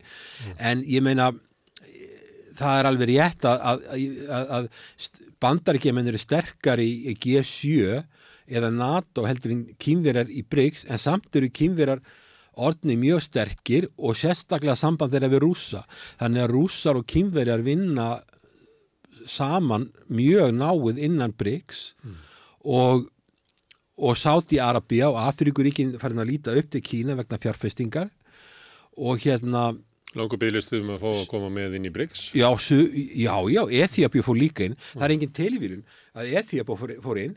Og hérna Egiptaland það er aðgangurinn, sko, menn þess að hvað er, hvað er verið að gera, akkur, akkur er Egiptaland að fara inn í BRICS, akkur set, setja Akkur ekki Nígeria sem er fjöl, fjölmennastarland Já, hann byrju, þetta er út af rauðahafinu Það- þeir eru að þeir eru fyrst takkaðir Pestaflóan Íran og Sáti-Arabíu sitt korum yfir Pestaflóan svo farir í Rauðahafið og þá er það Egiptaland sem að liggur beint á Rauðahafinu og Eþjópia er mjög nálagt, hún er reynda landlokt en hún er að reyna að fá, fá aðgangur eða henni gegnum, gegnum Somalíu.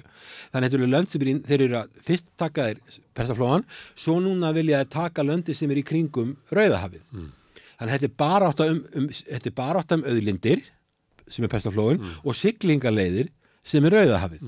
Og það er það sem Bryggs er að gera. Til Evrópu. Já, Hérna, og það eru er svona plön, kynverðarnir eru með eitthvað plön, bandaríkjamenn eru með eitthvað plön, Ísrael líka, en, en síðan springur þetta í andlitið á Ísrael. Og maður velti fyrir sig sko ef að, ef að það er rétt tilgáta að, að Netanyahu hafi talið sig geta náð svona samningum, þó svo hann sé að, að kirkja Palestínu, að þá er það líka mat bandaríkjana að stefna hans innanlands myndi ekki setja því hættu þeim uh, markmiðum sem að bandargerminum voru með því að búa til samkominlega milli Sáti-Arabíu, Ísrael og fleiri ríkja til þess að búa til hennan korridor.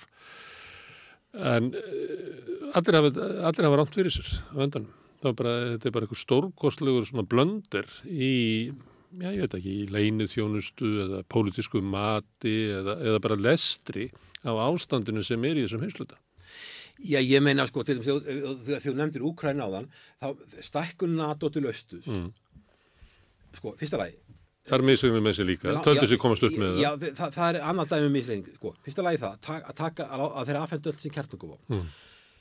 Jimmy Carter er nýlega búin að viðurkenna það, það kom bara í Newsweek, að, að hann, hans ákvörðun um að þrýsta á Úkrænu að láta hendins kjartningum sé ástæðan þess að það var ást Úkrænu. Mm. Beinlýns að hann ber ábyrð á þessu, hann bara segja það bara eiginlega beint. Og ekki Clinton.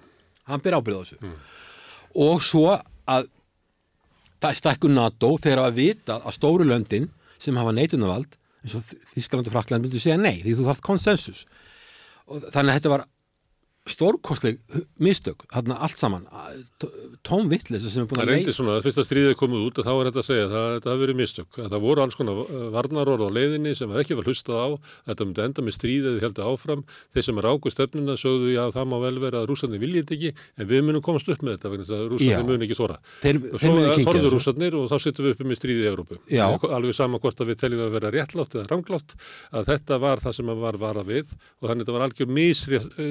Alveg að að að að á stöðunni nema að, að hérna, bandaríkjuminn sé bara ósart um það að sé stríði í Evrópu. Ég, það er bara, Evrópa stendur í stóði ekki lappirnar Mark Merkel, hún sagði bara við George W. Bush, þetta er að jafngildi stríðsifilýsingu og, og, en, en, en, og Evrópa fórnaði raunverulega sínum eigin öryggisaksmunum af svona undalátsemi við hérna, heimsvalda stefnu bandaríkjana. hún vildi ekki standa, bandaríkin eru leiðandi, algjörlega leiðandi ríki í NATO og George W. Bush hefur lesið það þannig þeir eru búin að kingja hverju stakkurinn að NATO fættur annari? Og þeir muni kingja einu sinni enn. Þeir kingdu stakkurinn 99 og svo 2004 og sama segir Netanyahu að hérna palístumenn hafa hérna, þrátt fyrir að ég gangi og þessu landumabbyðina sé gangi þessu 700 mann sem eru komin yfir á svæðið þeirra á Vesturbakkanum og þrátt ég sé múin að breyta gasa í sko fangilsi og þáttu ég hérna, sé með hörku gagvart palístinumönnum innan hans þá hef ég komist upp með það og, hérna, og þegar ég sé engi merki þess að þeir sé að mjög njóta eitthvað stuðningsalmennings þeir eru vesturlöndu búin að gleyma þeim bandaríkinu búin að gleyma þeim Arabaríkinu eru meira minna búin að gleyma þeim og ég kennst upp með þetta. Þangar til allt í hann komst ekki upp með það Já, svo við tökum Úgrænum fyrst núna svo heitt máli, þá er Úgrænum máli að, að Merkel, hún sagði þetta jafngiti stríðsifilýsingu, Já. þessi stekku NATO. Þetta er bara stríðsifilýsing, ok? Og það var ekki lust á hana, hún fór til Berlín og skellti svo allir lás þar og sagði bara það verður ekki stekkur NATO, hún lokaði því. Það eru 16 ára liðin og það er ekki ennþá komið í NATO. Þannig að þetta var, þetta var mikið mistök. En hún líka mistök að hún skildi ekki, þjóður að skildi ekki bara standi í lappindan í þessu máli.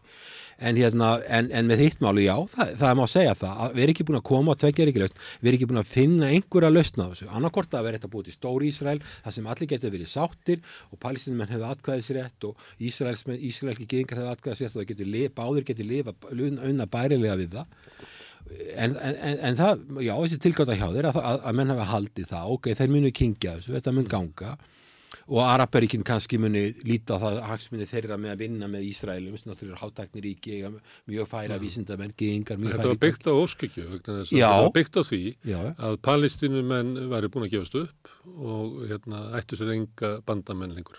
Nú er staðan orðið svo að palestinumenn eiga sér bandamenn víða í heiminum. Já, það virðist vera með þetta, uh, þessa korritur sem vorum að tala um sem var líkil fjárfesting að menn heldu þetta gengi upp og að líkil Araparíki yrðu, yrðu aðeinar að Abraham Akkord sem þýtti það að Ísraels ríki verið viðurkent og þetta myndi gangu upp og eins og þjóðarauríkisrákja Badringa saði uh, the Middle East has never been as, qui- or has not been as quiet for a long time að það ekki verið mm. hljótt þar með langan tíma. Hann saði þetta en þetta virkaði ekki og þar, ég er alveg sammálaður í því að þetta er náttúrulega ákveðin óskikja menn held að ég getu gert þetta en það gekk ekki okay. og, og hérna núna er staðan orðið þannig að þau eru komnir úr því sem að geta kallað positive sum game.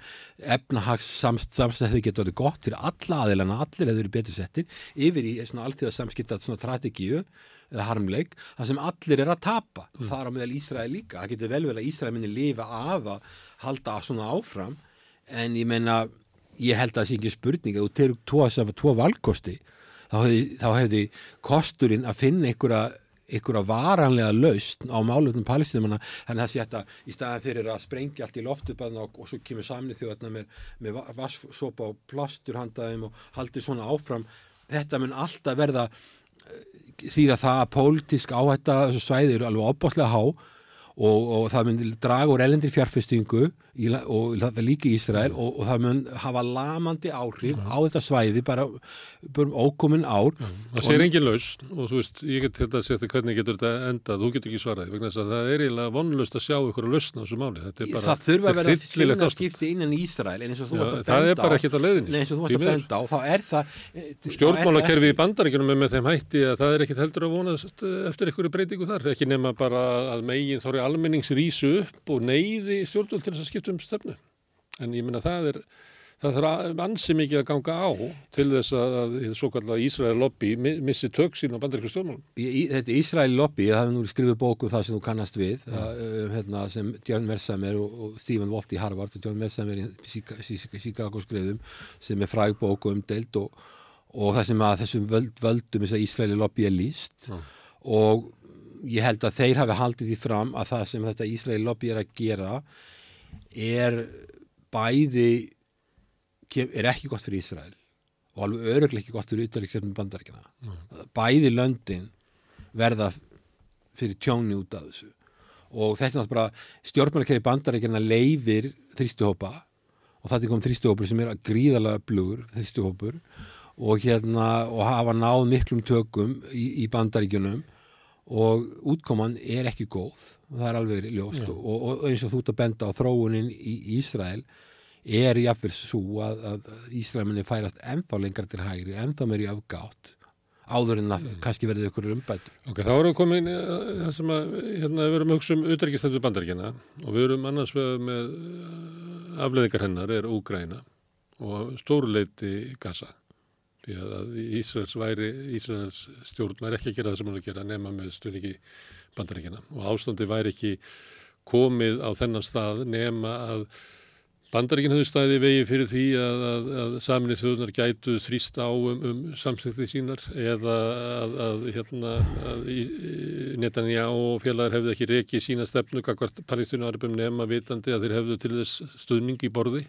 þó svo að stjórnvöldi í Vossetón kvarti í orði að, að þetta, er, þetta er hluti af utryggistöðu bandaríkina. Ég, ég vil ekki samt ekki skrifa allt, allt á rekning bandaríkina. Bandaríkin til dæmis bara til dæmis svo, það, það þeirra starfsemi var endi það að mynda NATO og bjóða okkur í NATO og við, við erum með varnarsamning í Evrópi, þeir bandaríkja minn áttu Marselasni byggðu upp Evrópi eftir stríð. Þannig að og svo, er, svo áttu Úkrænum náttúrulega sjálfur sjá hvernig finnar tóku þetta mál varðandi NATO. Þeir vissu alveg, þeir vildi fara í NATO og vildi vinna með bandaríkjum en þeir bara gerður hlutin á eigin fórsöndum og völdur rétt að tíma. Já. Þannig að ég held að ég geta skrifað allt á bandaríkjum. Ég, ég, er að horfa á þessi, þessi tvö mál út frá sjónarhóli hérna auðverkistölu bandaríkjana. Það er annars vegar eru við með tvö bara lifandi stríð.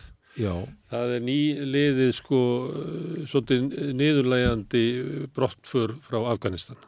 Já. Og það sem er þessi tvö mál Afganistan sumuleiti en Úkræna mikluleiti og núna Gaza virðist flýta fyrir því að, að svona stuðningur við bandaríkinn í heiminum öllum, í Suðrinu og í Asju uh, fari mingandi.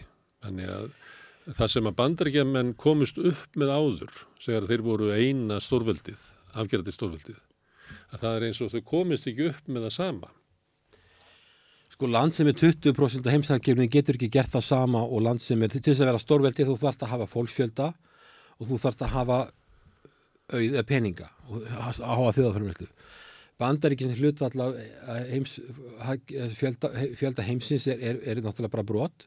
Og svo er bandar hækið þannig að stækka og það er upplugt en það er hlutvarslega að minka með önnu lönd og, og s- þá eru önnur, önnur ríkjar í sem svo Kína og, og fleiri eftir að koma, Rúsland er náttúrulega er veikar en, en Kína og Bandaríkin. Allavega það verður óstöðuleiki í heiminum. Og svo er það annað í Bandaríkinum að það virðist vera að stjórnvöld sem hafa verið undanfarið þau e- hafa, virðist ekki hafa trú á diplomatískum lausnum, það virðist vera að, að hernaða lausnir Mm. sé mjög ríkjandi og svo líka trúin á því að það sé mjög auðvelt að taka því eins og við vorum að tala um miðausturlönd og breyta þessu löndum bara í vestræna líðræðisríki George W. Bush sem að, sem að stóð fyrir því að, að tala um að stækka NATO 2008 í Úkrænu hann taldi að það væri auðvelt að taka upp bara vestrænt líðræði, bara byrja á Írak og svo myndi bara all, allir þessi heimsluti verða bara líðræðisrík Fólk ætti að vera búið átt að segja á því að það gengur ekki. Svo Nei, það er við alveg, ljóst að það gengur ekki og það, og, og það er það sem er vandamálið. Við sjáum að að taka upp líðræði í bandaríkjónum var langt, langt og mannréttindi var langt, langt ferli. Mm. Bara afnum að þræla halda konur fengu Og það stendur höllu fætt í dag hjá þeim, þannig að þeir ætti kannski að hugsa aðeins heim, e, e, um tungarðin sem líka. Já, það, það, eru átök í bandaríkjunum og, og það ve- ve- vekur náttúrulega og það að fara að vekja auk í Evru, þú sér bara síðustu yfirlýsingar uh, Trump vekja auk ekki bara í bandaríkjunum heldur vekjaðu miklu mikinn auk í Evrópu. Þannig að sko, en samt sem á það hefur undanfarið verið farið, lagt áherslu á hertnarusnir og þær eru ekki að virka Og hafa ekki skilað árangri. það hefur ekki skil árangri og við erum að sjá hernaðar uppbyggingu allstar í heiminum sem afleðingu og, á- og, og lofslagsbreytingar og eða fátætt í heiminum og, sl og slík mál og mannréttindamál þetta er allt sem að meira með það bara virðist vera glemt og grafið. Og það- Tilraunir til þess að, að byggja upp frið í miðausturlöndum á, á gagkvæmum hagsmunum og viðskiptum, það er ekki, það er í, það er ekki að ganga upp. Nei, við erum í einhverjum svona negativ samgame fasa þar sem allir er að tapa og erfitt er að brjótast út úr. Og það sem gerist á, á, í þessu ástandi er það að það er fleiri ríki sem að horfa til Kína, maður sér það bara á eftirspurtin eftir að fá að taka þátt í BRICS. Við sjáum það í þessum þú veist að nefna áðan að Kína talar á milli Íran og Sáti Arabíu. Þannig að Kína er orðið svona, svona veigameiri þáttakandi í, í heimspolítikinni. Við sjáum það líka að, að tök vesturveldana, bandaríkjana með vesturveldi með sér, er ekki það sterk að þeim takist að knésetja Rúsland með viðskiptaþingunum að það bara, önnur lönd vilja bara ekki taka þátt í því. Og svo sjáum við svona merki um að nú eru allt í orðin valdarán í, í Afríku viða og ég er með svona kenningu samband við það að, að uh, þegar að þú fær svona tveggja, ég fyrir þryggja póla heim að þá eru möguleikar inn í hverju landi fyrir anstöðu stjórnvalda að halla sér upp að einhverjum öðrum. Það eigur hérna löndum kjark, stundum getur þetta verið eðlilegar róstur í, í Londonum vegna langvarandi setu stjórnvalda sem eru leppar hérna vestræðna auðringja og er að blóðmjölka þjóð, þjóðina, getur verið svona uh, næstu því líðræðislega uppvakning en getur líka verið bara liðhjálfarnir í, í hernum sem að að, að sjá að, að þetta ástand mun ekki vara lengur og nýta tækifærið og fella hérna, fyrir valdhafa og, og reyna að búa til eitthvað næsta. En þá yfirleitt með stuðningi sko hinna, þá er ekki bandarækjuminn sem að stiði það, heldur sækja stuðning til rússa eða í gegnum einhver lönd til hérna, Íran eða Kína. Eða Þú sér til dæmis hvernig Vietnamar og Ind Indland spila. Já. Þau spila stórveitið saman. Já. Vietnamar fá bætin í heimsókn í september í fyrra og svo kemur Xi Jinping í desember. Og, og þeir sagt, geta valið á milli og þeir eina ná eins miklu. Þeir segja, þeir segja sko kannski við, við hér bandar ekki með þeir skulle bara færa vestmiðunar til okkar sko frá Kína því að ef þeir eru í deilum við þá og þeir, hérna eru því öryggir og svo, svo spila þeir þegar, þegar Xi Jinping kemur þá vil ég að fá eitthvað þar þetta er fjölpóla heimur. Ná, ná, ef ég sjálfur sem, ég, hef, ég lærði í bandaríkjunum og ég á marga vinn í bandaríkjunum. Ég líka mjög vel bandaríkjunum persónulega og, og, og stopnannir þar og allt þetta á háskólan sem ég var að vinna við. Mjög uh, höfðingjar að heima sækja og allt það. Ég myndi freka vilja bú í bandaríkjunum heldin í Kína því ég er bara alveg upp í vestræðinu samfélagi og það sem er svona líðræðið og eitthvað málflösi og mér hugnast ekkit endilega sko kommunismi og, og einræði. En það er alveg ljóst að það eru mörglönd eins og út að benda á sem sjá sér hagsmunni í því að geta veslað við kynverja og til dæmis bara eh, fjárfestingi Afríku að þau geti tekið fjárfestingu og verið í samstarfi án þess að sé verið að skipta sér mikið að þeirra einaríkismálum og hann er að heimurinn er alveg fjölpóla, það eru fleiri valkostir. Og kynverjar hafa svolítið þá stefnu að vera ekki að skipta sér einaríkismálum, þeir eru meiri viðskiptum og það er beltan rót og það, þetta beltan sitt bandar ekki meðan vesturinn sjá þetta sem hernaðar frangvæmt að meina þeir eru að halda þetta, þetta sé bara þetta sé efnaðarsmál, þetta snúist um það bara að koma upp samgöngukerfum að það sé hægt að stunda útærikiðsvískiti meðlunum hætti. Og þeir eru í stórkvæmslega vandraðum aðgang á syklingarleiðum og öllu. Að, og þeir eru er í samstarfi við lönd. Að menna bandar ekki með segja bara við þessu lönd farið ekki samstarfi þá vegna þess að þeir eru að reyna að skapa fyrir ykkur skuldagildru mm. en þannig að það er svona ákveðin núningur en, en ég minna mikið af því sem kýmverið er að gera held ég að sé bara hreinlega að efnaðs uppbyggingi heiminum, koma upp samgöngulegðum en það rekast á við Vesturlund, til dæmis bara það að leggja beltanóti gennum Íran það er eitthvað sem er mjög viðkvæmt og hérna skapar spennu mm. en það sem Vesturlund hafa gert og ég held að sé ekki sjálfbært er það að, að halda það að setja taka upp líðræði í þessum löndum sem við erum að tala um sem eru svona að hafa einræðistilningu eða eru með single party government, eitt flokkur sem Vietnam og Kína setja að breyta þess á stuttum tíma, það er bara alveg, ósky, alveg óskynsanlegt en það sérðu það að ein viðbröðin þessara landa við því að, að, hérna, að eh, vegna þessa máls er að hætta með dollaran taka hann á sambandi og nota önnur aðra gjaldmila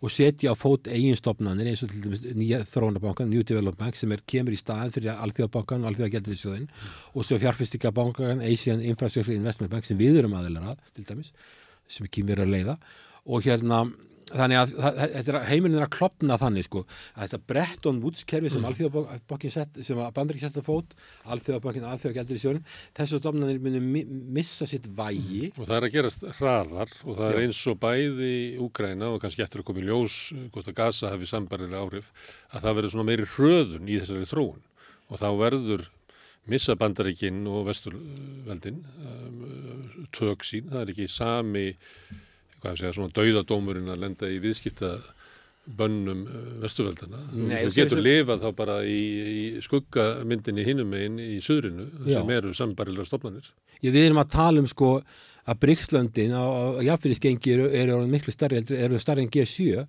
og ef við erum að tala um viðskiptabann við rúsa þetta er, þetta er náttúrulega bara hlægilegt. Sjáðu bara rúsa þeir hafa viðskiptabann á rúsa halda það virki. Þetta er bara að við, við, við erum að sjá viðskiptabann svo lengi að ég menna að rúsar hafa aðganga öllum vörum sem kynverðar hafa aðganga mm. kynverðar eru ekkit í viðskiptabanni. Það er ofin reikningur á milli Kína og Rúslands mm. þeir geta vestla allar vöru sem þeir vilja í Kína og Íran hefur aðganga Kína og Rúslandi og halda það. Og þetta er náttúrulega þetta er svo mörg lönd. Ég menna að það er, er, viðskiptabanni ábara við Norður Ameríku og Evrópu megin, það eru eiginlega engin lönd í Asíu það er ekki klart í Afríku og, og Suður Ameríku, það er engin viðskiptabann. Þannig að sko já, já, já, vest, það er Singapúr Suður Kóri og Japan og Ástralja mm. og Nýja Sjáland búið hinn löndin eru, eru 50 lönd í Afríku, það er ekkert viðskiptabann þar. Af þessum löndir sem eru í Asíu þá er bara nokkur, Suður Ameríka er mjög, orði, það er mjög mikla fjárfestinga frá Kína í Suður Ameríku og Monroe-kenningin sagði það sko, að það veitti ekkert annað stórveldi sem er í fjandsanlegt bandaríkanum verið í Suður Ameríku en, en kínverjar og rúsar er með mikil viðskiptasambönd í Suður Ameríku en það hefur Suður Ameríka til dæmis ekki viljað aðfenda sovjask vopn til Úkrænu þó hafi verið beðið um það þannig að þeir vil ekki dragast inn í það. Þeir, þeir eru konir með viðskipingi viðskipti sérstaklega við Kína líka Rúsland mm. að, að, og þetta hefur gerst sko að meðan að bandaríkinn voru upptekinni í miðausturlöndum í, í styrjöldum og alls konar uh, hlutum og svo Östur-Asju mm. fyrir bandaríkinn eru sko persaflóin, það var svo mjög mikilvægt og, svo, og mest mikilvægt Östur-Asja Evrópar er mingi vægi, vægi.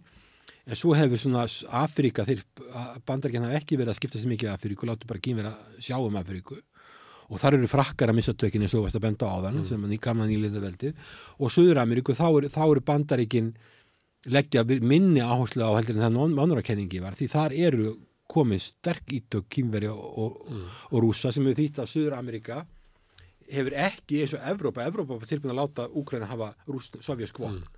En Suður-Amerika er ekki vilja að gera því þeir bara vilja ekki dragast inn í þetta og þeir vilja ekki lendi í einhverjum, þeir vilja ekki lendi í deilum við kýmveri og rúsa. Þannig að heimurinn er orðið bara miklu flóknari Já. og óstöðuri. Og, og svona yfirbyrðu bandaríkjana og svona fórusta bandaríkjana í heimsmálunum er miklu minni núna en hún hefur verið bara í segja guðmöðu að kunna sko. Já, það, það er bara eðlert land sem er hvað, tæplega 400 miljónum 400 miljónum mann en ekki ekki þetta er ekki stort, þetta er 5% af, heims, af fólksleta heimsins. Þú getur ekki búist í því að 5% af fólksleta heimsins stjórni heiminum til lengdar. Og svo er hækjari bara hlutastlega alltaf að minga bandaríkinn samt eru bandaríkinn samt hafa komist upp með þetta og meðan annars með beitingu hervalds vegna þeir eru með fullkomnasta hér í heimi tækni vetastan og öðru slíku og hafa gríðarlega trú á hernum sínum og þeir hafa komist að sumuleitu upp með svona bæði ógnin af hernum og, og svo inngripin í, í hérna, alls konar lönd. Það var svona einhver leiti komist upp með en já, það sem ég er að velta fyrir mig hvort að þessi komið svona svo tími þessum að þessar lausnir þeirra eru bara ekki að virka. Og ef þú horfir á þetta frá utarikistöndum bandaríkjana þá sé ég eiginlega augljóst að bandaríkjana þurfum við eiginlega að breyta um utarikistöndum Sko bandaríkinn náttúrulega fyrir okkur í Evrópu eru mjög mikilvæg að því leiti þetta er, er ófullkomi líðræðið náttúrulega eins og bara líðræðið er aldrei fullkomi þeir eru samt líðræðisríki auðvitað líðræðið, maður hefur ágjörða líðræðin eins og kostningarnir eru í bandaríkjana núna en þetta er samt líðræðisríki og ákveðin með annir réttindi þarna og og segi ég sjálfur að ég myndi miklu vilja bú í bandaríkjum heldin í Kína ég er ekki að spyrja því, ég er að spyrja en ég, er að segja, ég vil ekki, en, auðvitað ekki stefna þeirra og þessi herna lausnast stefna hún er mein gölluð. En svo verður við líka að horfa á það ef þú tala við Asjubúa í, í, í, í hérna að, sem búi í nákvæmlega í Kína að þeir hafa mikla ágjur af því að þó að kýmverjar sé að tala um sko efnas, ábata og góða hluti að þeir eru að þrengja að þeim til mjög Suðu Kína hafi. Þannig að við erum að sjá ég, ég held bara að stórveldi ef þú ert stórveldi þá, þá þú ferða þú ferða sem okkur harmleikur, þú beitir aðra hörðu, bandarækinn hafa gert þetta lengi, rússar gerð sovjetrikinn gerðu þetta. Og, og rússar beita hörðu ef að þeirra hagsmunum er, er eins og við séð í Úkrænu mikill hörku. Og við sjáum það að kínverjar líka ef að þeirra hagsmunum er ógnað til dæmis syklingarleðum sem er grundvatar allir fyrir hagkerfi sem byggir eða alltaf útrúsningi þá eru viðbröðin alveg opaslega hörð Og, og hérna þannig að sko ég held að stórveldi séu bara þannig þau fari ekki eftir alþjóðarsamningum nema að þau hendi þeim sjálfum mm. og þau beita gríðarlega mikill hörku ef þau sjá einhverjur ógnir á sínu landamærum eða ef þau sjá að syklingarleiði sé að lokast eins og rúsatnir í svartahafinu mm. þá verða viðbröðin alveg ábáslega hörð mm. þannig að sko ég er ekki en ég er alveg sammálaður í því að mér finnst allt og mikið í Washington í dag vera þegar komið vandamál að það sé orðin vola lítil trú á diplomatiskum löstnum og samningum. Það sé orðin vola lítil trú á því og það sé meiri trú á því sem að, að land sem eins og bandaríkin eru með upplöðast að heyri heimi að það sé tæki til þess að ná árangri. Og við erum alveg að sjá það bara alveg frá, Vietnamstriðinu að hvað, getur, hvað árangu þú getur náð í auðverkismálum og stefnu, stefnu í varandi heimsmálin með, með hernaði það eru mjög takmarkuð áhrif. Þau eru mjög takmarkuð og þau leiða oft til lausna sem eru bara gera hlutina verri heldur en voru fyrir. Mm. þannig ég er alveg sammálaðar í því en ég vil ekki mála bandarikin sko ég, meni, ég held að stórveldi bara, það sé bara enkenni stórvelda. Þegar þú ert orðin starri heldur en aðrir og sterkari Ég, ég er að spyrja, já, ég, það er bara, þannig er það, en ég er að spyrja því hvort það sé komin tími á það í Washington að, að endur skoða auðverkistefnu sína, af því að þeir hérna, ráð ekki við þetta. Ég það segi Donald Trump hann alltaf að gera, að, að, að hann alltaf að skrúa fyrir sig. Þú sér að Donald Trump er mjög mikið gaggrindur og ég er enginn aðdáðandi hans, mm. en hann er eini fósiti bandaríkjana í langan tíma sem að byrja ekki með neitt stríð, aldrei, hann, hann byrjaði ekki með neitt stríð. Biden hins vegar er mjög herskár og hann sér ekkit annað en hernaðalösnir auðvitað náttúrulega er hann áráðgjafi í kringu sem virðast sjá hernaðalösnir á öllum málum mm. og sem eru svo enga lausnir eða þau eru uppið stað eins og í, í Úkræn það er engi lausn, þetta er bara fyrir Úkræn er þetta algjör harmleikur, þeim er bara fórnað, þeir lenda á milli stórvelda mm. og þeir eru bara, landi er eðilagt, mm. þeir lenda á milli.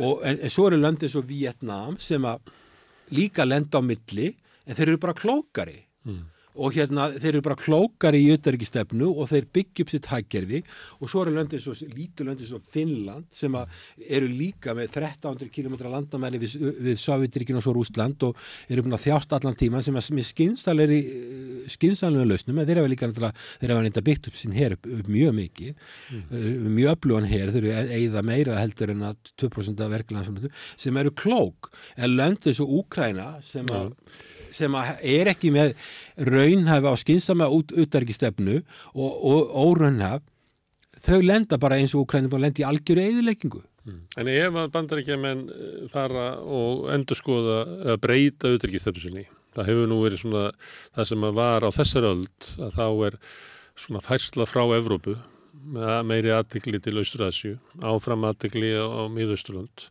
Það var svona eh, það sem að virtist verið að gera en, en með Úkrænustríðinu þá eru þau eiginlega fastir í Evrópu. Hvað er það sem að, að Trump gæti viljað gera? Eh, er það þannig hann myndi vilja losa tengst sín við Evrópu? Að hann telji það vera ávinningi því að, að bara að draga bara úr eh, svona skuldbyttingu sínum í NATO? Vegna þess að hann metið það að hann verði að sapna afli til þess að fara út í átöki sem eru framundan sem að hljóta að vera við hitt stórveldi sem er Kína. Sko Trump er svolítið óútreiknarlega, sagði ekkert enn í kostningabarátunni sko if you have to negotiate you better ask for three times as much as you want. Mm. Sko hann fer alltaf lengra. Hann saði við NATO, við ætlum að loka sjóppinu bara, mm. við ætlum bara að hætta. Hann sagði það í kostningunum fyrir þegar maður kjörið 2016. Mm. Við ætlum bara að loka þessari sjóppu og við erum farnir og, og svo, hann, og svo bara streymdu peningarnir inn því ég sagði þetta. Þá fór að þær vöknuður upp og við erum að bandaríkina að fara við erum að fara að borga og gera eitthvað. Reyndar eða þannig að þessi pening, hann sagði að peningarnir streymtinn það er ekki þannig því að þetta eru peningar til varnamála innan hvers lands. en, en hann er að segja þetta vegna þess að hann vil draga úr hérna, skuldbindingum bandaríkjana hann vil vera last við svort hann vil bara vera þannig Hann, ég held að hann vilja halda bandryggjum í NATO hann vil tryggja þessi ríku hann, hún er svíður það eins og löndur svo Þískaland sem er ekki fátækt land sko. Þetta er mest aðeins í heiminum. Þeir borgi sinn hlut, hann vil auka þeirra hlut og svo vil hann vera svo backup kannski, last við svort að koma inn ef, að, ef á þeirra halda. Ja, en, hann vil að Európa með borgi meira til þess að hann geti dreigið hluta aflinu og notað eitthvað strannast það er alveg fullkomlega eðlileg stefna í honum með bandaríkin að minka umsýðsinn í Evrópu, fullkomlega eðlileg en samt ekki þannig að það verði eitthvað Evrópuríki þannig að það taki yfir Evrópu hann vill ekki hafa eitthvað samkeppnistórveldi í Evrópu eins og Þýskaland eins og var hérna áður fyrr sko. Þess vegna er það svona lúmskir hagsmunni bandaríkja manna að það sé ekki fríður á millir Úslands og Evrópu Já, hann vill hafa, já sko hagsmunni í Evrópu og, og, og bandaríkjana manna hvort Úsland og Kína fara alls ekki saman það er alveg rétt mm. og hérna hann vill, hann vill ekki að eitthvað stórveldi og í Evrópu korkir Úslandi að Þískaland ná algjörum undantökum en samt sem áður að þau séu að, séu að leggja meira fram.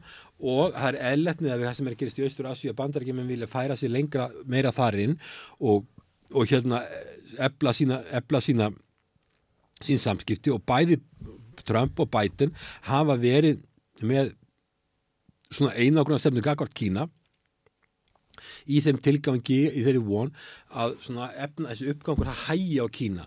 Kína er ógn hæja á efnas einangraða í viðskiptum og, og svona skapa erfiðleika þannig að, að, að það drægi úr umsöfum Kína því annars ef að Kína verður heldur hann að stækka 7% ári þá mun það algjörlega sem efnaðsveldi kaffæra Norður Ameríku og Evrópu.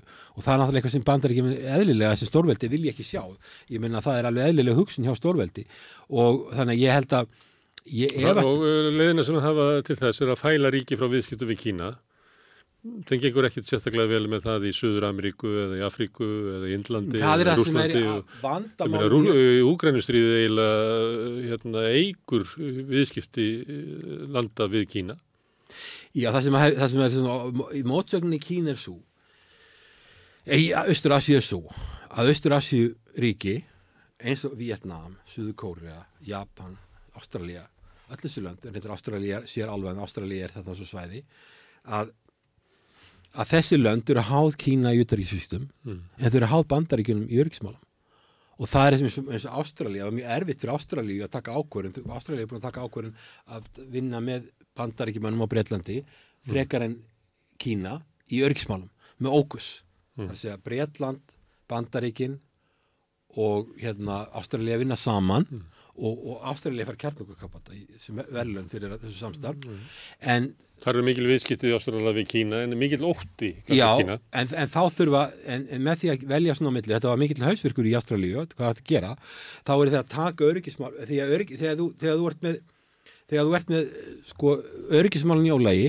og efnarsmálinn í ólægi, þá velur öryggismálinn. Mm. Og það er sem Ástralíu gerði, þessi, ok, við ætlum að setja öryggismálinn á orðin og við höfum í samstarfi Breitland og Breitland og, og, og hérna bandaríkinn og bandaríkinn segja, ok, ef við verðum undir í Kína í efnasmálum að það fáið þess að kjarnungukapota og, það- og, og því, það fer enginn að ráðast á ykkur. Þannig þeir fá það fá kjarnungukapota, þau eru þetta kjarnunguknúnin þeir geta búið kjarnungukopni ef það þarf að halda. Og hérna þannig að þeir eru að velja á milli en, en, en öll Östur Asja er í klemmu út af því að, að viðdaríkisýstum í Kína eru svo mikil en, en þurfa að treysta á bandaríkin í, í hérna öryggismálum og það er það sem er mikill vandi. En það eru lönd eins og, Indland og lönd eins og Vietnam sem dansa á milli og taka það besta í að báðu.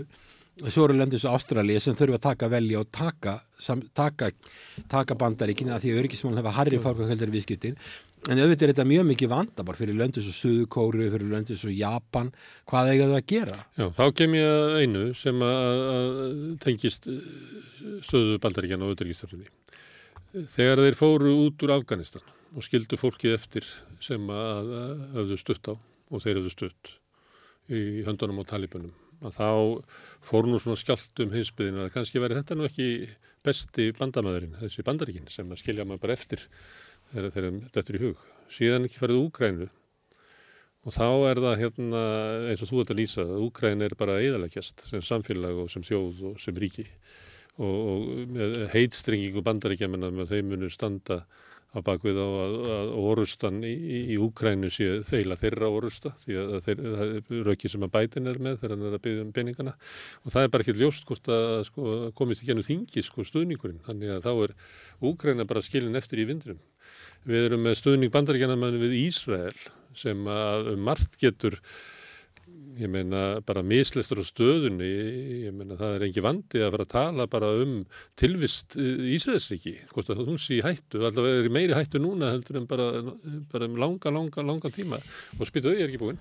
Síðan sjáum við hérna átökin sem er að spinnast upp þarna og þá sjáum við hérna hútana í Jemen sem að virðast vera bara með til dæla bara frumstaðan hernað. Að geta loka þarna siglingaleiðum og, og bandaríkin með hérna fínustu græjurnar í heiminum ráða bara ekkert við þetta. Og þá, hérna, því þá fyrir við aftur til hérna öst, östur, söðustur Asju. Þar eru lönd sem hafa gríðarlega viðskipta hagsmunni við Kína en stóla á öryggi það að kynverðinni vaði ekki yfir þá með öryggis hérna, e, samninga eða einhver tengsl, einhverja vend frá bandaríkjónum. E, heldur það að einhver af þessu löndum var ekki veltað fyrir sig byrju hvaða skjól er í vend bandaríkjana? Já, sko, bandaríkja sem bandaríkja geta gert, segjum sem svo, eins og sjást Ástralíu. Mm. Sko, við vitum að hefbundi stríð, við erum búin að sjá þau, sko, í Vietnam, mm eins og það er Afganistan og uh, Úgrænu, það virka ekki. Mm. en það sem bandaríkinn geta gert er eins og það gerir í Ástralíu að segja bara við, ok, við erum í stórveldi samkjöfni við Kína og það getur verið við töpum henni. Þeir, þeir vita að þeir ekkert villusir mm. þá segja þeir, ok, þeir fáið kjartangofn og þeir geta gert það sama við hinlöndin auðvitað er það ekki æskilegt en það er þessi ultimate deterrence. Eins og með Taiwan þeir geta sagt bara við ætlum bara að staðsýta kjartunguvapn ef við bara förum í kjartungukapáta þeir eru komið í kjartungukapáta til Íslands Helguvík mm. það er skilabo og hérna þeir geta gert það en það er náttúrulega mjög óæskilegt en hefbundistrið eins og það segir hafi ekki hafi ekki leitt til neins og bara nema til eðileggingar en svo getum við haldið á, við getum líka já, Írak og Líbíu og síðan þetta skilur bara löndin eftir sem bara já, þetta er bara splæsað aftur og stein Bandaríkin hugsa fyrst og reynst sína eigin þjóðar öryggishagsmunni fyrst og fremst. Ná, það all, allar þjóða og, og Úkræna, Úkræna skiptir ekki miklu Nei. máli fyrir þjóðaröryggi bandaríkina, mm. það er alveg á hreinu. Ef þú skoðar Ísland til dæmis af því við höfum ekki talað í neitt um Ísland Ísland skiptir máli fyrir þjóðaröryggi bandaríkina ja. og við erum á stað þar sem bandaríkina þess að Trump allir að kaupa græna, það er búin að sjá því hvað þetta er mikilvægt svæði og hann er búin að sjá kýmveri á bakinu rúsum fara að koma á náðu slóðir og Það var ástæðan fyrir því að ég spurði ekki um Ísland þegar við vorum að tala um Evrópu af því að, að Ísland hefur sérstöðu. Ísland hefur sérstöðu, við erum meitt á milli og uh, Trump sendi pensinga til þess að segja okkur að þakka okkur fyrir að við erum ekki að vinna með kýmverum og svo framvegis. Þar að því að þjóður eru ekki okkar og þeirra fyrir saman og þá getur við unni með þeim. En þegar að þjóður eru ekki bandaríkjana og þeirra landa sem þeirra er að vinna með fyrir ekki saman eins og Úkrænu þá er ekkert endilega að vísa þess komið góð niður státu því. Mm. Úkræna skiptir ekkert svo miklu máli. Bandaríkinn er að hugsa um Pessaflóan, þeir eru að hugsa um Östur-Asju, þeir vilja hafa Evrópu því að Evrópa við, þetta eru líðræðistríkja mm. við höfum ákveðin samhljómur á milli stjórnkerfa bandaríkjana og Evrópuríkja og það verður mikil mistök það eru til fræðum sem að segja það að bandaríkjana er yfirgef Evrópu ég held að það verður mikil mistök og ég held að bandaríkjana bæði Biden mm. og líka Trump átti sig á því að yfirgefa Evrópa alveg væri mistök fyrir, fyrir hérna fyrir bandaríkin, en þeir vilja hins vegar ekki að þetta verið þannig að neitt ríki í Európu vaði uppi. En ég menna þessi hefbundu stríð sem við höfum séð þau hafa leitt til ófarnar og ég var að segja við þeim sem er Vietnam þeir, bandaríkinn er að töpuðu því stríði þeir bara fóra skiptingum álu hefði engan áhuga, núna hafa þeir áhuga því þá var, þá var bara Kína bara þróun en ekki fáta þróun, ekki engi stóð engin ógnaði þessu, það var bara ný þetta er 79, þetta er hérna þetta er, þetta er þegar á þeim tíma þegar Kína var tengt Sovjetríkjum með áallnabúskap og svona veist, skiptingum máli. Núna skiptir það máli. Og þá fara þeir að sína Vietnam áhuga af því það varðar þeirra þjóðarurki því Vietnam er, er orðið miklu stærra hægkerfi þeir eru 100 miljónir, þeir eru öflugan hér og þeir eru komin í stórveldarsamkeppni þeir vilja fá Vietnam, fá Indland, Japan, okay. Suðukóru Ástrali og allt með sér og þeir eru aðra sem þeir eru að gera þeir eru að mynda bandalög, allt þar Einn þraut eftir að því við erum að tala um undarkistundu bandaríkjana og hérna það sem þau eru í bandalagi með eða, eða, eða gefa lovorðum að venda þjóðir. Eh, þeim sem að fara ekki saman þjóðaraksmunni bandaríkjana og viðkomandi þjóðar það getur farið íla eins og í Víðnam og svon tíma eins og er að gerast í Úgræn í dag. Annars það gæti það verið uh, farið betur saman. En þá kemur eiginlega skrítnasta spurningin sko sem að er bandaríkjamin er ekki með hérna, meiri tengsl uh, í öryggismálum við nokkurt land annað en Ísrael hvaða hérna, þjóðar öryggishagsmunir hefa bandaríkjaman af því að styðja Ísrael? Ég býsti að bandaríkjaman hafi litið svo á að sko, þeir vilja hafa aðstöðu í þessum heimsluta og, og hérna hafa stutt í Ísraela. Ísraelar eru og ísraelski gýðingar og, ís, og gýðingar í bandaríkjónum eru mjög umsveða miklir í efnaðsamlega í bandaríkjónum. Þetta er margt mjög hæfileikaríkt fólk. Jú, ég... það, er, það er samt ekki svona þjóður öryggis hagsmunir á því að sko venda Ísrael. Nei, þetta að hafa þeir ekki, sko, þeir voru að vona að þetta myndi allt færast í betri vegar og að Ísrael gæti orðið eitthvað svona tengiliður við öll þessu lönd og verið mm. að ná normal aðstöðu og það var búið að leggja alveg gríðilega mikla vinni í þessa, þessa India uh, Middle East Europe Corridor. Það voru að mm. vona það að þeir verið að byggja upp samband og, getu, og Ísrael getur, og bandarækinn getur unni með þessu löndum og náðu eðlilegu sambandi. En þarna bara, ef við vorum að tala um á, þarna miðreikna mennsi. Og, og þá verður það breytist það yfir því að Ísrael sé líkilina því að sé hægt að búa til hennar korridor. Nú verður það að, að, að ríkistjórn Ísrael orðið sko meinið sem að veldur því að það er ekki hægt að gera það. Já sko, band, bandar ekki stiðja Ísrael og eins og staðan er núna, þá eru við bara komin úr þessu sem, sem átt að vera positive sum game í hagfræði, það sem að mm. við stundum viðskipti og hér erum ekki að drepa hvort annað og erum að reyna að skipta hagnan á millokkar í það að vilja tortíma hvert öðru sem er negative sum game og í heiminum í dag, þegar svona multipólar, þá eru við bara komin inn að fasa. Ég meina við töfum öll á þessu. Svo tapar Evrópa á þessu því að það er uh, tryggingar gegnum rauð sko, þess að stríðið uh, út í húta tengis þessu beint. Þá loka signingarleiði og annarkvæmt verður að fara í gegn og borga markvöld hérna tryggingagjöld eða fara lengri siglingarleiðir og, og þetta er bara heimshafkerfið það skreppur allt saman út af þessu út af þessu máli. Mm. en bara það er bara, svo er annar vandamál þegar þú ert komin í gang með stríð einu sinni, mm. þegar það brýst út þá er svo erfitt að stoppa og slakka á þessu. Og sér þessu úkrænstrið þegar það byrjað, þetta er óstöðvandi. Mm. sjáðu þessu stríð núna við Ísraelar fyrst að sárið opnaðist. Mm. að þá er svo erfitt að skrúa fyrir þetta. Og hvernig ætlar að stoppa þetta? Hugsaði með þess að það hefur verið stríðið Suðu Kína hafi eða við Tævan, hvernig ætlar að slakka á þessu? Hvernig ætlar að loka fyrir þetta að þetta byrjað og þetta er krabba, menn þetta er skelvilegt ef þetta, fyrir í gang og það, það er svo erfitt að stöðva það, en ég meina ég, ég held að að, að bandaríkjumenn hafi hugsað þetta sem svona positive sum game allan á þessum árangri en það náttúrulega má alltaf spyrja sig hvernig stendur á því að Vesturlönd og Bandaríkin og, og Araparíkin líka, þau bera líka sína ábyrð. Akkur hafa þau ekki gert meira í að reyna að samfæra alla aðila um það að við erum öll betur sett með því að lifa hvort við hlýðinu öðru? Og, end, og endanum verður það að vera þannig. Þú drefur ekkert 7 miljónir palestinumanna þú getur náttúrulega kannski flamt á í burtu en það, það endan verður að vera þannig að það þarf að finna leið til þess að þjóði þessi, aðlega geti lífað í bærileg sátt hvort við annað, það er ekkit annað hægt. Mögulega er það eh, markmið Ísraels stjórnar í dag að, að flæma bæristumenn í burtu. Já, ég meina sko Þeir að metið að þeir kemur eh, hugsalega upp með það, er nú íms að sögur af því að þeir séu að endur skipleika gasa og byggja þar luxusýbúðir með fallegur í sjáasín Já, ég meina það, það er er heldur ekki vá því að það eru ágamenn, ég, ég dreg sko ég, ég hérna myndi alveg draga sko, gýðingar eru 16 miljónir og svo eru og, og ég, það er ekki, þeir eru ekki allir sammála sko, það eru mm. margir gýðingar sem eru á móti því sem er að gerast mm. í bandaríkjónum líka mm. sem vilja friðstamlega lausnir og eru á móti því sem netni á hefur ekki stöðning þeirra. Þetta höfum við verið að tala um Ísraels stjórnina. Já og Ísraels stjórn og svo stjórn eins og varst að benda alveg rétti á þér og ríkistjórnin hún náttúrulega er aukastjórn og Ísrael er ekkit allir ánægð með þú veist að líka benda á það, þeir eru margir verið farnir að það eru mótmæli voru í allt sumar þeir sá ekki framtíð, þeir fara.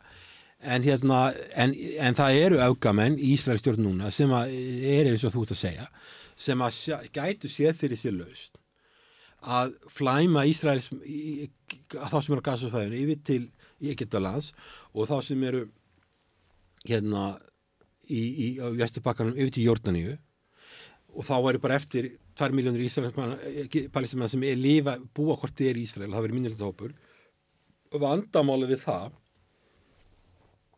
er að Egiptar og Jórdaníu minn veit um þetta og þeir vilja ekki þetta gerst og þess að þeir vita þess að loka Egiptar landamæronum og Jórdaníu konungur það er fátalland, ekkert mjög fjölmett þeir myndi ekki dráða við að fá 3 miljónir palestinum þeir eru þegar með mikið palestinum mann inni. Mm. hakir myndi hrinja hjá þeim þannig að Jórdaníu konungur hann stendur algjör á bremsunni Egipta loka, þeir vita alveg um þetta. Og þess að vilja er að gera þetta. En harmleikurinn er sá að svo er þessu fólki svo er verið, svo er verið, svo er verið 30.000 mann sem er búið að drepa sem við vitum um. Svo, svo sem vitum við ekkert um að vera vera að varpa sprengjum sem eru 2000 pund stikkið á blokkir og það er bara að hrinja og, og við vitum ekki hvað verður inn í þessu og hvað verður undir þessu. Þetta er fyrir langt og þetta djúpar holur á njörðina. Við vitum ekki hvað er margir, það er að tala um sig hvað 30.000 manns sem hafi látið lífið þetta er algjör algjör hörmung en það, er veikur líka spurningar. Eiga Vesturlönd í stór miklu mæli að fara stöðla því að palestinumenn fari af gasasvæðinu þegar, þegar að hérna þið vita það að síðan verður landamæran að loka og þeir eru ekki afturkvæmt. Þannig að Vesturlönd standa fyrir alveg óskelvilegri ákvörðun. Eigum við að eigum við bara að halda þeim aðna inni þrátt fyrir þessar hörmungar eða eigum við að stöðla því að þeir verið hleyft út og, og, og þeir missi sín heimkinni til frambúðar. Það verður náttúrulega að, að verja uh, fælistunumenn og bara rétt þeirra til uh, lífs. Já, við þurfum bara að verja, ver, verja öll mannréttindi, mm. það er stefna Vesturlanda mm. og það á ekki að drepa fólk og ég menna auðvitað eru, ger ég, sko, Ísraelir menn alltaf hafa, á, hafa ákveðin rétt að fara á eftir Hamas. Hamas rétt á Ísrael. Þannig að Ísraels menn hafa þeir eru ekkert að því sko þeir eru bara, Nei, það, það er vand, þeir eru bara strauja gasa sko. Já, þeir hafa rétt á að verja Ísraels menn hafa rétt á að verja sig og þeir hafa rétt á því að fara á eftir, á eftir vígamönnum.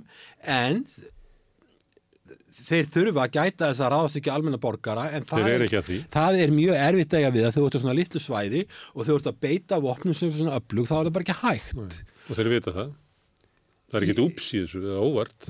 Þeir vita nákvæmlega hvað það er að gera Já, þeir sko, endur taka hérna, harminn dag eftir dag eftir dag. Já, svo líka er það alþjóðarsamfélagið þessu saminni þjóðunar sem að eiga að stuðla frið í heiminum og, og, og ná stöðuleika sem get ekki neitt og áratöfum saman og það er mókaði í þetta penningum, þetta apparat 20.000 starfsmanna. Og svo kemur þetta líð með vassflösku og fórið vassopa og plástur og svo er byrjað að sprengja aftur. Þetta, þetta er náttúrulega bandaríkinn byrja ábyrðað á þessu alþjóðarsamfélagi, við getum talað um alþjóðarsamfélagi við erum mest alþjóðarstofnanir sem eiga að ná einhverjum tökum á svona málum en þær gera það ekki hmm. og, og hérna þannig að þetta er þetta er harmleikur sem við, við byrjum all okkar ábyrða í þessu máli. Herðu, næst þegar við kemur rauðaborðinu, þá skulum við kannski ræða um samlýðunar og svona eh, hvernig það kerfi sem að reynd var að smíða hér eftir setna stríð til þess að halda utan um, um uh, heimsmálinn, hversu vannmáttut það er kakvað stöðunni sem er núna. Það er verðut umfjöldunefni. Ok, takk fyrir það. En takk fyrir að koma núna og ræða um heimsmálinn. Við byrjuðum á Gaza, síðast byrjuðum við frá Úkrænu og, og uh, nú erum við að lofa því að næst ætlum við að byrja í, í New York við samlýðsöðunar. Takk hjá Takk fyrir. Þetta eru lokin á rauðaborðinu í kvöld. Ég þakka Hilmari Þór og öllum gestum okkar sem að hinga hafa komið í kvöld kærlega fyrir og ykkur sem eruð að hlusta og horfa. Bend ykkur á að þið getur verið virkið þáttakötur með því að segja vinum og vandamennum frá að við erum á Facebook og við erum á YouTube, við erum í öllum hlaðvarsveitum, við erum í útvarpinu á stór höfuborgarsvæðinu 89,1 á FM og útarsendingarnar þær eru líka í spilaranum, spilarinn er á netinu, spilarinn.is en svo er spilarinn líka app sem á maður hlaða niður á síman og hlusta á samstöðuna og aðrar íslenskar útastöðar hvað sem er í heiminum.